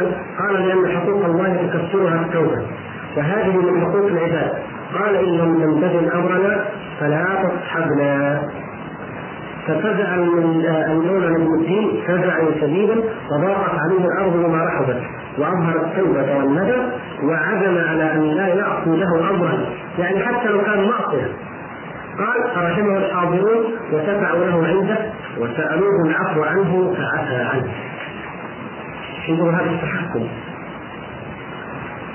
آه عبد الرحمن بن محمد آه الملقب بالشقاق مولى الدويلة النشر العربي آه نقل أنه اشتهرت قضاياه في الافاق ومن كراماته أنه شوهد في مشاعر الحي سنين عديدة.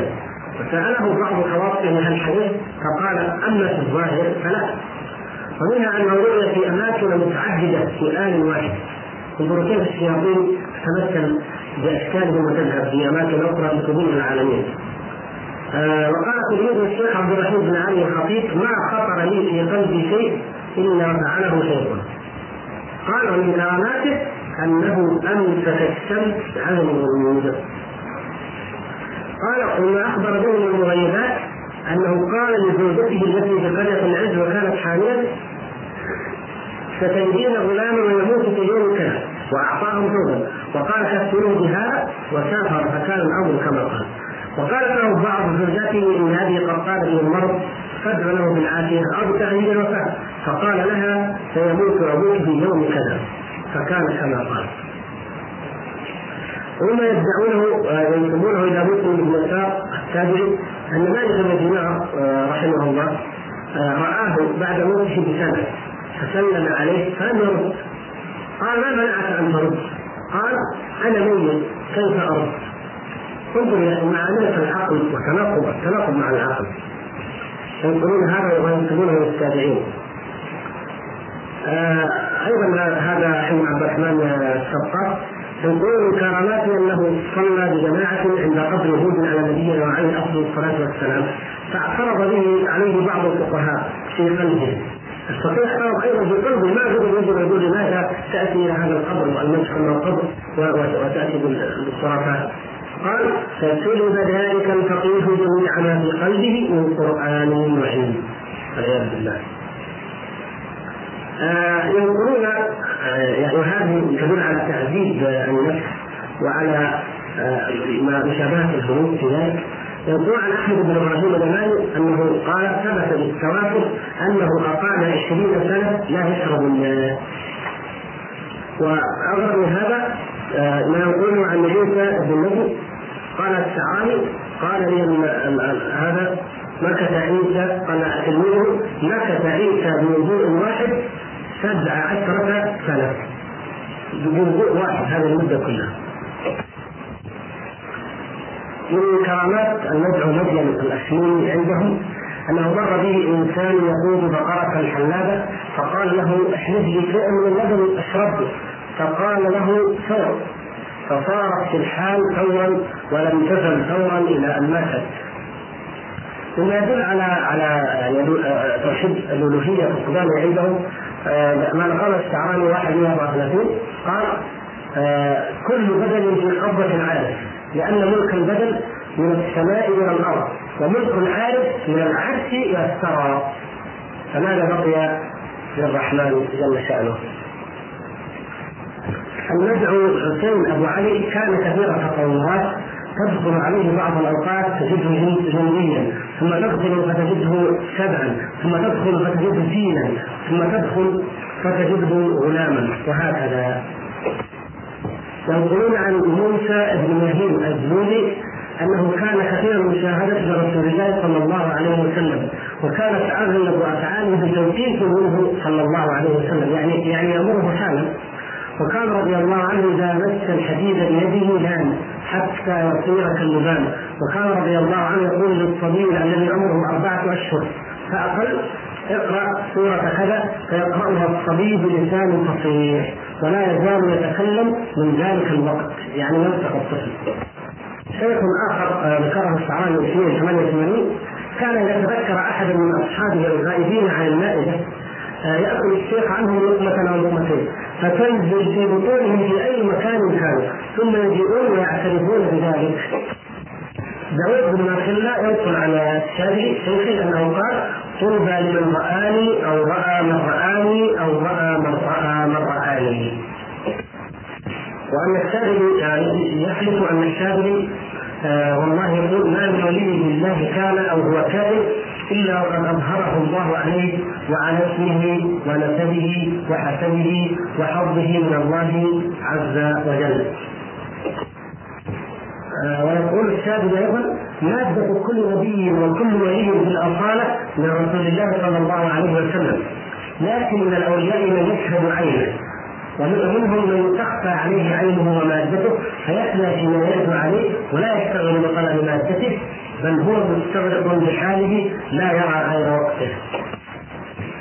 من كرامات مسجد الاسمون أيضا آه يقول إن مناره زاويته الموجوده الآن آه لما فرغ من البناء آه منها مالت إليه وخاف أهل الحارة منها فأجمع المهندسون على هدمها فخرج اليهم الشيخ على قنقاله فأسند ظهره إليها وهزها والناس ينظرون فجلست على الاستقامة إلى وقتنا هذا قال ومرض سيدي مجد هذا مرض رضي الله عنه مرة أشرع فيها عن مرض فوهبه الشويني من عمره عشر سنين ثم مات في ليلة الشويني رضي الله عنه فجاء وهو على المنفصل فقال كيف مت وعزة ربي لو كنت حاضرا ما خليتك تموت.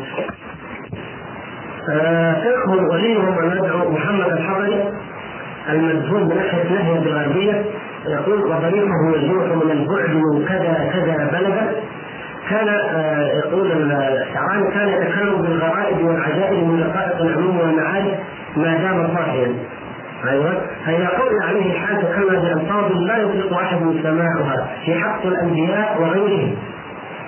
وكان في كذا كذا بلدا وقت واحد. وأخبرني الشيخ أبو الفضل أنه جاءه يوم الجمعة فسألوه خطبه فقال بسم الله. فطلع المنبر آه، فطلع المنبر فحمد الله وأثنى عليه ومجده ثم قال وأشهد أن لا إله لكم إلا إبليس عليه الصلاة والسلام. فقال الناس كفر فسلم السيف ونزل فهرب الناس كلهم من الجامع فجلس عند المنبر إلى أذان العصر. وما تجرع أحد أن يدخل. قال ثم جاء بعض أهل البلاد المجاورة فأخبر أهل كل بلد أنه خطب عندهم وصلى بهم. قال فعددنا ذلك اليوم ثلاثين خطبة ونحن نراه جالسا عندنا في بلدنا. ثم يقول أيضا من كراماته آه أنه كان يقول الأرض بين يدي كالإناء الذي آكل منه وأجساد الخلائق كالقوارير أرى ما في بواطنهم انظر هذا الزلزال الذي ابطل ثلاثين بلدا ابطل صلاته الجمعة في وقت واحد. شيطان شبه به ولعب على عقول الناس به ومع ذلك يدعي علم الغيب ويدعي هذه الدعوة العظيمة. آه يقول آه الناس تلميذ الشاذلي يقول لو كشف عن حقيقة ولي لعبد لأن أوصافه من أوصافه يعني من أوصاف الله تعالى ونعوته من نعوته. هذا المدعو آه أبو علي يقول آه أن بعض العباد أرادوا أن يقتلوه فدخلوا على الشيخ فقطعوه بالسيف وأخذوه في تليس ورموه على الكون. وأخذوا على قتله ألف دينار ثم أصبحوا وجدوا الشيخ حسينا هذا أبو علي ودعوه جالسا فقال لهم غركم القمر. مثلا الأشمون أيضا يقول كان يوما يتوضأ آه، في الجامعة التي في رباط الزاوية فأخذ فردة القرقاط فضرب بها نحو بلاد المشرق الحذاء رماها نحو بلاد المشرق. ثم جاء رجل من تلك البلاد بعد سنة وفردة القرقاط معه وأخبر أن شخصا من العياق عبث بابنته يعني مقطع الطريق عبث بابنته في البرية فقال يا شيخ أبي لا تبني لأنها لم تعرف أن اسمه مجد ما نبته يعني باسمه استغاثت بشيخ أبيها تقول وهي آه، ذلك الوقت إلى الآن عند زوجته رضي الله عنها محتفظين بالجبار آه من هذا مدعو محمد وفاء من العارفين عندهم. يقول آه أخبره ولده سيد علي أخبر ولده سيد علي رضي الله عنه أنه هو خاتم الأولياء. صاحب الرتبة العلية وكان أميا ومع ذلك له لسان غريب في علوم القول ومؤلفات كثيرة ألفها في السباع وهو ابن سبع سنين. أمي ويقصد الرجل سبع سنين أو عشر. فضلا عن كونه يقول فضلا عن كونه سهلا. وله رموز في منظوماته ومنصوراته مقسمة إلى وقتنا هذا لم يفك أحد فيما نعلم معناها. رموز وذكر كثيرا منها لا يفهمها أي أحد وكتب المؤلفات وهو أمي المدعو محمد بن أبي جمره آه يقول إنه كان كبير الشأن معظما في الشرع آه لكن أنكروا عليه في دعواه رؤيه النبي صلى الله عليه وسلم يقظة وعقدوا له مجلسا فأقام في بيته لا يخرج إلا لصلاة الجمعة ومات المنكرون عليه على اسوء حال وعرفوا بركته. مما نقله الشعراني في تعظيم أئمتهم قوله عن احدهم كان يقول لو كان الحق سبحانه وتعالى يرضيه خلاف السنة لكان التوجه بالصلاه إلى القطب الغوث أولى من التوجه إلى الكعبة. يعني هي تعبديه محضه ولا هذا أولى من الكعبة. هناك رجل آخر من كبار أئمتهم يتحدثون عنه كثيرا وهو نزع الشمس الحنفي سبق بعض كراماته آه، كما يدعون آه، يعني علاقة دعواهم بالرسول صلى الله عليه وسلم تظهر عن ذكر وأنا انقل ما يدل على ذلك قبل ما يدل على كراماته. يقول ان الشعراني كان الشيخ النعمان رضي الله عنه. أحد أصحاب سيدي محمد رضي الله عنه يقول رأيت جدي رسول الله صلى الله عليه وسلم في خيمة عظيمة والأولياء يجيئون ويسلمون عليه واحدا بعد واحد والقائل يقول هذا فلان هذا فلان. ويجدون إلى النبي صلى الله عليه وسلم حتى جاءت كركبه عظيمة وخلق كثير وقائل يقول هذا محمد الحنفي. فلما وصل إلى النبي صلى الله عليه وسلم اجلسه بجانبه ثم التفت صلى الله عليه وسلم إلى أبي بكر وعمر وقال لهما إني أحب هذا الرجل إلا حمامته الصماء أو قال الزعراء وأشار إلى سيدي محمد فقال له أبو بكر رضي الله عنه أتأذن لي يا رسول الله أن اعممه فقال نعم. فاخذ أبو بكر رضي الله عنه عمامه نفسه وجعلها على رأس سيدي محمد وأرخى لعمامه سيدي محمد عدبه عن يساره وألبسها له. إلى أن يقول لا نذكر قصه طويله في هذا الكلام المهم أن الولايه هذه والعدد والعمه من الرسول صلى الله عليه وسلم.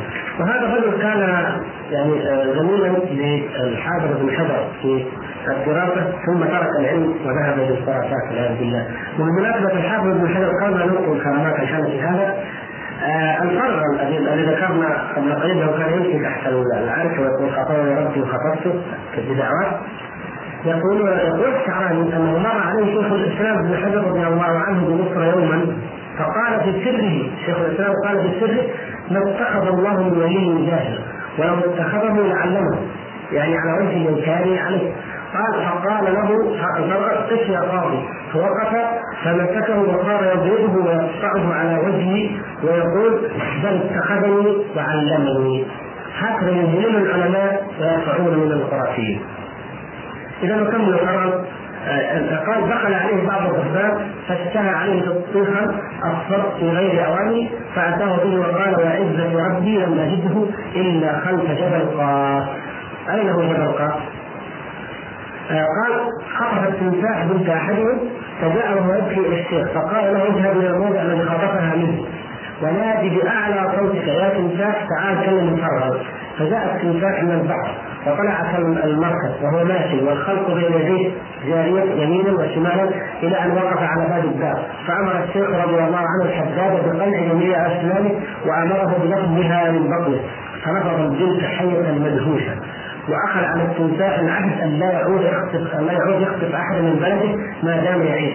ورجع التمساح ودموعه تسيل حتى نزل البحر ثم ذكر ما كان يدعيه انه يمشي بين يدي الله تعالى تحت العرش ويخاطبه وأنه كان يأتيه يقول كان يتكلم على أخبار سائر الأقاليم من اطراف الأرض إلى آخر يعني هذا القرار والشمس الحنفي كان زميلون ابن حجر رحمه الله.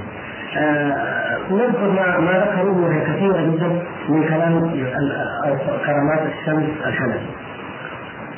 آه يقول هذا آه، ابن كثيره آه، إن محمد هذا الحنفي كان إذا صلى يصلي عن يمينه دائما أربعة روحانية وأربعة جسمانية لا يراهم إلا هو أو خواص أصحابه قال وقعت له ابنة صغيرة من موضع عالم فظهر شخص وتلقاها عن الأرض فقلنا له من تكون؟ فقال من الجن من أصحاب الشيخ. قد أخذ علينا العهد أن لا نضر أحدا من أولاده إلى تابع بطن فنحن لا نخالف عهده قال وكان سكان بحر النيل يطلعون إلى زيارته داره بغربة والحاضرون ينظرون. قالت ابنته فلانة ذكرها وزاروه مرة وعليهم القيادة والثياب النظيفة وصلوا معه صلاة المغرب ثم نزلوا في البحر بثيابهم. فقلت يا سيدي أما تتكلم ذكرنا في أنواع في أحوال القدس فهو الذي يعطي الزائر من المدد على قدر مقام المدين فيقول كنا نقرأ حزب سيدي أبي الحسن الشاذلي رضي الله عنه فكان بعض الناس يستطيل يراه طويلا فألفت الحزب الذي بين أصحابي الآن وأخفيته ولم اظهره حتى جاء الجدل من سيدي أبي الحسن الشاذلي رضي الله عنه ادبا معه. استاذن الشاذلي بأمامات مثل ما ما اشتهر لما عبد الحليم محمود ألف كتابا وقال استأذنت البدوي في تاليفه آه، يقول الشمس الحنفي انه قبل موته آه، دعا الله ان يبتليه بالقمل والنوم مع الخلاف والموت على قارعة الطريق. قال وحصل له ذلك قبل موته فتزايد عليه القمل حتى صار يمشي على فراشه ودخل له كلب فنام معه على الفراش ليلتين. إلى أن يقول وإنما تمنى ذلك ليكون له أسوة بالأنبياء عليهم الصلاة والسلام الذين ماتوا بالجوع والقمل. إلى آخره وهذا كذب على الأنبياء. ما دعوا الله تعالى ذلك؟ وشرفهم الله عن أن يناموا ويموتوا والكلاب في أحضانهم. ينقل عن حنفي أيضا هذا قال دخلت على الشيخ يوما امرأة فوجدت امرأة امير فوجدت حوله آه نساء خاص تكبسه فأنكرت بقلبها عليه أن المرأة هذه اجنبيه وتكبس رجله فأنكرت عليه فلاحظها الشيخ بعينه وقال لها انظري فنظرت فوجدت وجوههن عظاما تلوح والصليب خارج من أفواههن ومناخرهن كأنهن خرجن من القبور يعني النساء الذين عنده. فقال لها والله ما أنظر دائما إلا إلى الأجنبيات إلا على هذه الحال. ثم قال للمنكرة لهذه المرأة المنكرة قال لها إن فيك ثلاث علامات علامة تحت إبطك وعلامة في فخذك وعلامة في صدرك. فقال صدقت والله إن زوجي لم يعرف هذه العلامات إلى الآن واستغفر وتاب آه يقول آه يقول عنه هذا أيضا أنه كان يتطور في بعض الأوقات حتى يملأ الخلوة بجميع أركانها ثم يصبر قليلا قليلا حتى يعود إلى حالته المعهودة. قال ولما علم الناس بذلك سد الطاق التي كانت تشرف على الخلوة رضي الله عنه. قال وكان إذا تغير من شخص يتمزق كل ممزق ولو كان مستندا لأكبر الأولياء لا يقدر ان يدفع عنه شيئا من الزمان. لاحظوا كل تلميذ يستند لولي فالحنفي هذا يقولون من قوته انه على عدوه مهما كان مستندا إليه من الأولياء. يقول كما وقع لابن التمار وغيره فإنه أغلب عليه الشيخ في شفاعة وكان مستندا آه، للشيخ من البسطامي يقول فقال سيدي محمد مزقنا ابن التمار كل ممزق ولو كان معه ألف بسطام ثم أرسل السلطان فهدم دار ابن التمار فهي خراب إلى الآن. كل واحد يعبد وليا معينا ويستغيث به ويستنجد به. آه آه أيضا الحافي هذا يقول إنه اختلى سبع سنين لا يخرج من تحت الأرض. سبع سنين في الخلوة حتى فتح عليه.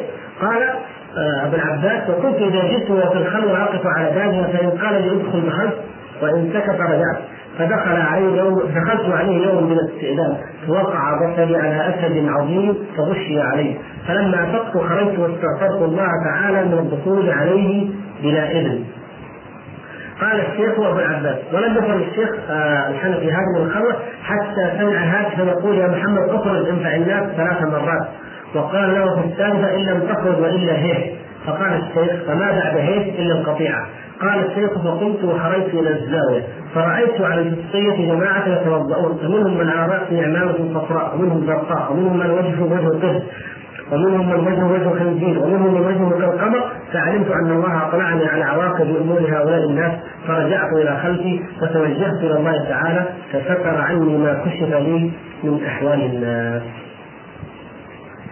آه أيضا الحنفي يقول كان أهل المغرب يرسلون آه، يأخذون من تراب زاويته ويجعلونه في أوراق المصاحف. وكان أهل الروم يكتبون اسمه على أبواب دونهم يتبركون به. وكانت رجال الطيران في الهواء تأتي إليه فيعلمهم الأدب ثم يطيرون في الهواء والناس ينظرون إليهم حتى يغيبوا. وكان رضي الله عنه يزور سكان البحر فكان يدخل البحر بثيابه فيمكث ساعة طويلة ثم يخرج ولم تبتل ثيابه آه، ومن أخبار هذا الحنفي أنه كان إذا زار القرافه المقبرة سلم على أصحاب القبور فيردون عليه السلام بصوت يسمعه من معه. وقال آه، دخل يوما الحمام مع فقرائه فأخذ الماء من الحوض ورشه على أصحابه وقال النار التي يعذب الله بها العصاه من أمة محمد صلى الله عليه وسلم مثل هذا الماء في سطورته. فقط مثل هذا الماء يعني. قال ففرح الفقراء بذلك. يعني كلام آه آخر شيء آه لما جاءت وفاته قال في مرض موتي من كانت له حاجة فليأتي إلى قبري ويطلب حاجته أقبل له فإنما بيني وبينكم غير ذراع من تراب وكل رجل يحجبه عن أصحابه ذراع من تراب فليس برجل. آه من أوجاه هذا المدعو الشويني آه يقول آه الشعراني جاءه مرة شخص يحمله حملة مثل ما الحملة عندهم الحاجة. هذه الحملة هي امرأة يحبها ويريد أن يتزوجها وهي تأبى. فقال له ادخل هذه الخلوة واشتغل باسمها ردد اسمها. فدخل واشتغل باسمها ليلا ونهارا فجاءته المرأة برجليها إلى الخلوة انظروا السحر وانظروا كيف يجمع, يجمع المرأة من لا يجوز وقالت له استحلي قال جاءت امرأة قالت استحلي أنا فلانة. فزهد فيها وقال إن كان الأمر كذلك فاشتغالي بالله أولى. فاشتغل باسم الله تعالى. ففتح عليه في خامس يوم رضي الله عنه. وكان الشويني رضي الله عنه يدخل بيت الشيخ يحث بيده على النساء. فكانوا يشكون لسيد مجد رضي الله عنه فيقول حصل لكم الخير فلا تتشوشوا الشويني كان يعني رفيقا لمجد مشمول وكان يدخل وضع يده على عورات النساء فيغضبن يشكون الشيخ ويقول لا تتشوشوا وكثير من هذه الكرامات هذا مما أثرت أن لا أذكره يعني حياء منكم وممن يسمع. ف وإلا هذا عندهم كثير يضع يده على عورات النساء وعلى وعلى عورات الرجال. وهذا أيضا نفس الاشموني هذا. خرج فقير من يوم من الزاويه فرأى جرة خمر مع انسان فكسرها. فبلغ الشيخ رضي الله عنه ذلك فأخرجه من الزاوية. وقال ما أخرجته لأجل إزالة المنكر؟ وإنما هو لإطلاق بصره. حتى رأى المنكر. لأن الفقير لا يجاوز بصره موضع قدميه. فعاقبه على ذلك. ومن كبار اوليائه المدعو أبو بكر الدقدوسي. آه ينقل الشعراني أن أحد تلاميذه حج معه وانه كان كان الشيخ يقترض طول الطريق الألف دينار فما دون على يده. فإذا طلبني الناس أجيء به إليه فأخبرهم فيقول عد لك من هذه الحجارة. ويقول خذ هذه الحجارة وعد على عدد الدين. قال خذ عد الألف والمئة والأربعين والثلاثين فأعطيها الرجل فيجدها دنانير. وهذا كثير جدا يعني ندعو منهم احمد الزاهر وآخر الذي يقول إنه كان يطرح الحجارة فتتحول إلى ذهب يقول هذا عن كثير من اتباعهم ولا شك أنه من السحر كغيره من كراماتهم. يقول كان له صاحب يبيع الحشيش بباب اللوم فكان الشيخ رضي الله عنه يرسل إليه أصحاب الحوائج ويعطيها لهم فقال له احد تلاميذه عن ذلك يعني كيف تفعل هذا مع الحشاشين؟ فقال له يا ولدي ليس هذا من أهل المعاصي إنما هو جالس يتوج الناس في صورة بيع الحشيش فكل من اشترى منه لا يعود يبلعها أبدا. آه يقول عن نفس هذا الشيخ أبو بكر ذا آه يقول تلميذه لما حج معه سألته أن يجمعني على القطب فقال اجلس ها هنا ومضى فغاب عني ساعة ثم حصل عندي ثقل في رأسي آه ثقل في رأسي فلم أتمالك أحملها حتى وسطت لحيتي بعانتي.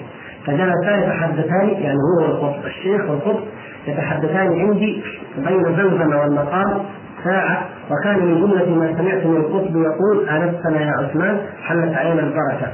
عثمان والتلميذ. ثم قال لشيخي توصى به فإنه يجيء منه. ثم قرأ سورة الفاتحة وسورة قريش ودعا وانصرفا. ثم رجع سيدي أبو بكر رضي الله عنه فقال ارفع رأسك. قلت لا أستطيع.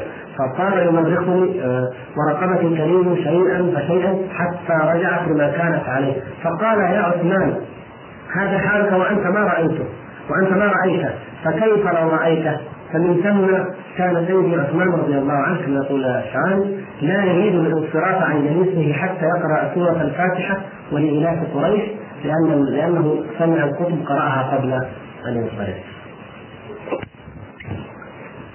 المدعو حسين الجاكي من كراماته. قال عقدوا له مجلسا ان السلطان يمنعه من الوعظ. وقالوا إنه يلحم. فأمر السلطان بمنعه. فشكى ذلك لشيخه الشيخ أيوب. قال فبينما السلطان في بيت الخلائق خرج له الشيخ أيوب من الحائط والمطمس على كتفه في صورة أسد عظيم وفتح فمه يريد أن السلطان فارتعد السلطان ووقع مغشيا عليه. فلما فاق قال له أرسل الشيخ حسين يعز وإلا أهلكتك ثم دخل من الحائط. ووليهم المدعو حسن التستري آه، يقولون إن الوزير آه، سد زاويته وقفلها فقال الشيخ من سد هذا الباب؟ قالوا الوزير فلان بأمر السلطان. فقالوا نحن نسد أبواب بدنه وطيقانه فعمي الوزير الوزير عمي وطرش وخرس وانسد أنفه عن خروج النفس وانسد قبله ودبره عن البول والغائط. فمات الوزير في الحال فبلغ ذلك السلطان فنزل إليه وصالحه وفتح له الباب. عبد الرحيم القناوي يقول نزل يوما في حلقته شبح من الجو لا يدري الحاضرون ما هو فأطرق الشيخ ساعة ثم ارتفع الشبح من السماء فسألوه عنه فقال هذا ملك وقعت منه هفوة فسقط علينا يستشفع بنا فقبل الله شفاعتنا فيه فارتفع لاحظتم؟ قال وكان الشيخ إذا شاوره الإنسان في شيء يقول أمهلني حتى استأذن لك فيه جبريل عليه السلام فيمهله ساعة ثم يقول له افعل أو لا تفعل على حسب ما يقول جبريل. وأما النجم عن الخواص فينقل عنه أن محمد بن هارون آه، من أوليائهم أيضا يعني كان خلاف بين هذين الوجهين فمحمد بن هارون سلبه حاله صديق آه، قراد آه، أحد الأولياء الاخرين وذلك أنه كان إذا خرج من صلاة الجمعة تبعه أهل المدينة يشيعونه إلى ذلك. فمر بصبي قراد وهو جالس تحت حيطه يسلي خلقته من القمر وهو ماد رجليه فخطر في سر الشيخ أن هذا قليل الأدب. يمد رجليه ومثل ما عليه فسلب لوقته وفرق الناس عنه يعني عن الشيخ. فرجع فلم يجد الصبي فدار عليه في البلاد إلى أن في يوميلة في يوميلة مصر. فلما نظر القراد الكبير إليه وهو واقف وقد صره قال له تعال يا سيدي الشيخ مثلك يخطر في خاطره أن له مقاما أو قدرا هذا الصبي سلبك حالك. صبي القراد القراد يقول الصبي حقه سلب الشيخ حاله أي إيمانه. فله أن يمد رجله بحضرتك لكونه أقرب إلى الله منه. فقال التوبة. فأرسله إلى آه، المدينة إلى الحائط. ما ادري معنى الكلمة المهم قال إلى الحائط الذي كان يفلي ثوبه عندها وقال ناد السحليه التي هناك في الشق. يعني الوزر الذي في الشق في الشق عند الحائط وقل لها إن قزمان طاب خاطره علي فردي علي حالي. فخرجت ونفخت في وجهه فرد الله عليه حاله أي رد الله إيمانه لما نفخت عليه هذه السحليه علي البقال يقول من كراماته أن ابن الفارغ مر به فرآه يتوضأ وضوءا غير مرتب وهو لا يعرفه. فقال له أنت في هذا السن في دار الإسلام وتتوضا وضوءا باطلا؟ فنظر إليه وقال لما لم نتوضا إلا وضوءا مرتبا لكنك لا تبصر. ولو أبصرت أبصرت هكذا وأخذ بيده فأراه الكعبة. فأكب ابن فارض على أقدامه يستغفر.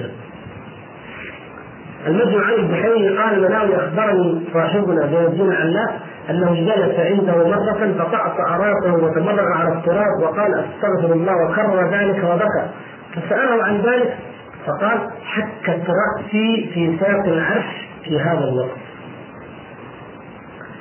آه علي بن الهيثي يقول من كراماته أنه حضر جماعة آه هو جماعة من المشايخ والفقهاء عملوا سماعا حضرة يعني. فأخذ المشايخ بحظ من الرقص والغناء وكذا قال وأنكرت الفقهاء ببواطنهم. فطاف عليهم الشيخ علي بن الهيثي ما اظهروا في الباطن فقط. فكان كلما قابل رجلا نظر إليه فيفقد جميع معلومه حتى من القرآن. وانصرفوا ومكثوا كذلك شهرا ثم أتوا واستغفروا وقبلوا رجليه يقول تعالى العهود حكى له أحدهم أن والده آه، سراج الدين البلقيني قال مر يوم ببلاد اللوط فوجد هناك زحمة فقال ما هذه الزحمة؟ فقالوا شخص من أولياء الله يبيع الحشيش وين يبيع الحشيش؟ فقال كيف يكون شخص حشاش من أولياء الله؟ إنما هو من الحرافيش ثم ولى فسند فسند الشيخ جميع ما معه حتى الفاتحة قال فمنذ ذلك اليوم ما أنكر الشيخ البلقيني على أحد من أرباب الأحوال. كما قلنا هذا الإرهاب الذي يضعونه. هذا صدر الدين القيمي الرومي الذي آه، ذكره شيخ الإسلام ابن تيمية في كتبه مرارا. هذا كان تلميذ ابن عربي. يقول النبهاني انه كان من تلميذ ابن عربي قال المناوي حكى عن نفسه أنه قال اجتهد شيخي العارف ابن عربي أن يشرفني ويوصلني إلى المرتبه التي يتجلى فيها الحق تعالى للطالب بالتجليات البرقيه في حياته. فما أمكنه يعني في حياة ابن عربي فما أمكنه فزرت قبره بعد موته ورجعت فبينا أنا أمشي بالفضاء عند قرطوس في يوم سائف والزهور يحركها نسيم الصبا فنظرت إليها وتفكرت في قدرة الله تعالى وكبريائه وجلاله فجرأني حب الرحمن حتى كدت اغيب عن الأكوان. فتمثل لي روح الشيخ ابن عربي في أحسن صورة كأنه نور آه، فرق فقال يا محتار انظر الي واذا الحق جل وعلا تجلى لي بالتجلي البرقي بتجلي البرقي من الشرف الذاتي فغرت عني به فيه على قدر لمع البصر ثم أفقت حالا واذا الشيخ الأكبر بين يدي فسلم سلام المواصله بعد الفرقة وعانقني معانقة شديدة وقال الحمد لله الذي رفع الحجاب وواصل الأحداث. ومن من اكابر من أحيا طريقة ابن عربي ومذهبه بوحده الوجود آه، المدعو يوسف الكوراني أو الملقب العجمي. تحدث عنه آه، فقال ضمن ترجمته لما ورد عليه والد الحق بالسفر من أرض العجم إلى مصر ورد يعني فلم يلتفت إليه فورد ثانيا وارد في قلبه فلم يلتفت إليه فورد ثالثا. فقال اللهم إن كان هذا وارد صدق تقلب لي عين هذا النهر لبنا حتى أشرب منه بقطعته هذه فانقلب النهر لبنا وشرب منه ثم ذهب إلى مصر. آه له حكايات كثيرة ننقل منها فقط واحدة. لتعلموا حقيقة هؤلاء القوم. ومعه ابن عربي وامثاله. يقول كان رضي الله عنه إذا خرج من الخلوة يخرج عيناه كأنهما قطعة جمر تتوقد فكل من وقع نظره عليه انقلبت عينه ذهبا خالصا ولقد وقع بصره يوما على كلب فانقادت إليه جميع الكلاب. إن وقفوا وقفوا وإن مشى مشوا. فأعلم الشيخ بذلك. فارسل خلف الكلب وقال فرجعت عليه الكلاب تعبه حتى هرب منها. وقع له مرة أخرى أنه خرج من خلوة الأربعين فوقع بصره على كلب. فانقالت إليه جميع الكلاب وصار الناس يهرعون إليه في قضاء حوائجهم. فلما مرض ذلك الكلب اجتمع حوله الكلاب يبكون ويظهرون الحزن عليه. فلما مات أظهروا البكاء والعويل وألهم الله تعالى بعض الناس فدفنوه فكانت الكلاب تزور قبره حتى ماتوا. فهذه نظرة يقول الشعراني فهذه نظرة إلى كلب فعلت ما فعلت فكيف لو وقعت على إنسان؟ حكاياتهم عن الكلاب وأنها الأولياء كثيرة. منها واحد اسمه علي صاحب البقرة. يقول النبهاني كان له بقرة يحرص عليها فأراد أن يحلبها في بعض الأيام فقالت له يا شيخ علي إما حليب وأما حراسة فأتى بها واستنطقها عند أهل القرية فقالت مثل المقالة الأولى فقال لها اذهبي فلا حليب ولا حراسة ثم سقط ميتا وسقطت هي أيضا يعني عن البقرة فدفنا في محل واحد وقبرهما مقصودان للزيارة وقد زرناهما في غير هذه المرة مع زمرة من الإخوان وحصل لنا الحظ التام وذكرنا الله تعالى عندهما برهة من الزمان. يعني الشيخ البقرة فمن أوليائهم الكلاب ومن أوليائهم الأبصار. آه، من كرامات من يسمونه علي بن أحمد الجعبري آه، أنه كان إذا جاء ليدخل بابا فوجده مغلقا دخله من شقوقه التي لا تسع نملة. قال النبهاني ومر يوم في الشارع بدار وإذا هو بامرأة جميلة. فوقف زمانا ثم صاح وإذا بها نزلت وأتت بالشهادتين وكانت نصرانية. فقال لمن معه نظرت إلى هذا الجمال الباهر فقال أنقذني من هذا الكفر الظاهر فتوجه فتوجهت فأسلمت. أو فتوجهت فأسلمت.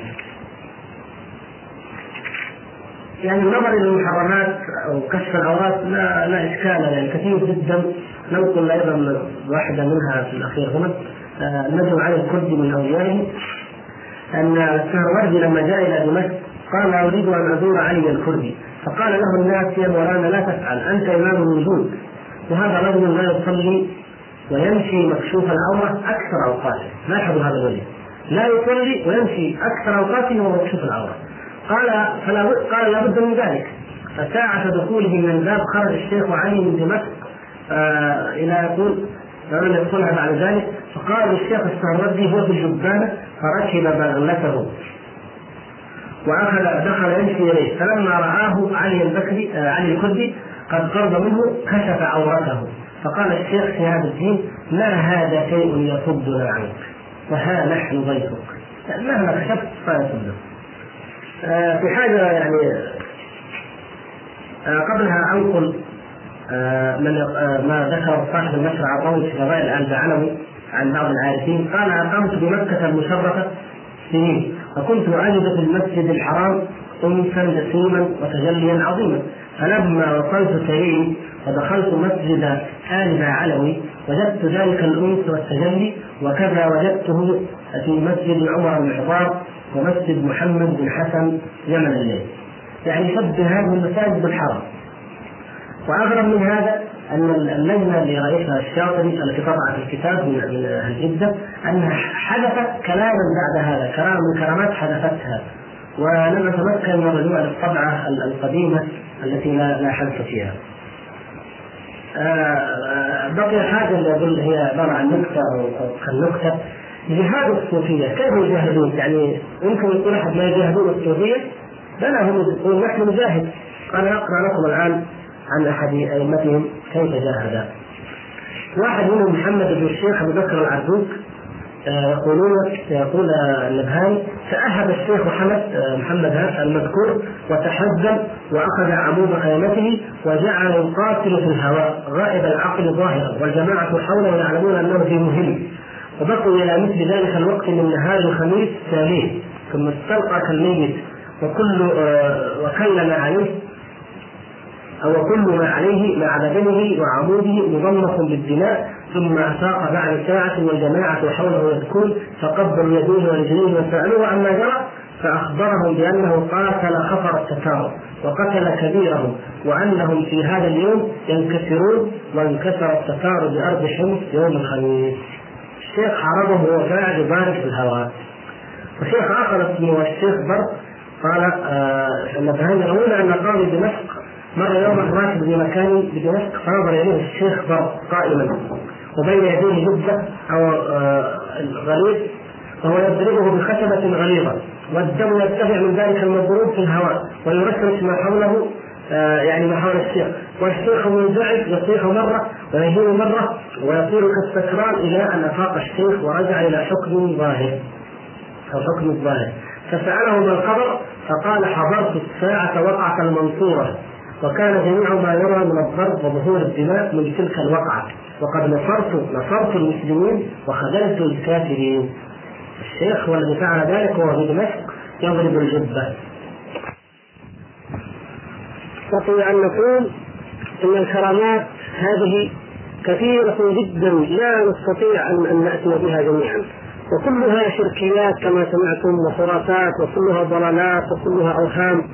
وبعضها أو كثير منها يخرج صاحبه من الملة بمجرد اعتقاده ولن نستطيع أن ناتي بها جميعا. وإنما ذكرت ما ذكرت منها لبيان أو لإعطاء فكرة عامة فكرة موجزه عن هذا الدين عن خلوته وعن شيخه ثم عن كراماته وعن مجاهداتهم كما سبق. فهذه أركان الطريق عندهم. هذا هو دينهم أيها الإخوة. إنما أردنا أن نقول إن هذا هو دين هؤلاء القوم وهذه هي عقيدتهم. فمن كان مخدوعا من خدع بكتاب الرد المحكم المنيع على الذي الرفاعي أو من خدع بكتاب التحديد والاغتراب ما جاء في كتاب الحوار الذي ألفه المغربيان عبد الحي وعبد الكريم ومن خدع بكتاب إعلام النبيل الذي ألفه راشد بن إبراهيم المريخي البحر.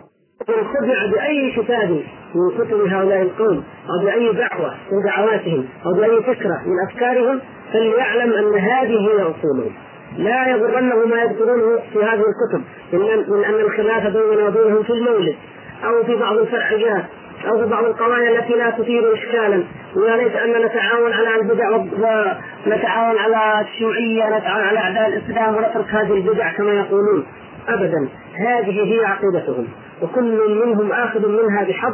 من لم يأخذها كلها فله حظ منها بقدر ما يأخذ. أما الأتباع وأما المخضوعون فإليهم نوجه هذا الكلام. وأرجو منكم أن توجهوه. أنكم أيها الإخوة اعرفوا عقيدة هؤلاء القوم واعلموها. ثم بعد ذلك فكروا هل تنفعكم هذه العقيدة عند الله؟ هل تتفق هذه العقيدة مع كتاب الله وسنة رسوله صلى الله عليه وسلم أم لا؟ هذا هو موضوع الخلاف أيها الإخوة الذي يجب أن نعلمه جميعا. أما دعواهم هم أنهم يكرهون الخلاف وما يكتبه هؤلاء من قولهم آه اننا لو نترك هذه الخلافات ونتفق على الأمور المجمع عليها ونتعاون عليها مثل محاربة الشيوعية أو اليهودية أو ما إلى ذلك فنقول لهم من الذي بعث الخلاف؟ ومن الذي أثار المشكلة؟ ومن الذي فرق الجماعة؟ إلا هذا الدين المحدث الذي جئتم به وإلا هذه الضلالات التي أتيتم بها، من الذي فرق جماعة المسلمين إلا البدع وإلا الضلالات؟ من الذي يقيم الموالد بين الحين والحين ويدعو إلى البدعة علانيه ويثير احقاد العوام والجهله على العلماء الذين ينكرون هذا المولد؟ من هو؟ هذه القاعدة نحن نطالبكم بها نقول لكم إننا مختلفون معكم في الموالد مختلفون معكم في كل البدع المخالفه للكتاب والسنة. فلماذا لا تتركونها وتأتون إلى مواضع الاتفاق التي نتفق نحن وإياكم عليها؟ فنتعاون على حربها نتعاون على حرب الربا والتبرج العلمانية التي بدأت تاكل الاخضر والهشيم في مجتمعنا الانحلال الخلقي الذي بدأ يتفشى. الأفكار الغربية الوافده التي تظهر في الصحف وفي الكتب وفي كل مكان. لماذا لا تتعاونون معنا على هذه التي نحن متفقون عليها وتتركوا البدع التي مختلفون فيها نحن وإياكم. إذا هذه القاعدة نحن نقولها لكم نحن نطالبكم بها ولا تطالبوننا أنتم بها. ولكنه الباطل هكذا الباطل الباطل دائما يتخفى الذي لديه ذهب مغشوش لا يمكن أن يبيعه في سوق الذهب وإنما يذهب به إلى البوادي وإنما يذهب به إلى أطراف البلاد فيبيعه عن الجهلة. وهؤلاء القوم لو أنهم عن الحق لماذا يتخفون به عن العلماء وعن الناس؟ آه شيخ محمد علي وبينك هذا هذا الذي مقيم في مصر محتجب عن البشر جميعا، لماذا يحتجب إذا كان على الحق؟ لماذا لا يقيم في القاهرة ويعلن دعوته ما دامت هي الحق؟ والمالكي لماذا لا يظهر دعوته في مكة؟ ولماذا لا يناظر عليها العلماء حتى ولو أوذي لأن أصحاب الدعوات الحق يتحملون الأذى من اجلها ما دامت حقا فلماذا؟ لكن يا أيها الإخوة لأن هؤلاء هم أول من يعلم بطلان دعوتهم وكذبها وهم أول من يعلم ضلالها. لذلك لا يريدون أن يظهروها أمام الملا وإلا إلا في الأقطار النائية من العالم الإسلامي. ويؤثرون المجد والشهرة ويؤثرون أكل السحت على الحق كما فعل أحبار اليهود كما يفعل علماء الرافضة وآياتهم. فهم يؤثرون ذلك على الحق. والا فهم يعرفون الادله ويعلمون ان ادلتهم باطله ويعلمون ما في المولد من الشرك هم اول من يعلم ما في المولد من الشرك وان طمطموا وزعزعوا وقالوا ليس فيه شرك فاسمعوا الان من كلام محمد علي المالكي نفسه في المولد ما يدلكم على ذلك.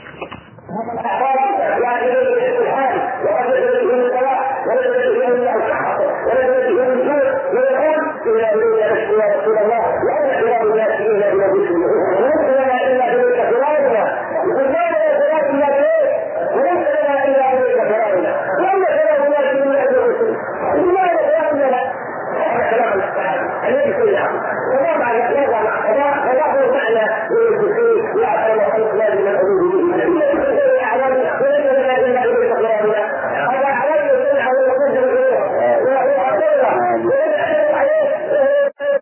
وصلى الله وسلم نبينا محمد وعلى آله وصحبه أجمعين.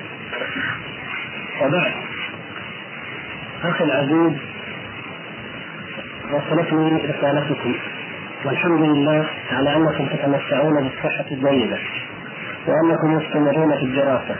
ونسأل الله سبحانه وتعالى أن يعينكم وأن تعودوا إلى أهلكم وبلادكم وأنتم في أحسن حال. والذي دفعني إلى هذه الرسالة التقويه إليكم. هو ما كتبتم لي من السؤال عما وقع عندنا هنا في المملكة من فتنة أثارها المدعو محمد علوي مالكي. وتقول لي أن كتاب حوار مع المالكي الذي ألفه الشيخ عبد الله بن سليمان المنيع وصلكم وقد استفدتم منه وتعجبتم أو بتعبيركم تقول ذهلتم من هذه الأمور هذه الشركيات وهذه المنكرات وكيف أن هذا الرجل يرتكبها؟ ولكن كما تقولون آه، وصلكم كتاب بل بالاحرى عدة كتب اهمها كتاب آه، الرد على ابن منيع الذي ألفه آه، من من يوسف هاشم الرفاعي الكويتي. وتقول أنه وصلكم أخيرا كتابان ألف أحدهما رجل من البحرين سماه إعلام النبي والثاني الفه كلام المغاربة وسمياه التحذير من اعتراض ما جاء في كتاب الحوار. فتطلب مني آه، باعتباري كما ذكرت آه، متخصصا في العقيدة ومقيما هنا في البلاد أن اكتب إليك مرئياتي عن هذا الموضوع وعن حقيقة الخلاف بيننا وبين الصوفية وهل الصوفية تعتبر هي أهل السنة والجماعة كما يزعم هؤلاء وموضوع بقية الأسئلة التي إن شاء الله آه، ساتي عليها من خلال هذه الرسالة.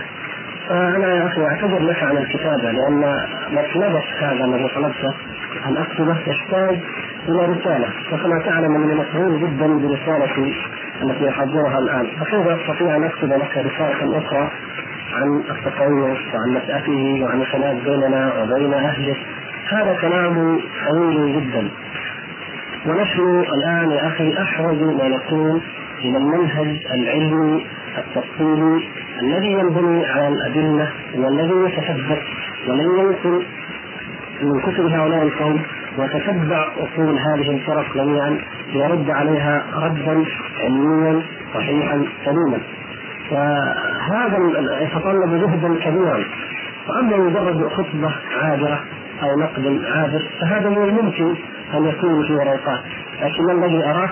أننا نحن أمام هجمة صوفيه شديده وكما ذكرت لي سابقا عندكم في أمريكا تلاحظون أن التصوف بدأ ينتشر وبدأ كمحاولة للصد عن سبيل الله تعالى. أي أن الأمريكي الذي يريد الدخول في الإسلام يقال له ادخل في هذا الدين. فيدخل في التصوف فيحرم المسلمون منه وربما ينفرون كما حدثتني عن بعضهم لأنه إذا رأى ما في التصوف من الخرافات ينفر من الاسلام نهائيا وينفر غيره ويقول لهم خرافات النصرانية أخف من خرافات الإسلام. وهذا والعياذ بالله من صور الصد عن سبيل الله. ولا شك يا أخي لدي أن وراء ذلك مؤامرات يحركها أعداء الإسلام من اليهود ومن النصارى يستغلون هؤلاء الصوفية الذين كثير منهم زنادقه متفكرون يريدون هدم الإسلام من الداخل. وعندما أقول ذلك لا تفهموني أنني أقول إن كل من يحضر المولد زنديق أو كل من يحب الطرق الصوفيه زنديق. ليس هذا هو المقصود. المخدوعون كثير بالدعوات ولكن نحن ما نتحدث عن التصوف كفكرة وكعقيده لها جذورها القديمة ولها فلسفاتها المستقلة ونتحدث كيف دخلت في الإسلام وكيف خدع بها أكثر هذه الأمة فالذي نحكم عليه هو الصوفية. وأنتم تعرفون آه السيوصوفيه السيوصوفيه هذه التي في أمريكا والتي آه، عرفها صاحب المورد آه، العربي الإنجليزي المورد على بكي لأنها فرقه حديثة نشأت في الولايات المتحدة الأمريكية ليست الحقيقة حديثة بالمعنى الذي ذكره آه، المورد. السيوصوفيه قديمة وسأتحدث عنها إن شاء الله لك عندما نحدد موضوع نشأة التصوف. لكن بخصوص سؤالكم أنت وزملائكم في المركز وبعض إخوانكم في الله في من المسلمين في أمريكا عن حقيقة ما جرى من هذه المشكلة وعن موقف هؤلاء الذين دافعوا عن آه، المالكي بخرافاته وهم انهم كثيرون كما تقولون. أقول لكم يا أخي لا جرى مع المالكي ليس بحاجه إلى أن يدافع عنه أحد على الإطلاق لأن المسألة مسألة اعتراف وإقرار. والاعتراف هو سيد الأدلة. هذه حقيقة معروفة. الاعتراف سيد الأدلة. فمحمد علوي مالكي اعترف هو بنفسه في محضر رسمي امام الشيخ عبد الله بن حميد رحمه الله والشيخ عبد العزيز بن باز حفظه الله. ورئيس الحرمين وكتب هذا الاعتراف في محضر رسمي والمعاملات محفوظة ولدى الإفتاء ولدى مجلس القضاء الأعلى ولدى شؤون الحرمين.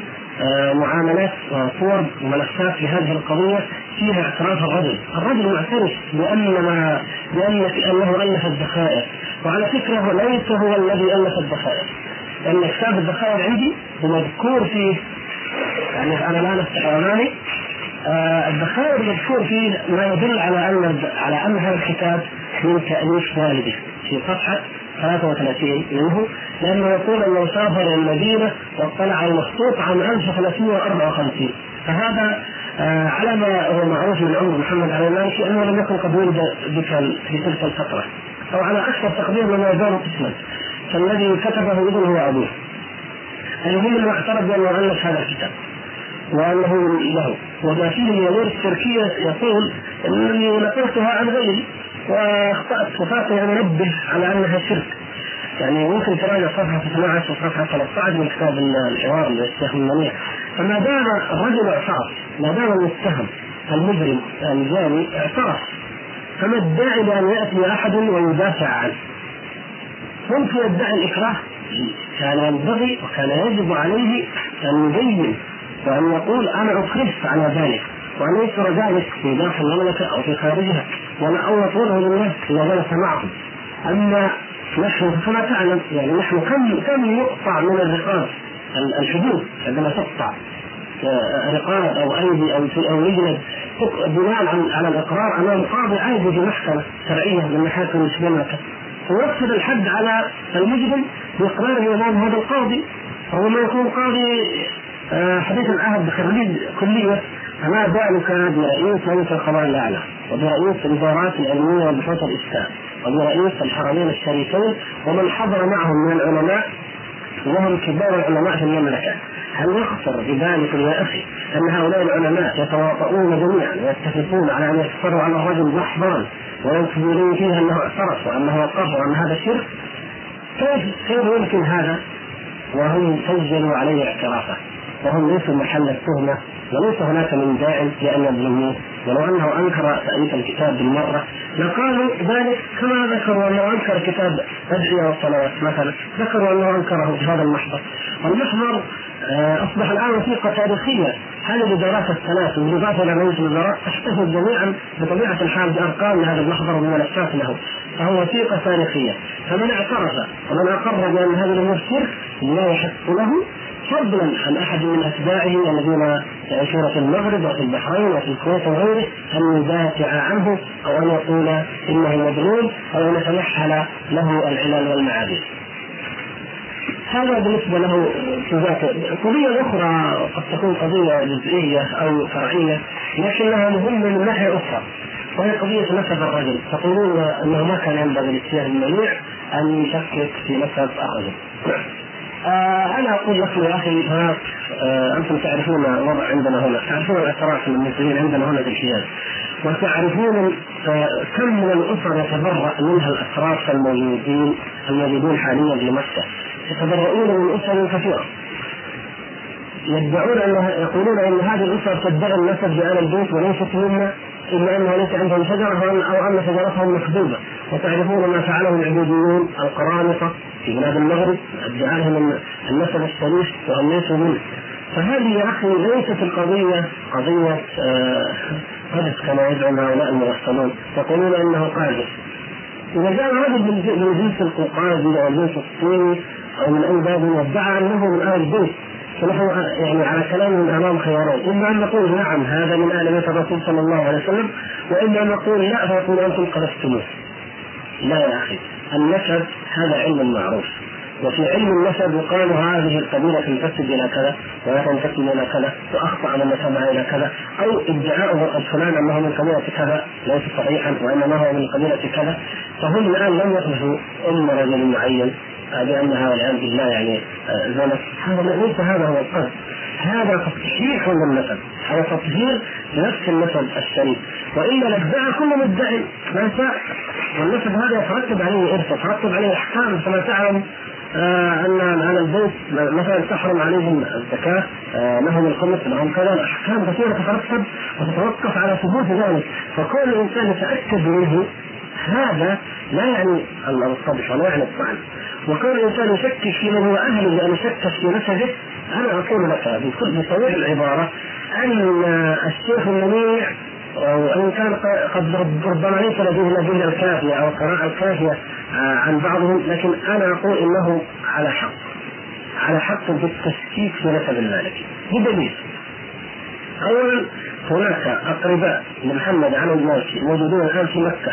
وهم يعني من فضل الله معتذرون لتركياته وضلالاته.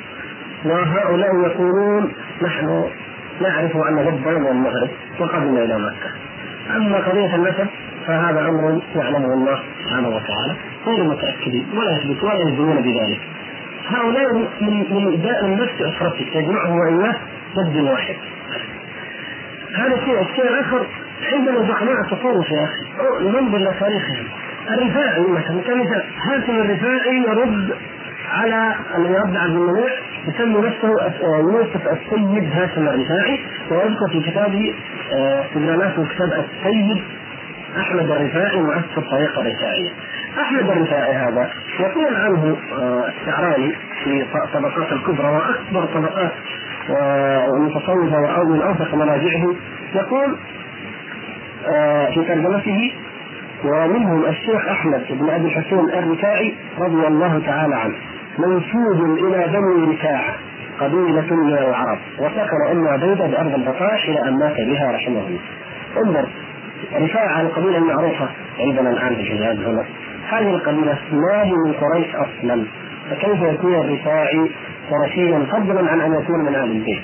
لو أن رجلا من أقرب الناس إلى آل البيت مثلا رجل من بني أمية مثلا. لا يجوز أن أقول أنا من آل محمد صلى الله عليه وسلم بمعنى بمعنى نظريه الحسن والحسين أو غيرها.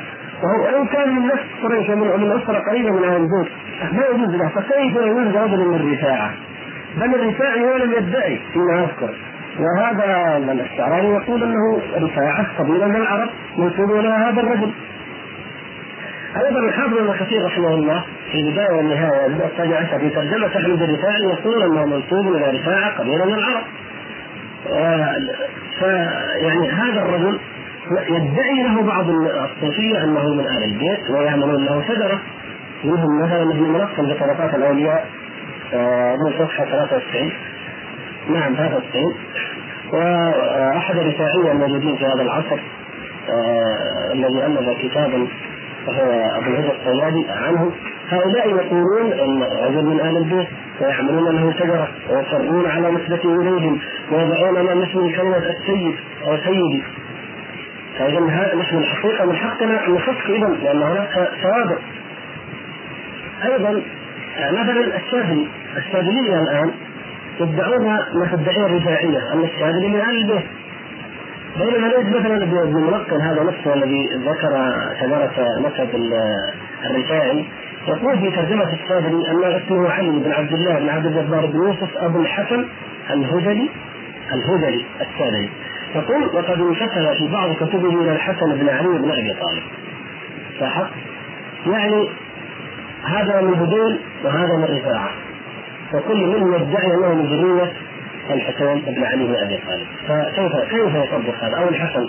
الحسن والحسين ويقول ابن الملقن أن آه أن الشاذلي ذكر نسبه ثم وصل ذكر هذا النسب إلى علي بن أبي طالب. قال ابن الملقن وتوقف فيه توقف فيه يعني لا نستطيع أن نجزم بأن الشاذلي أيضا من ذريه الحسن وإنما هو من هذيل. فإذا كان هذا من رفاعه وهذا من هذيل فأين هاتان من قريش يا أخي فضلا عن بني هاشم فضلا عن الحسن والحسين رضي الله عنهما. فهذا يدل على أن العبيديين خلقا كثيرا. وان كثيرا من الملايين التي تنتسب لآل البيت في إيران وفي المغرب وفي حضرموت وبلاد كثيرة كثيرا منهم نسبه غير صحيح. بل قد ظهر يعني حديثا في مكة كتاب عن طبع هذه السنة عن الاشراف وانسابهم وهو سمعت أنه منع لأن اعترض عليه كثير من الناس والاشراف كما قلت لكم كما تعلمون وأنتم هنا إن الاشراف يتبرؤون من كثير من الأسر ومن كثير من العائلات. فعلى كل حال ما يتعلق بأن فلان ليس مصور صحيح أو غير صحيح ليس مستوثبا من القلب كما يفتري هؤلاء الدجالون وإلا لكان ابن ملقن نفسه قاهر وهو من أئمتهم وكتب في طبقاتهم ولكان الشعراني أول من قبض لأنه يقول أن أحمد الرفاعي من بني رفاعة القبيلة المعروفة وليس من أهل البيت. فليكن عندكم معلوما أن الصوفية يتفكرون بالنسب الشريف وأن هذه دعوه استفادوها من الشيعه. بل سنعرض إن شاء الله يعني عما طيب عندما احدثكم عن نشاه التصوف أن أصل التصوف آه هو التشيع، أول ما ولد التصوف في صفوف الشيعه. ولذلك نجد الصله بين التصوف وبين التشيع قوية جدا ونجد أن كثيرا من الضلالات ومن الخرافات المشتركة بين الطائفتين خرافات مشتركه بالفعل ويجمع الطائفتين دعوى الغلو. هؤلاء غلوا في علي وهؤلاء غلوا في محمد الرسول صلى الله عليه وسلم. أما قضية رايي كما ذكرت ما رأيك في هذه الكتب وما رأيك في ردهم على الشيخ المنيع والعلماء في المملكة؟ فأنا يا أخي أقول لكم أن الشيخ المنيع جزاه الله خيرا والعلماء الذين كتبوا. كتاب الشيخ المنيع يعني بالذات الكتاب مركز على قضية المولد وأحب أن أقول أن القضية التي نختلف نحن والصوفية فيها ليست هي قضية المولد القضية أكبر من ذلك وأعظم. الصوفية ديانة قديمة معروفة لدى اليونان وهذا اليونان القدماء ديانة قديمة جاءت ودخلت وتعلقت في الإسلام باسم الزنادقة. الزنادقة هم الذين أدخلوها في الإسلام باسم التصوف أو باسم التعبد أو باسم الزهد. كما سنعرض إن شاء الله. فالخلاف ليس محصورا كما أراد الرفاعي وهذا البحرين والمغاربة ليس محصورا في تعظيم الرسول صلى الله عليه وسلم. كتاب الرفاعي من أول والاخر والاخر والثالث هذه الكتب تتحدث عن منزلة الرسول صلى الله عليه وسلم وعن عظمة الرسول صلى الله عليه وسلم وعن معجزات الرسول صلى الله عليه وسلم وعن خوارق الرسول صلى الله عليه وسلم إلى آخره.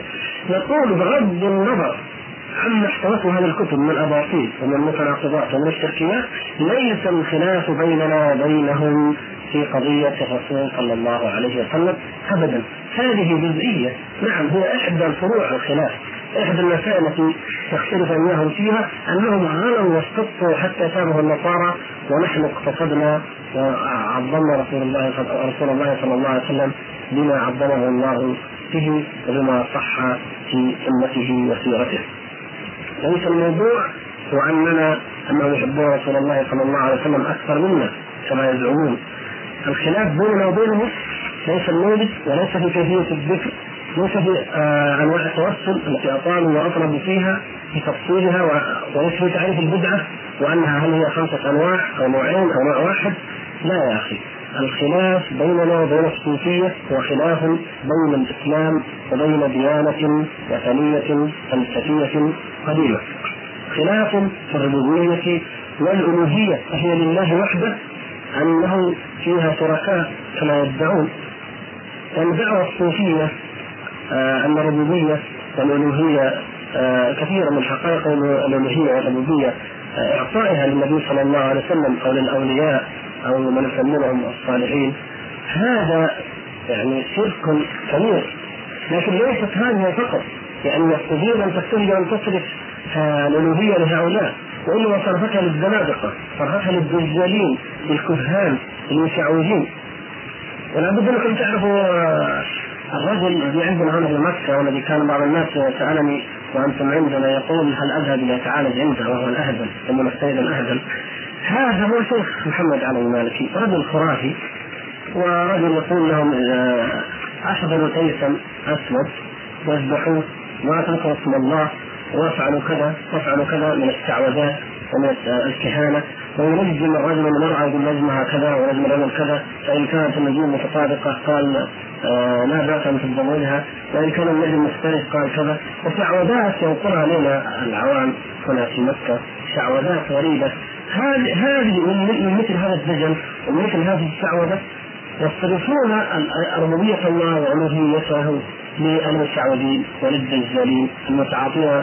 السحر المتعاملين مع الجن الذين يقولون نحن نعلم الغيب ويطلبون من المريدين فنقدم لهم العبوديات التي لا تليق إلا بالله سبحانه وتعالى.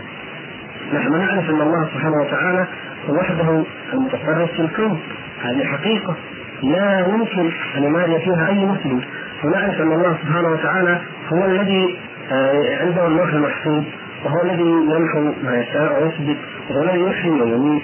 وهو الذي يعلم ما تسقط من ورقة في ظلمات البر والبحر وهو الذي يفتح أبواب الجنة آه لمن شاء أو النار والعياذ بالله وهو الذي يسلب الإيمان من القلوب أو أو آه يضع فيها اليقين ولا أحد يملك ذلك غيره.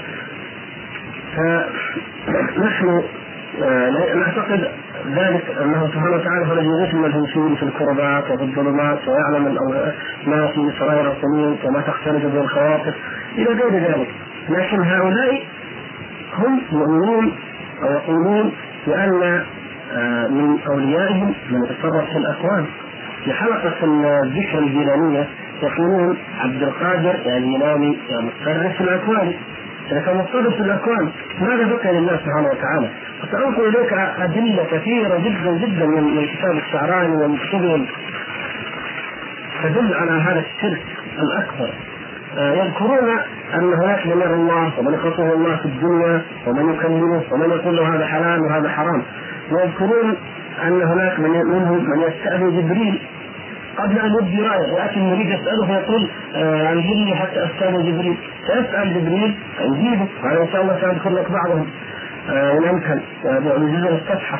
آه يذكرون أن منهم من يمسك الشمس عن الغروب يذكرون أن منهم من يعلم من أسرار القرآن ما لا يعلمه ملك مقرب ولا نبي مرسل يقولون أن الولي فلان كان يحك رأسه بقائمة عرش الرحمن يقولون أن فلانا كان آه، جاء واحد الدين وقال له لماذا لا تحج؟ فقال هل يحج من تطوف الكعبة حوله؟ وقال المريد كيف ذلك؟ فقال انظر وراء الكعبة وهي تطوف حول الرجل آه، حول الشيخ وهي تقول تغني الكعبه وتقول إن له رجالا كلمهم جلالا وهي تطوف حوله.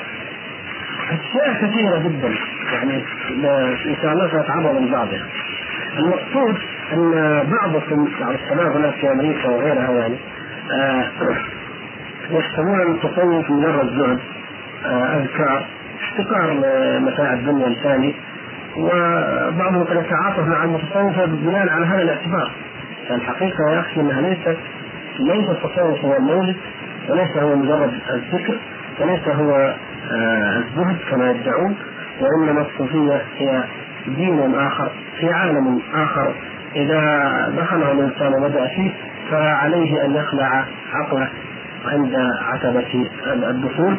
وهناك يدخل بعالم غريب عالم تخيل إليه أن عندما تقرأ في كتب طبقات مجال تخيل لك تماما أنك تقرأ القصص الخرافيه هذه مثل سيد بن مثل عنترة مثل كتب الأسمار والأخبار وغير ذلك.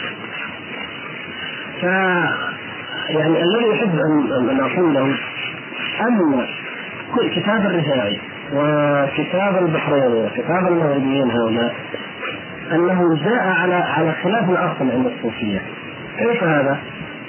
الأصل عند الصوفية أن مصدر التوحي ومصدر المعرفة ليس هو الحديث ليس من القرآن والسنة حتى يأتي هؤلاء فيقول الله تعالى قال كذا والرسول صلى الله عليه وسلم قال كذا وصحيح الاسناد مضاعف الحديث لكن نحن نصححه وليس خلافيه وليس ولا داعي للتكفير لماذا يكفر بعضنا بعضا في مسألة خلافية؟ حديث نحن صححناه وأنتم ضعفتموه أو العكس المسألة بسيطة ونحن نهتم بحرب الصهيونية والشيوعية ولا نختلف بيننا مثل من مثل هذا الافتراء والدجل. أقول منهج هؤلاء الناس ليس هو هذا. أنت تعرف الإنسان عندما يحارب في غير ميدانه عندما يتكلف ما لا قبل له به. آه الأصحاب هناك مع المريدين والشيخ آه في الحضرة ويتلقون العلم اللدني كما يسمونه العلم العلم الحقيقي. مباشرة وهذا قاعد يجمع هذا الحديث صحيح وهذا ضعيف وهذا كذا. هذا هذا خلاف الأصل. هو المفروض أن يكون يرقص معهم ويتلقى من هناك العلم. على على زعمهم يعني. فأقول لك أن كلامك آه، في قضية أنك تقول ان بعض الطلبه الكويتيين قالوا أن هاشم الرفاعي ليس هو الذي كتب الكتاب. نعم الحقيقة أن معهم حق في ذلك لأن أسلوب الكتاب آه، يذكرني ببعض كتب كتبها اناس من المبتدعه وردوا بها على هذه السنة قبل 15 سنة أو نحو ذلك. وبعضهم يعرف أنه موجود في الكويت فلا شك أن هناك تعاونا ومن أدلة التعاون هذا التضافر الموجود. هذا من المغرب هذا من البحرين هذا من الكويت وكان واحد أيضا من مصر وواحد من اليمن يسمونه تخرج كما مذكور في هذا الكتب. أقول يعني انه ليس ليس هذا اسلوب الصوفية أصلا. ان ياتوا إلى الحديث ويصححون ويضعفوه ليأخذوا منه الحقيقة وليأخذوا منه العلم. لا. الحلاج إمامه المتقدم الذي قتل آه، بالزندقة بعد أن ثبت ذلك عنه.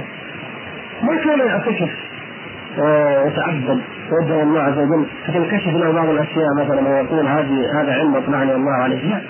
ذهب إلى الهند وراى سحرة الهند يقف الواحد منهم على رأسه الأيام الطويلة بدون أكل ولا شرب ولا نوم.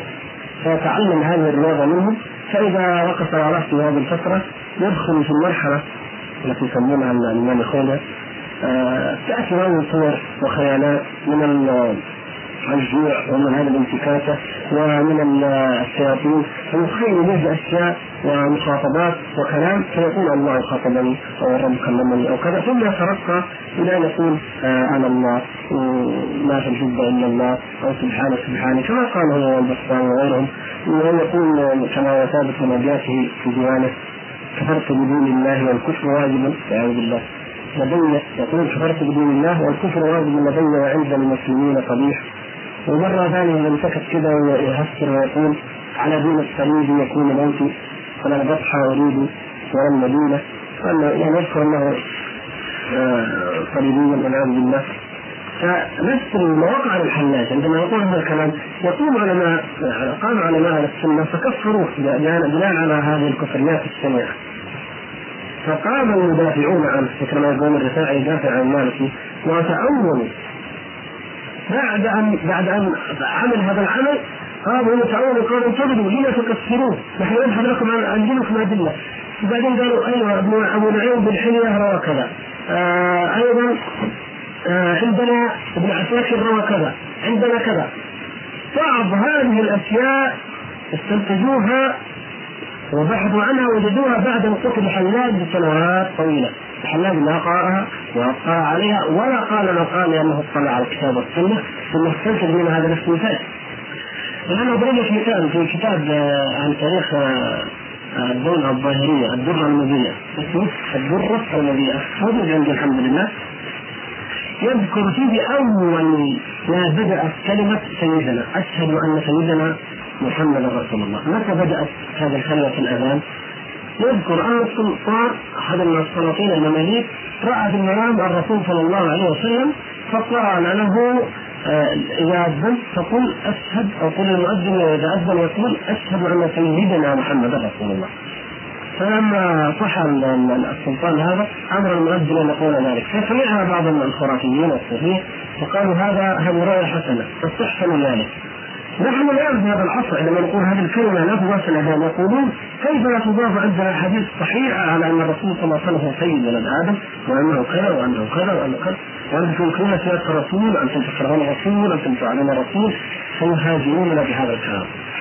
بينما أصل القضية لم يكن أنه قرر البخاري ومسلم غير حديث احاديث السيادة وضعوها في الأذان. أصلها رؤية الصوفية تعتمد في مصدر التلقي.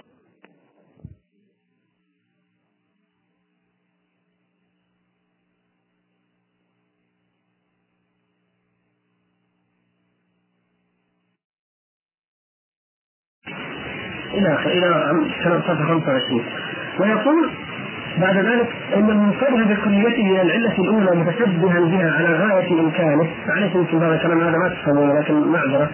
يتخذ بها عند ترك الوسائط وخلع العلائق والعوائق. يقول في الوحده هذه وحتى الوجود يقول وهذه آراء يذهب إليها الصوفية لتشابه الموضوع.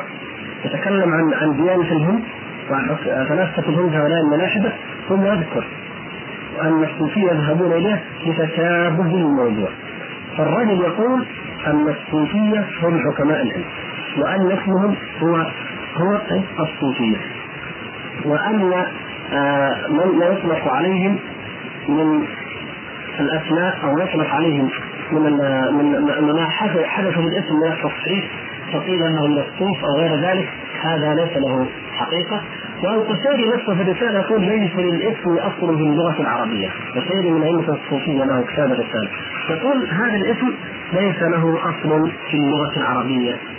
وهو صادق في ذلك. هناك مصدر آخر ننتقل مثلا آه، دائرة المعارف الإسلامية كما سماها المستشرقون وهي دائرة المعارف الاستشراقية مادة تصوف في الجزء الخامس. آه، ذكر أن كلمة تيوسوفيا الكلمة اليونانية. آه، يقولون هذه هي الأصل كما ينقل كاتبها مارتينون عن عدد من المستشرقين لأن الأصل التصوف هو مشتق من الصوفية وهذه الصوفية كما يذكر أيضا عبد الرحمن بدوي آه معلش طالع شوية كده. آه عبد الرحمن بدوي أيضا ينقل عن آه, آه، مستشرق الماني فون هامر يقول أن هناك علاقة بين الصوفية وبين الحكماء العراة من الهنود. ويقصد باللغة الإنجليزية آه بانه sophists sophists يعني الصوفيين هؤلاء إذا ربطنا هذه مع الثيوصوفية أي الصوفية الثيوصوفية التي نقول آه، معناها الله عز وجل في لغتهم فمثلا الحكم الثيوقراطي يعني الحكم الإلهي. الثيوصوفية عشاق الله أو محبو الله سبحانه وتعالى. آه الفيلسوفي هذا عاشق الحكمة. فيلو معناها حكمة. عاشق الحكمة أو محب الحكمة فيلسوفي عاشق آه، الله كما يدعون وكما يزعمون يسمى الصوفي. فهذا يسمى الصوفي. اذا الصوفية نستطيع أن نقول أننا الآن آه، أمام آه، أساس وسيأتي عرض آخر يبين هذه القضية، أساس هذه الكلمة غير إسلامي أصلا وغير عربي أصلا وإنما هو دين آخر. نرجع للكتاب البيروني آه مثلا آه أفتح معك إلى صفحة 51 كتاب الآن بين يدي.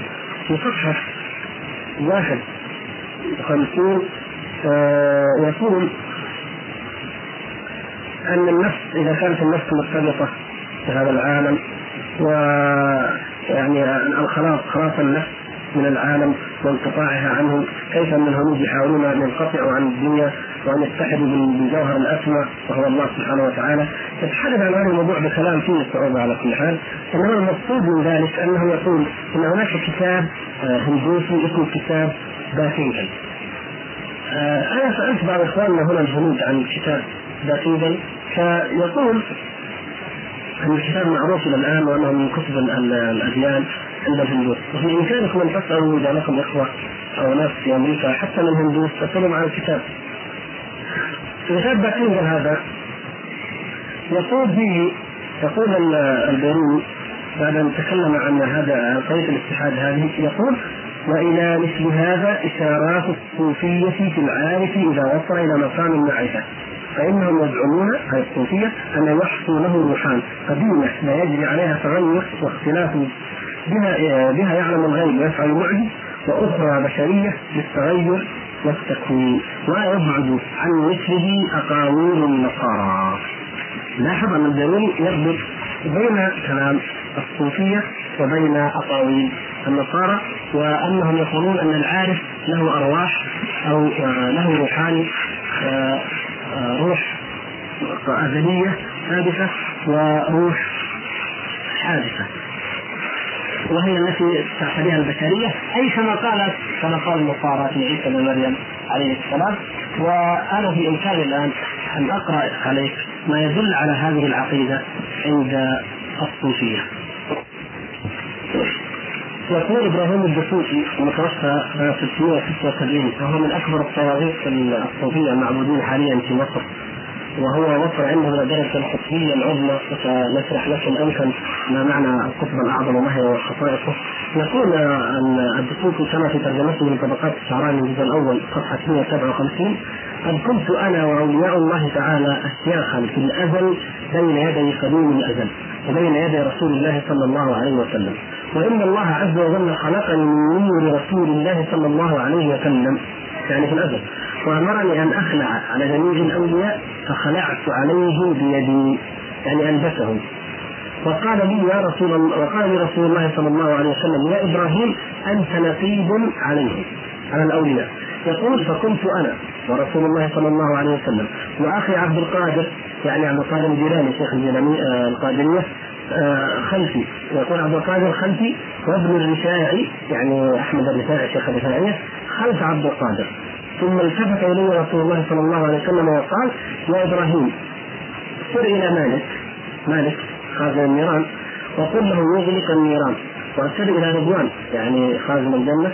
وقل له يفتح الجنان ففعل مالك ما أمر به ففعل رضوان ما أمر به إلى آخر ما ذكره من الكلام.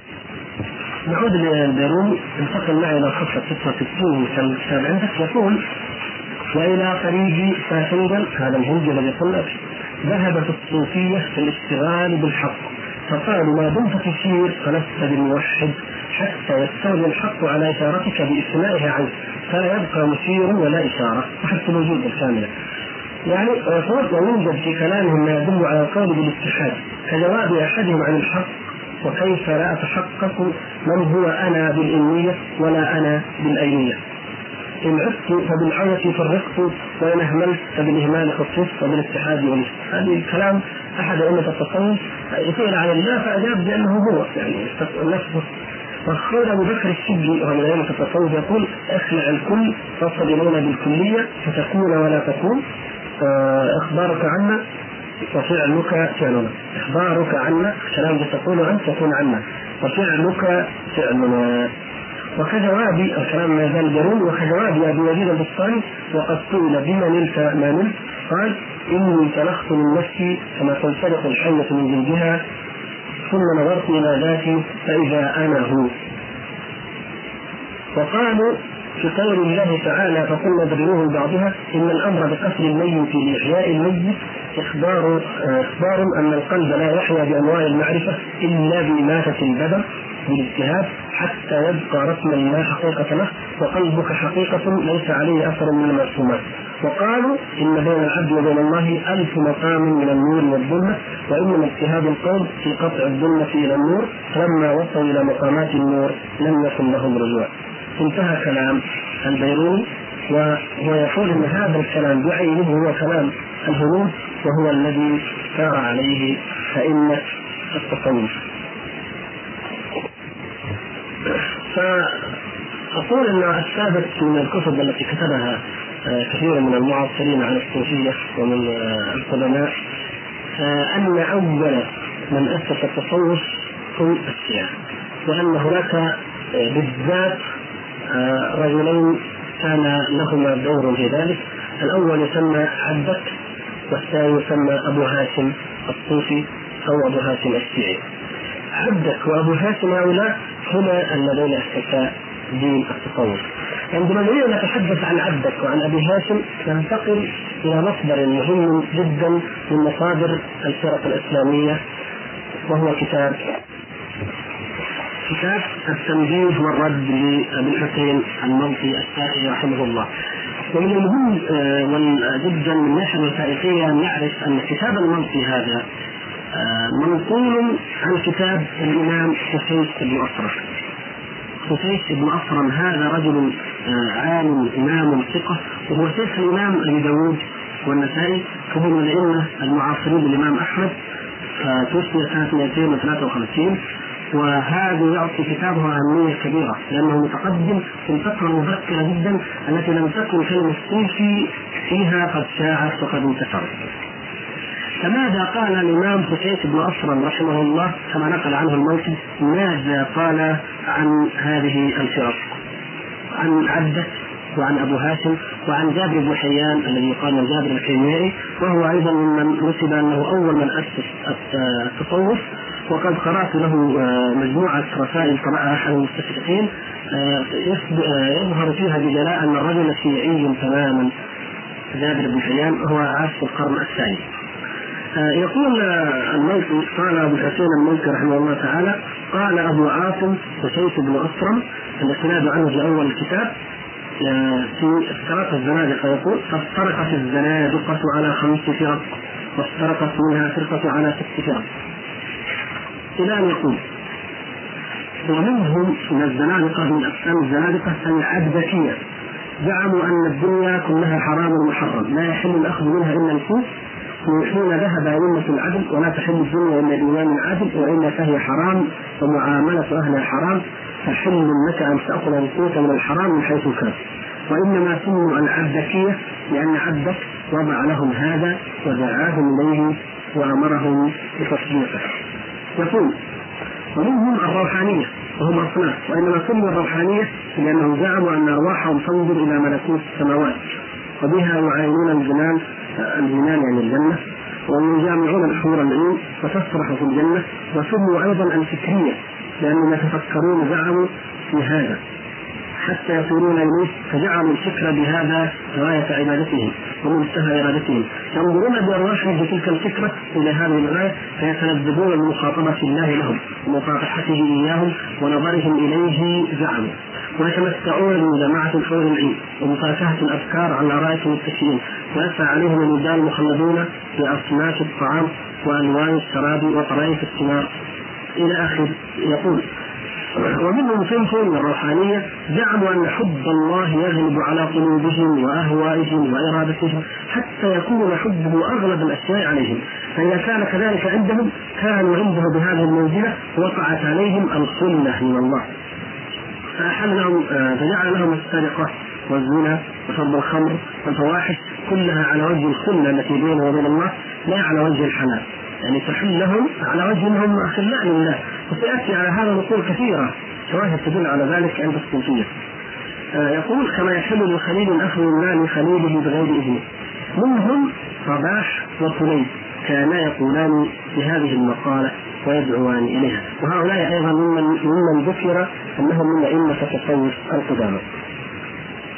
يقول ومنهم من الروحانيه زعموا أنه ينبغي للعباد أن يدخلوا في مضمار الميدان حتى يبلغوا إلى غاية السبقه من تضمير أنفسهم يعني تجويعها وحملها على المكروه فإذا بلغت تلك الغاية أعطى نفسه كل ما تشتهي وتتمنى.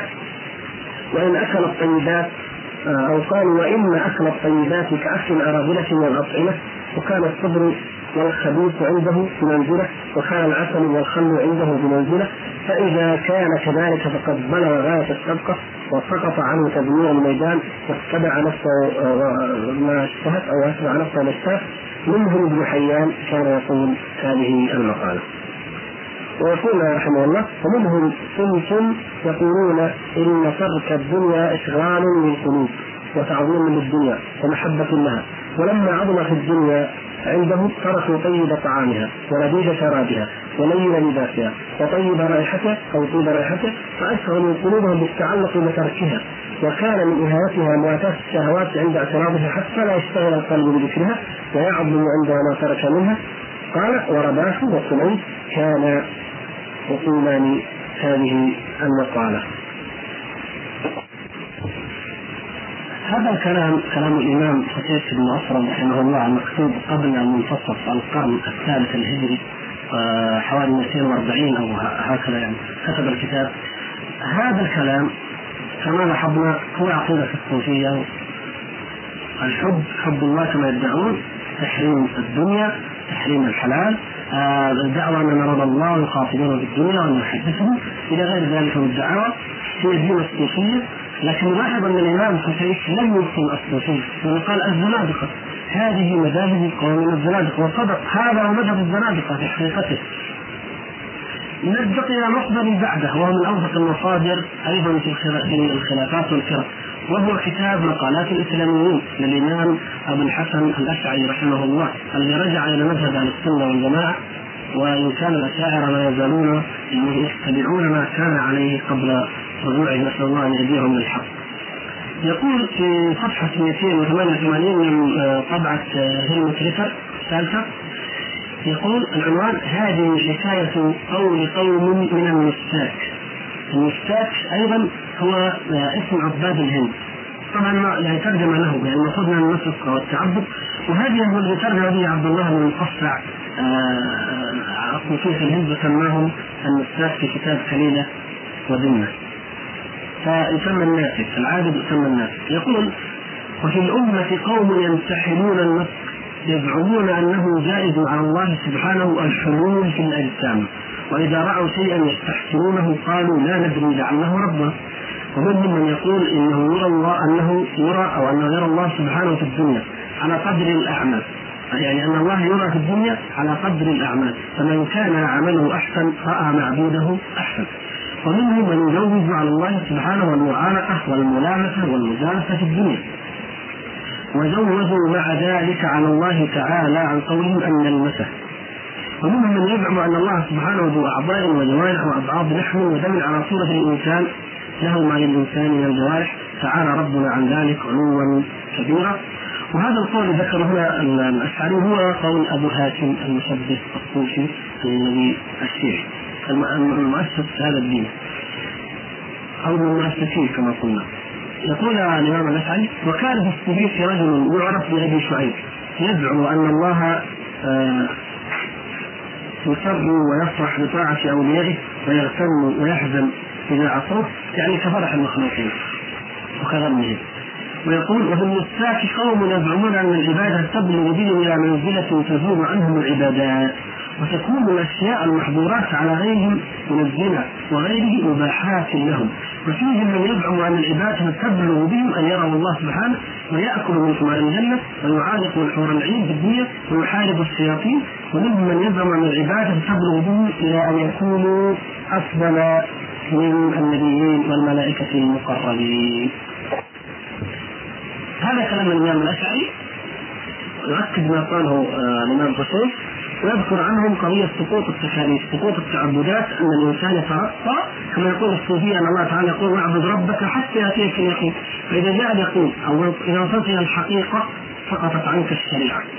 لأن المريد عندهم أو الصوفي يبدأ مريد ثم سالك ثم واصل، الواصل وصل إلى الحقيقة سقطت عنه التكاليف وسقطت عنه التعبدات. هذا الكلام يقول الإمام الأشعري وهو متوفى آه، سنة 324 أي أيضا ما يزال متقدم. بالنسبة للشاب الصوفية ولم يذكر أن هؤلاء الصوفية أبدا.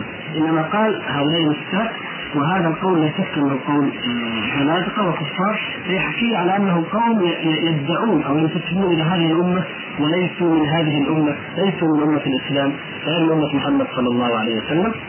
فلنرى كيف أن هذا هذا القول أصبح دينا عند المتأخرين من المسلمين المنتسبين الإسلام الصوفية ويدعون مع ذلك أنهم هم أهل السنة والجماعة. لا نقف عند الاشعري وانما أيضا آه ننتقل إلى إمام آه آه من المؤلفين في الفرق وهو فخر الدين الرازي وهو من أكبر أئمة الأشاعرة يعني الرجل ليس من أئمة أهل السنة والجماعة بل هو من أئمة الأشاعرة الذي الف كتاب أساس التقريب ورد عليه الشيخ الإسلام ابن تيمية آه، كتاب بيان تنفيذ الجهمية. فهو من أكبر الأشاعرة وأقواله عندهم من أهم الأقوال. سننقل لكم آه، نقرأ لك بعض كلامه في هؤلاء الصوفيه ما كان فيه مدح وما كان فيه آه، ذم.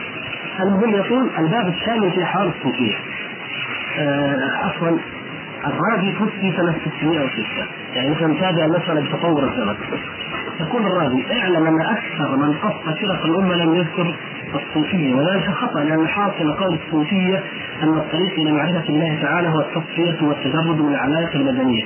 وهذا طريق حسن معلش. وهم فرق. يقول وهم فرق. الأولى أصحاب العادات. وهم قوم منتهى أمرهم وغايتهم تزيين الظاهر كلبس الخرقة وتسوية السجادة. ما عندهم إلا هذا الشيء ويقول الثانية أصحاب العبادات وهم قوم يشتغلون بالزهد والعبادة مع ترك سائر الأفعال طيب. الثالثة أصحاب الحقيقة وهم قوم إذا فرغوا من أداء الفرائض لم يشتغلوا بنوافل العبادات بل بالفكر وتجريد النفس عن العلائق الجسمانية زي ما قلنا عن جماعة سفنجة آه، في دروز يقول وهم يجتهدون أن لا يخلو سرهم وبالهم عن ذكر الله تعالى. يقول وهؤلاء خير فرق الادميين طبعا متعاطف معهم طيب. الرابع يقول النورية. وهم طائفة يقولون أن الحجاب حجابان نوري وناري. أما النوري فالاشتغال باكتساب الصفات المحمودة كالتوكل والشوق والتسليم والمراقبة والأنس والوحدة والحالة. أما الناري فالاشتغال بالشهوة والغضب والحرص والأمل. لأن هذه الصفات صفات نارية كما أن إبليس لما كان ناريا فلا جرم وقع في الحسد. طبعا هذه نظرية اليونانية التي تروى عن قدماء اليونان ارسطو آه، وجماعته أن الكون يتركب أربع عناصر الماء والتراب والنار والهواء إلى آخره. هم يعني رتبوا هذه على تلك يقول الرازي الخامسة من فرقهم الحلولية وهم طائفة من هؤلاء القوم الذين ذكرناهم يرون يرون في أنفسهم أحوالا عجيبة وليس لهم من العلوم العقلية نصيب وافر ويتوهمون أنه قد حصل لهم الحلول أو الاتحاد. يعني بالله تعالى يعني. يقول فيدعون دعاوى عظيمة وأول من أظهر هذه المقالة في الإسلام الرواتب فإنهم ادعوا الحلول في حق أئمتهم. هنا فائدة مهمة وهو أن الرافض يربط الصوفية بالشيعة وهو ربط مؤكد كما سبق. أو قلنا؟ يقول الرافض الثالثة الفرقة الثالثة المباحية وهم قوم يحسبون طامات لا أصل لها وتلبيسات في الحقيقة وهم يدعون محبة الله تعالى وليس لهم نصيب من شيء من الحقائق. بل يخالفون الشريعة ويقولون إن الحبيب رفع عنه التكليف وهو الاشر من الطوائف وهم على الحقيقة على دين مجدك كما سنذكر بعد هذا. الرازي يقول هؤلاء الصوفية الفرقة من هذه على دين مجدك الدين الذي هو دين الذي هو أصل الشيوعية. ودين مزدك كما تكلم عنه هو يقول أن المزدكيه هم أتباع مزدك ابن مامدان كان موبد موبدان في زمن قباد بن فيروز والد انوشروان العادل. ثم ادعى النبوة وأظهر دين الإباحة وانتهى أمره إلى أن عزم قباد إلى أن يبعث امرأته وليتمتع بها. غيره فتأدى انوشروان من ذلك الكلام يعني الملك تأدى من كلامه هذا التأدي. وقال لوالده اترك بيني وبينه اليناظرة فإن قطعني طاوعته وإن قتلته فلما ناظر مع عن الشروان انقطع مزدك يعني انقطع في المناظرة أفهم وظهر عليه الشروان فقتله وأتباعه. وكل من هو على دين الإباحة في زماننا هذا فهم بقية أولئك القوم. هذا كلامه عن المزدكية ويقول الصوفية الموجودة الفرقة المسماة المباحية منهم هم على دين مزدك الذي هو أصل الشيوعية وأصل نظرية كارل ماركس. الذي آه، كما ذكر هؤلاء الخرافيون يقولون أنتم مشتغلون بالرد على آه، المسلمين يتركون الشيوعية. هذا الراجل وهو إمام من أئمة الأشاعرة وكتابه اعتقادات فرق المسلمين والمشركين مطبوع موجود. يقول إن تلتقي الصوفية بالمزدكي يعني الشيوعية والصوفية تلتقي عند مزدك فهذا هو كلامه وليس كلامنا نحن؟ ومن الرازي المتوسط كما قلنا سنة 606 ننتقل إلى آه، أحد آه، الأئمة آه، في علماء اليمن يسمى عباس بن منصور السكسكي قيل أنه كان حنبلي وهذا غريب في أحمد اليمن وقيل أنه الشافعي وعلى كل حال يمكن مراجعة ترجمته في الأعلام. هذا الإمام السكسكي متوفى سنة 683 هو أيضا متقدم لنا. و طبعا يعني قبل شيخ الإسلام ابن تيمية المتوفى كثير المهم أنه كتب عن البرهان كتابا اسمه البرهان في معرفة عقائد أهل الأديان. هذا كتاب مطبوع. وأنا الآن أقرأ ما كتبه عن الصوفية بنصه. يقول آه قد ذكرت في آخر الكتاب يقول قد ذكرت آه هذه الفرقة الهادية المهدية يعني أهل السنة وأنها على طريقة متبعة لهذه الشريعة النبوية وإلى أن يقول ومن يسد وغير ذلك مما هو داخل تحت الشريعة المطهرة لم يسد أحد منهم عن ذلك سوى فرقة واحدة تسمت بالصوفية ينتسبون إلى أهل السنة وليسوا منهم. يقول وليسوا منهم قد خالفوهم في الاعتقاد والأفعال والأقوال. أما الاعتقاد فسلكوا مسلك للباطنية الذين قالوا إن القرآن ظاهرا وباطنا. الظاهر ما عليه حملة الشريعة النبوية والباطن ما يعتقدونه وهو ما قدمت بعد ذكره. فكذلك أيضا آه، فرقة الصوفية قالت إن للقرآن والسنة حقائق خفية باطنة. غير ما عليه علماء الشريعة من الأحكام الظاهرة التي نقلوها خلفا عن سلف متصلا بالنبي صلى الله عليه وسلم بالأسانيد الصحيحة النقلة الأسباب. وتلقته الأمة بالقبول وأجمع عليه الثواب الأعظم. ويعتقدون أن الله عز وجل حال فيهم أو ماجد لهم. وهو مذهب الحسين بن منصور الحلاج المصلوب في بغداد بأيام المقتدر الذي قدمه ذكره في الرواتب في فصل فرقة الخطابية. ولهذا قال أنا الله تعالى الله عن ذلك علوا كبيرا وأن ما حدث في نفوسهم وتكلموا به في تفسير قرآن أو حديث نبوي أو غير ذلك مما شرعوه لأنفسهم واصطلحوا عليه منسوب إلى الله تعالى وأنه الحق وأن وإن خالف ما عليه جمهور العلماء وأئمة الشريعة وفسرته علماء الصحابة وثقاتهم بناء على الأصل الذي أصلوه من الحلول والممازجة. ويدعون أنهم قد ارتفعت درجتهم عن التعبدات اللازمه للعامة وانكشفت لهم حجب الملكوت واطلعوا على اسراره وصارت عبادتهم بالقلب لا بالجوارح.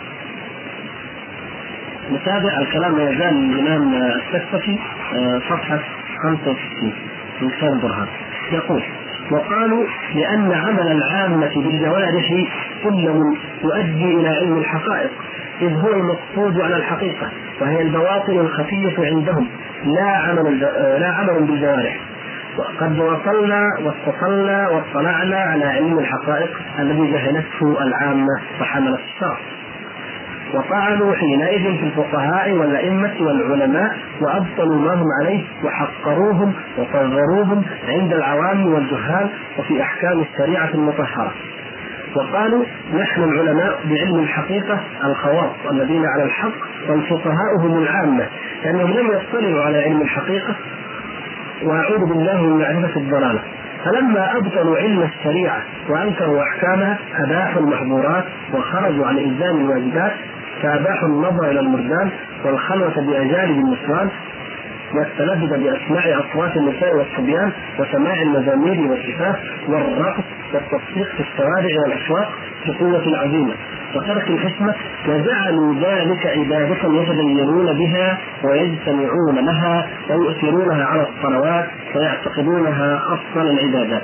ويحضرون لذلك المغاني من النساء والصبيان وغيرهم من أهل الأصوات الحسنة للغناء بالسبابات والطار والنقر والأجساد المجلجلة وسائر الآلات المطربة وأبيات الشعر الغزلية التي توصف فيها محاسن النسوان ويذكر فيها ما تقدم من النساء التي كانت الشعراء تهواها.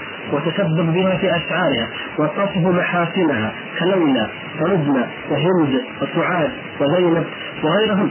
ويقولون نحن نكلم بذلك عن الله عز وجل ونصرف المعنى إليه. أقول أنا كتاب إغاثة الأحكام الإمام ابن القيم رحمه الله فصل هذه الأمور تفصيلا آه، مفيدا. لكنني آثرت أن لا أنقل عنه حتى لا يقال ما يعرفون إلا ابن تيمية وابن القيم. هذا قبل ابن القيم وابن تيمية ولا آه، ليس ممن له شهرة أنه حارب تصوف باسم أنه كما يقولون سلفي أو شيعي أو وهابي بل هو قبل ذلك جميعا. ويقصد بالوضوعية وينقل مصادر كثيرة. آه، أنا واصل كلام الفوز بعض مصادره يقول وقد ذكر الفقيه موسى بن أحمد ذلك في الرسالة التي رد بها عليهم وبين فيها فساد مذهبهم فقال في بيت شعر انشده فيهم يكلمون عن رد السماء بزينب وليلى ولبنى والخيال الذي يسري وتختلط الرجال بالنساء والنساء بالرجال ويتنادى الرجال والنساء ويتصافى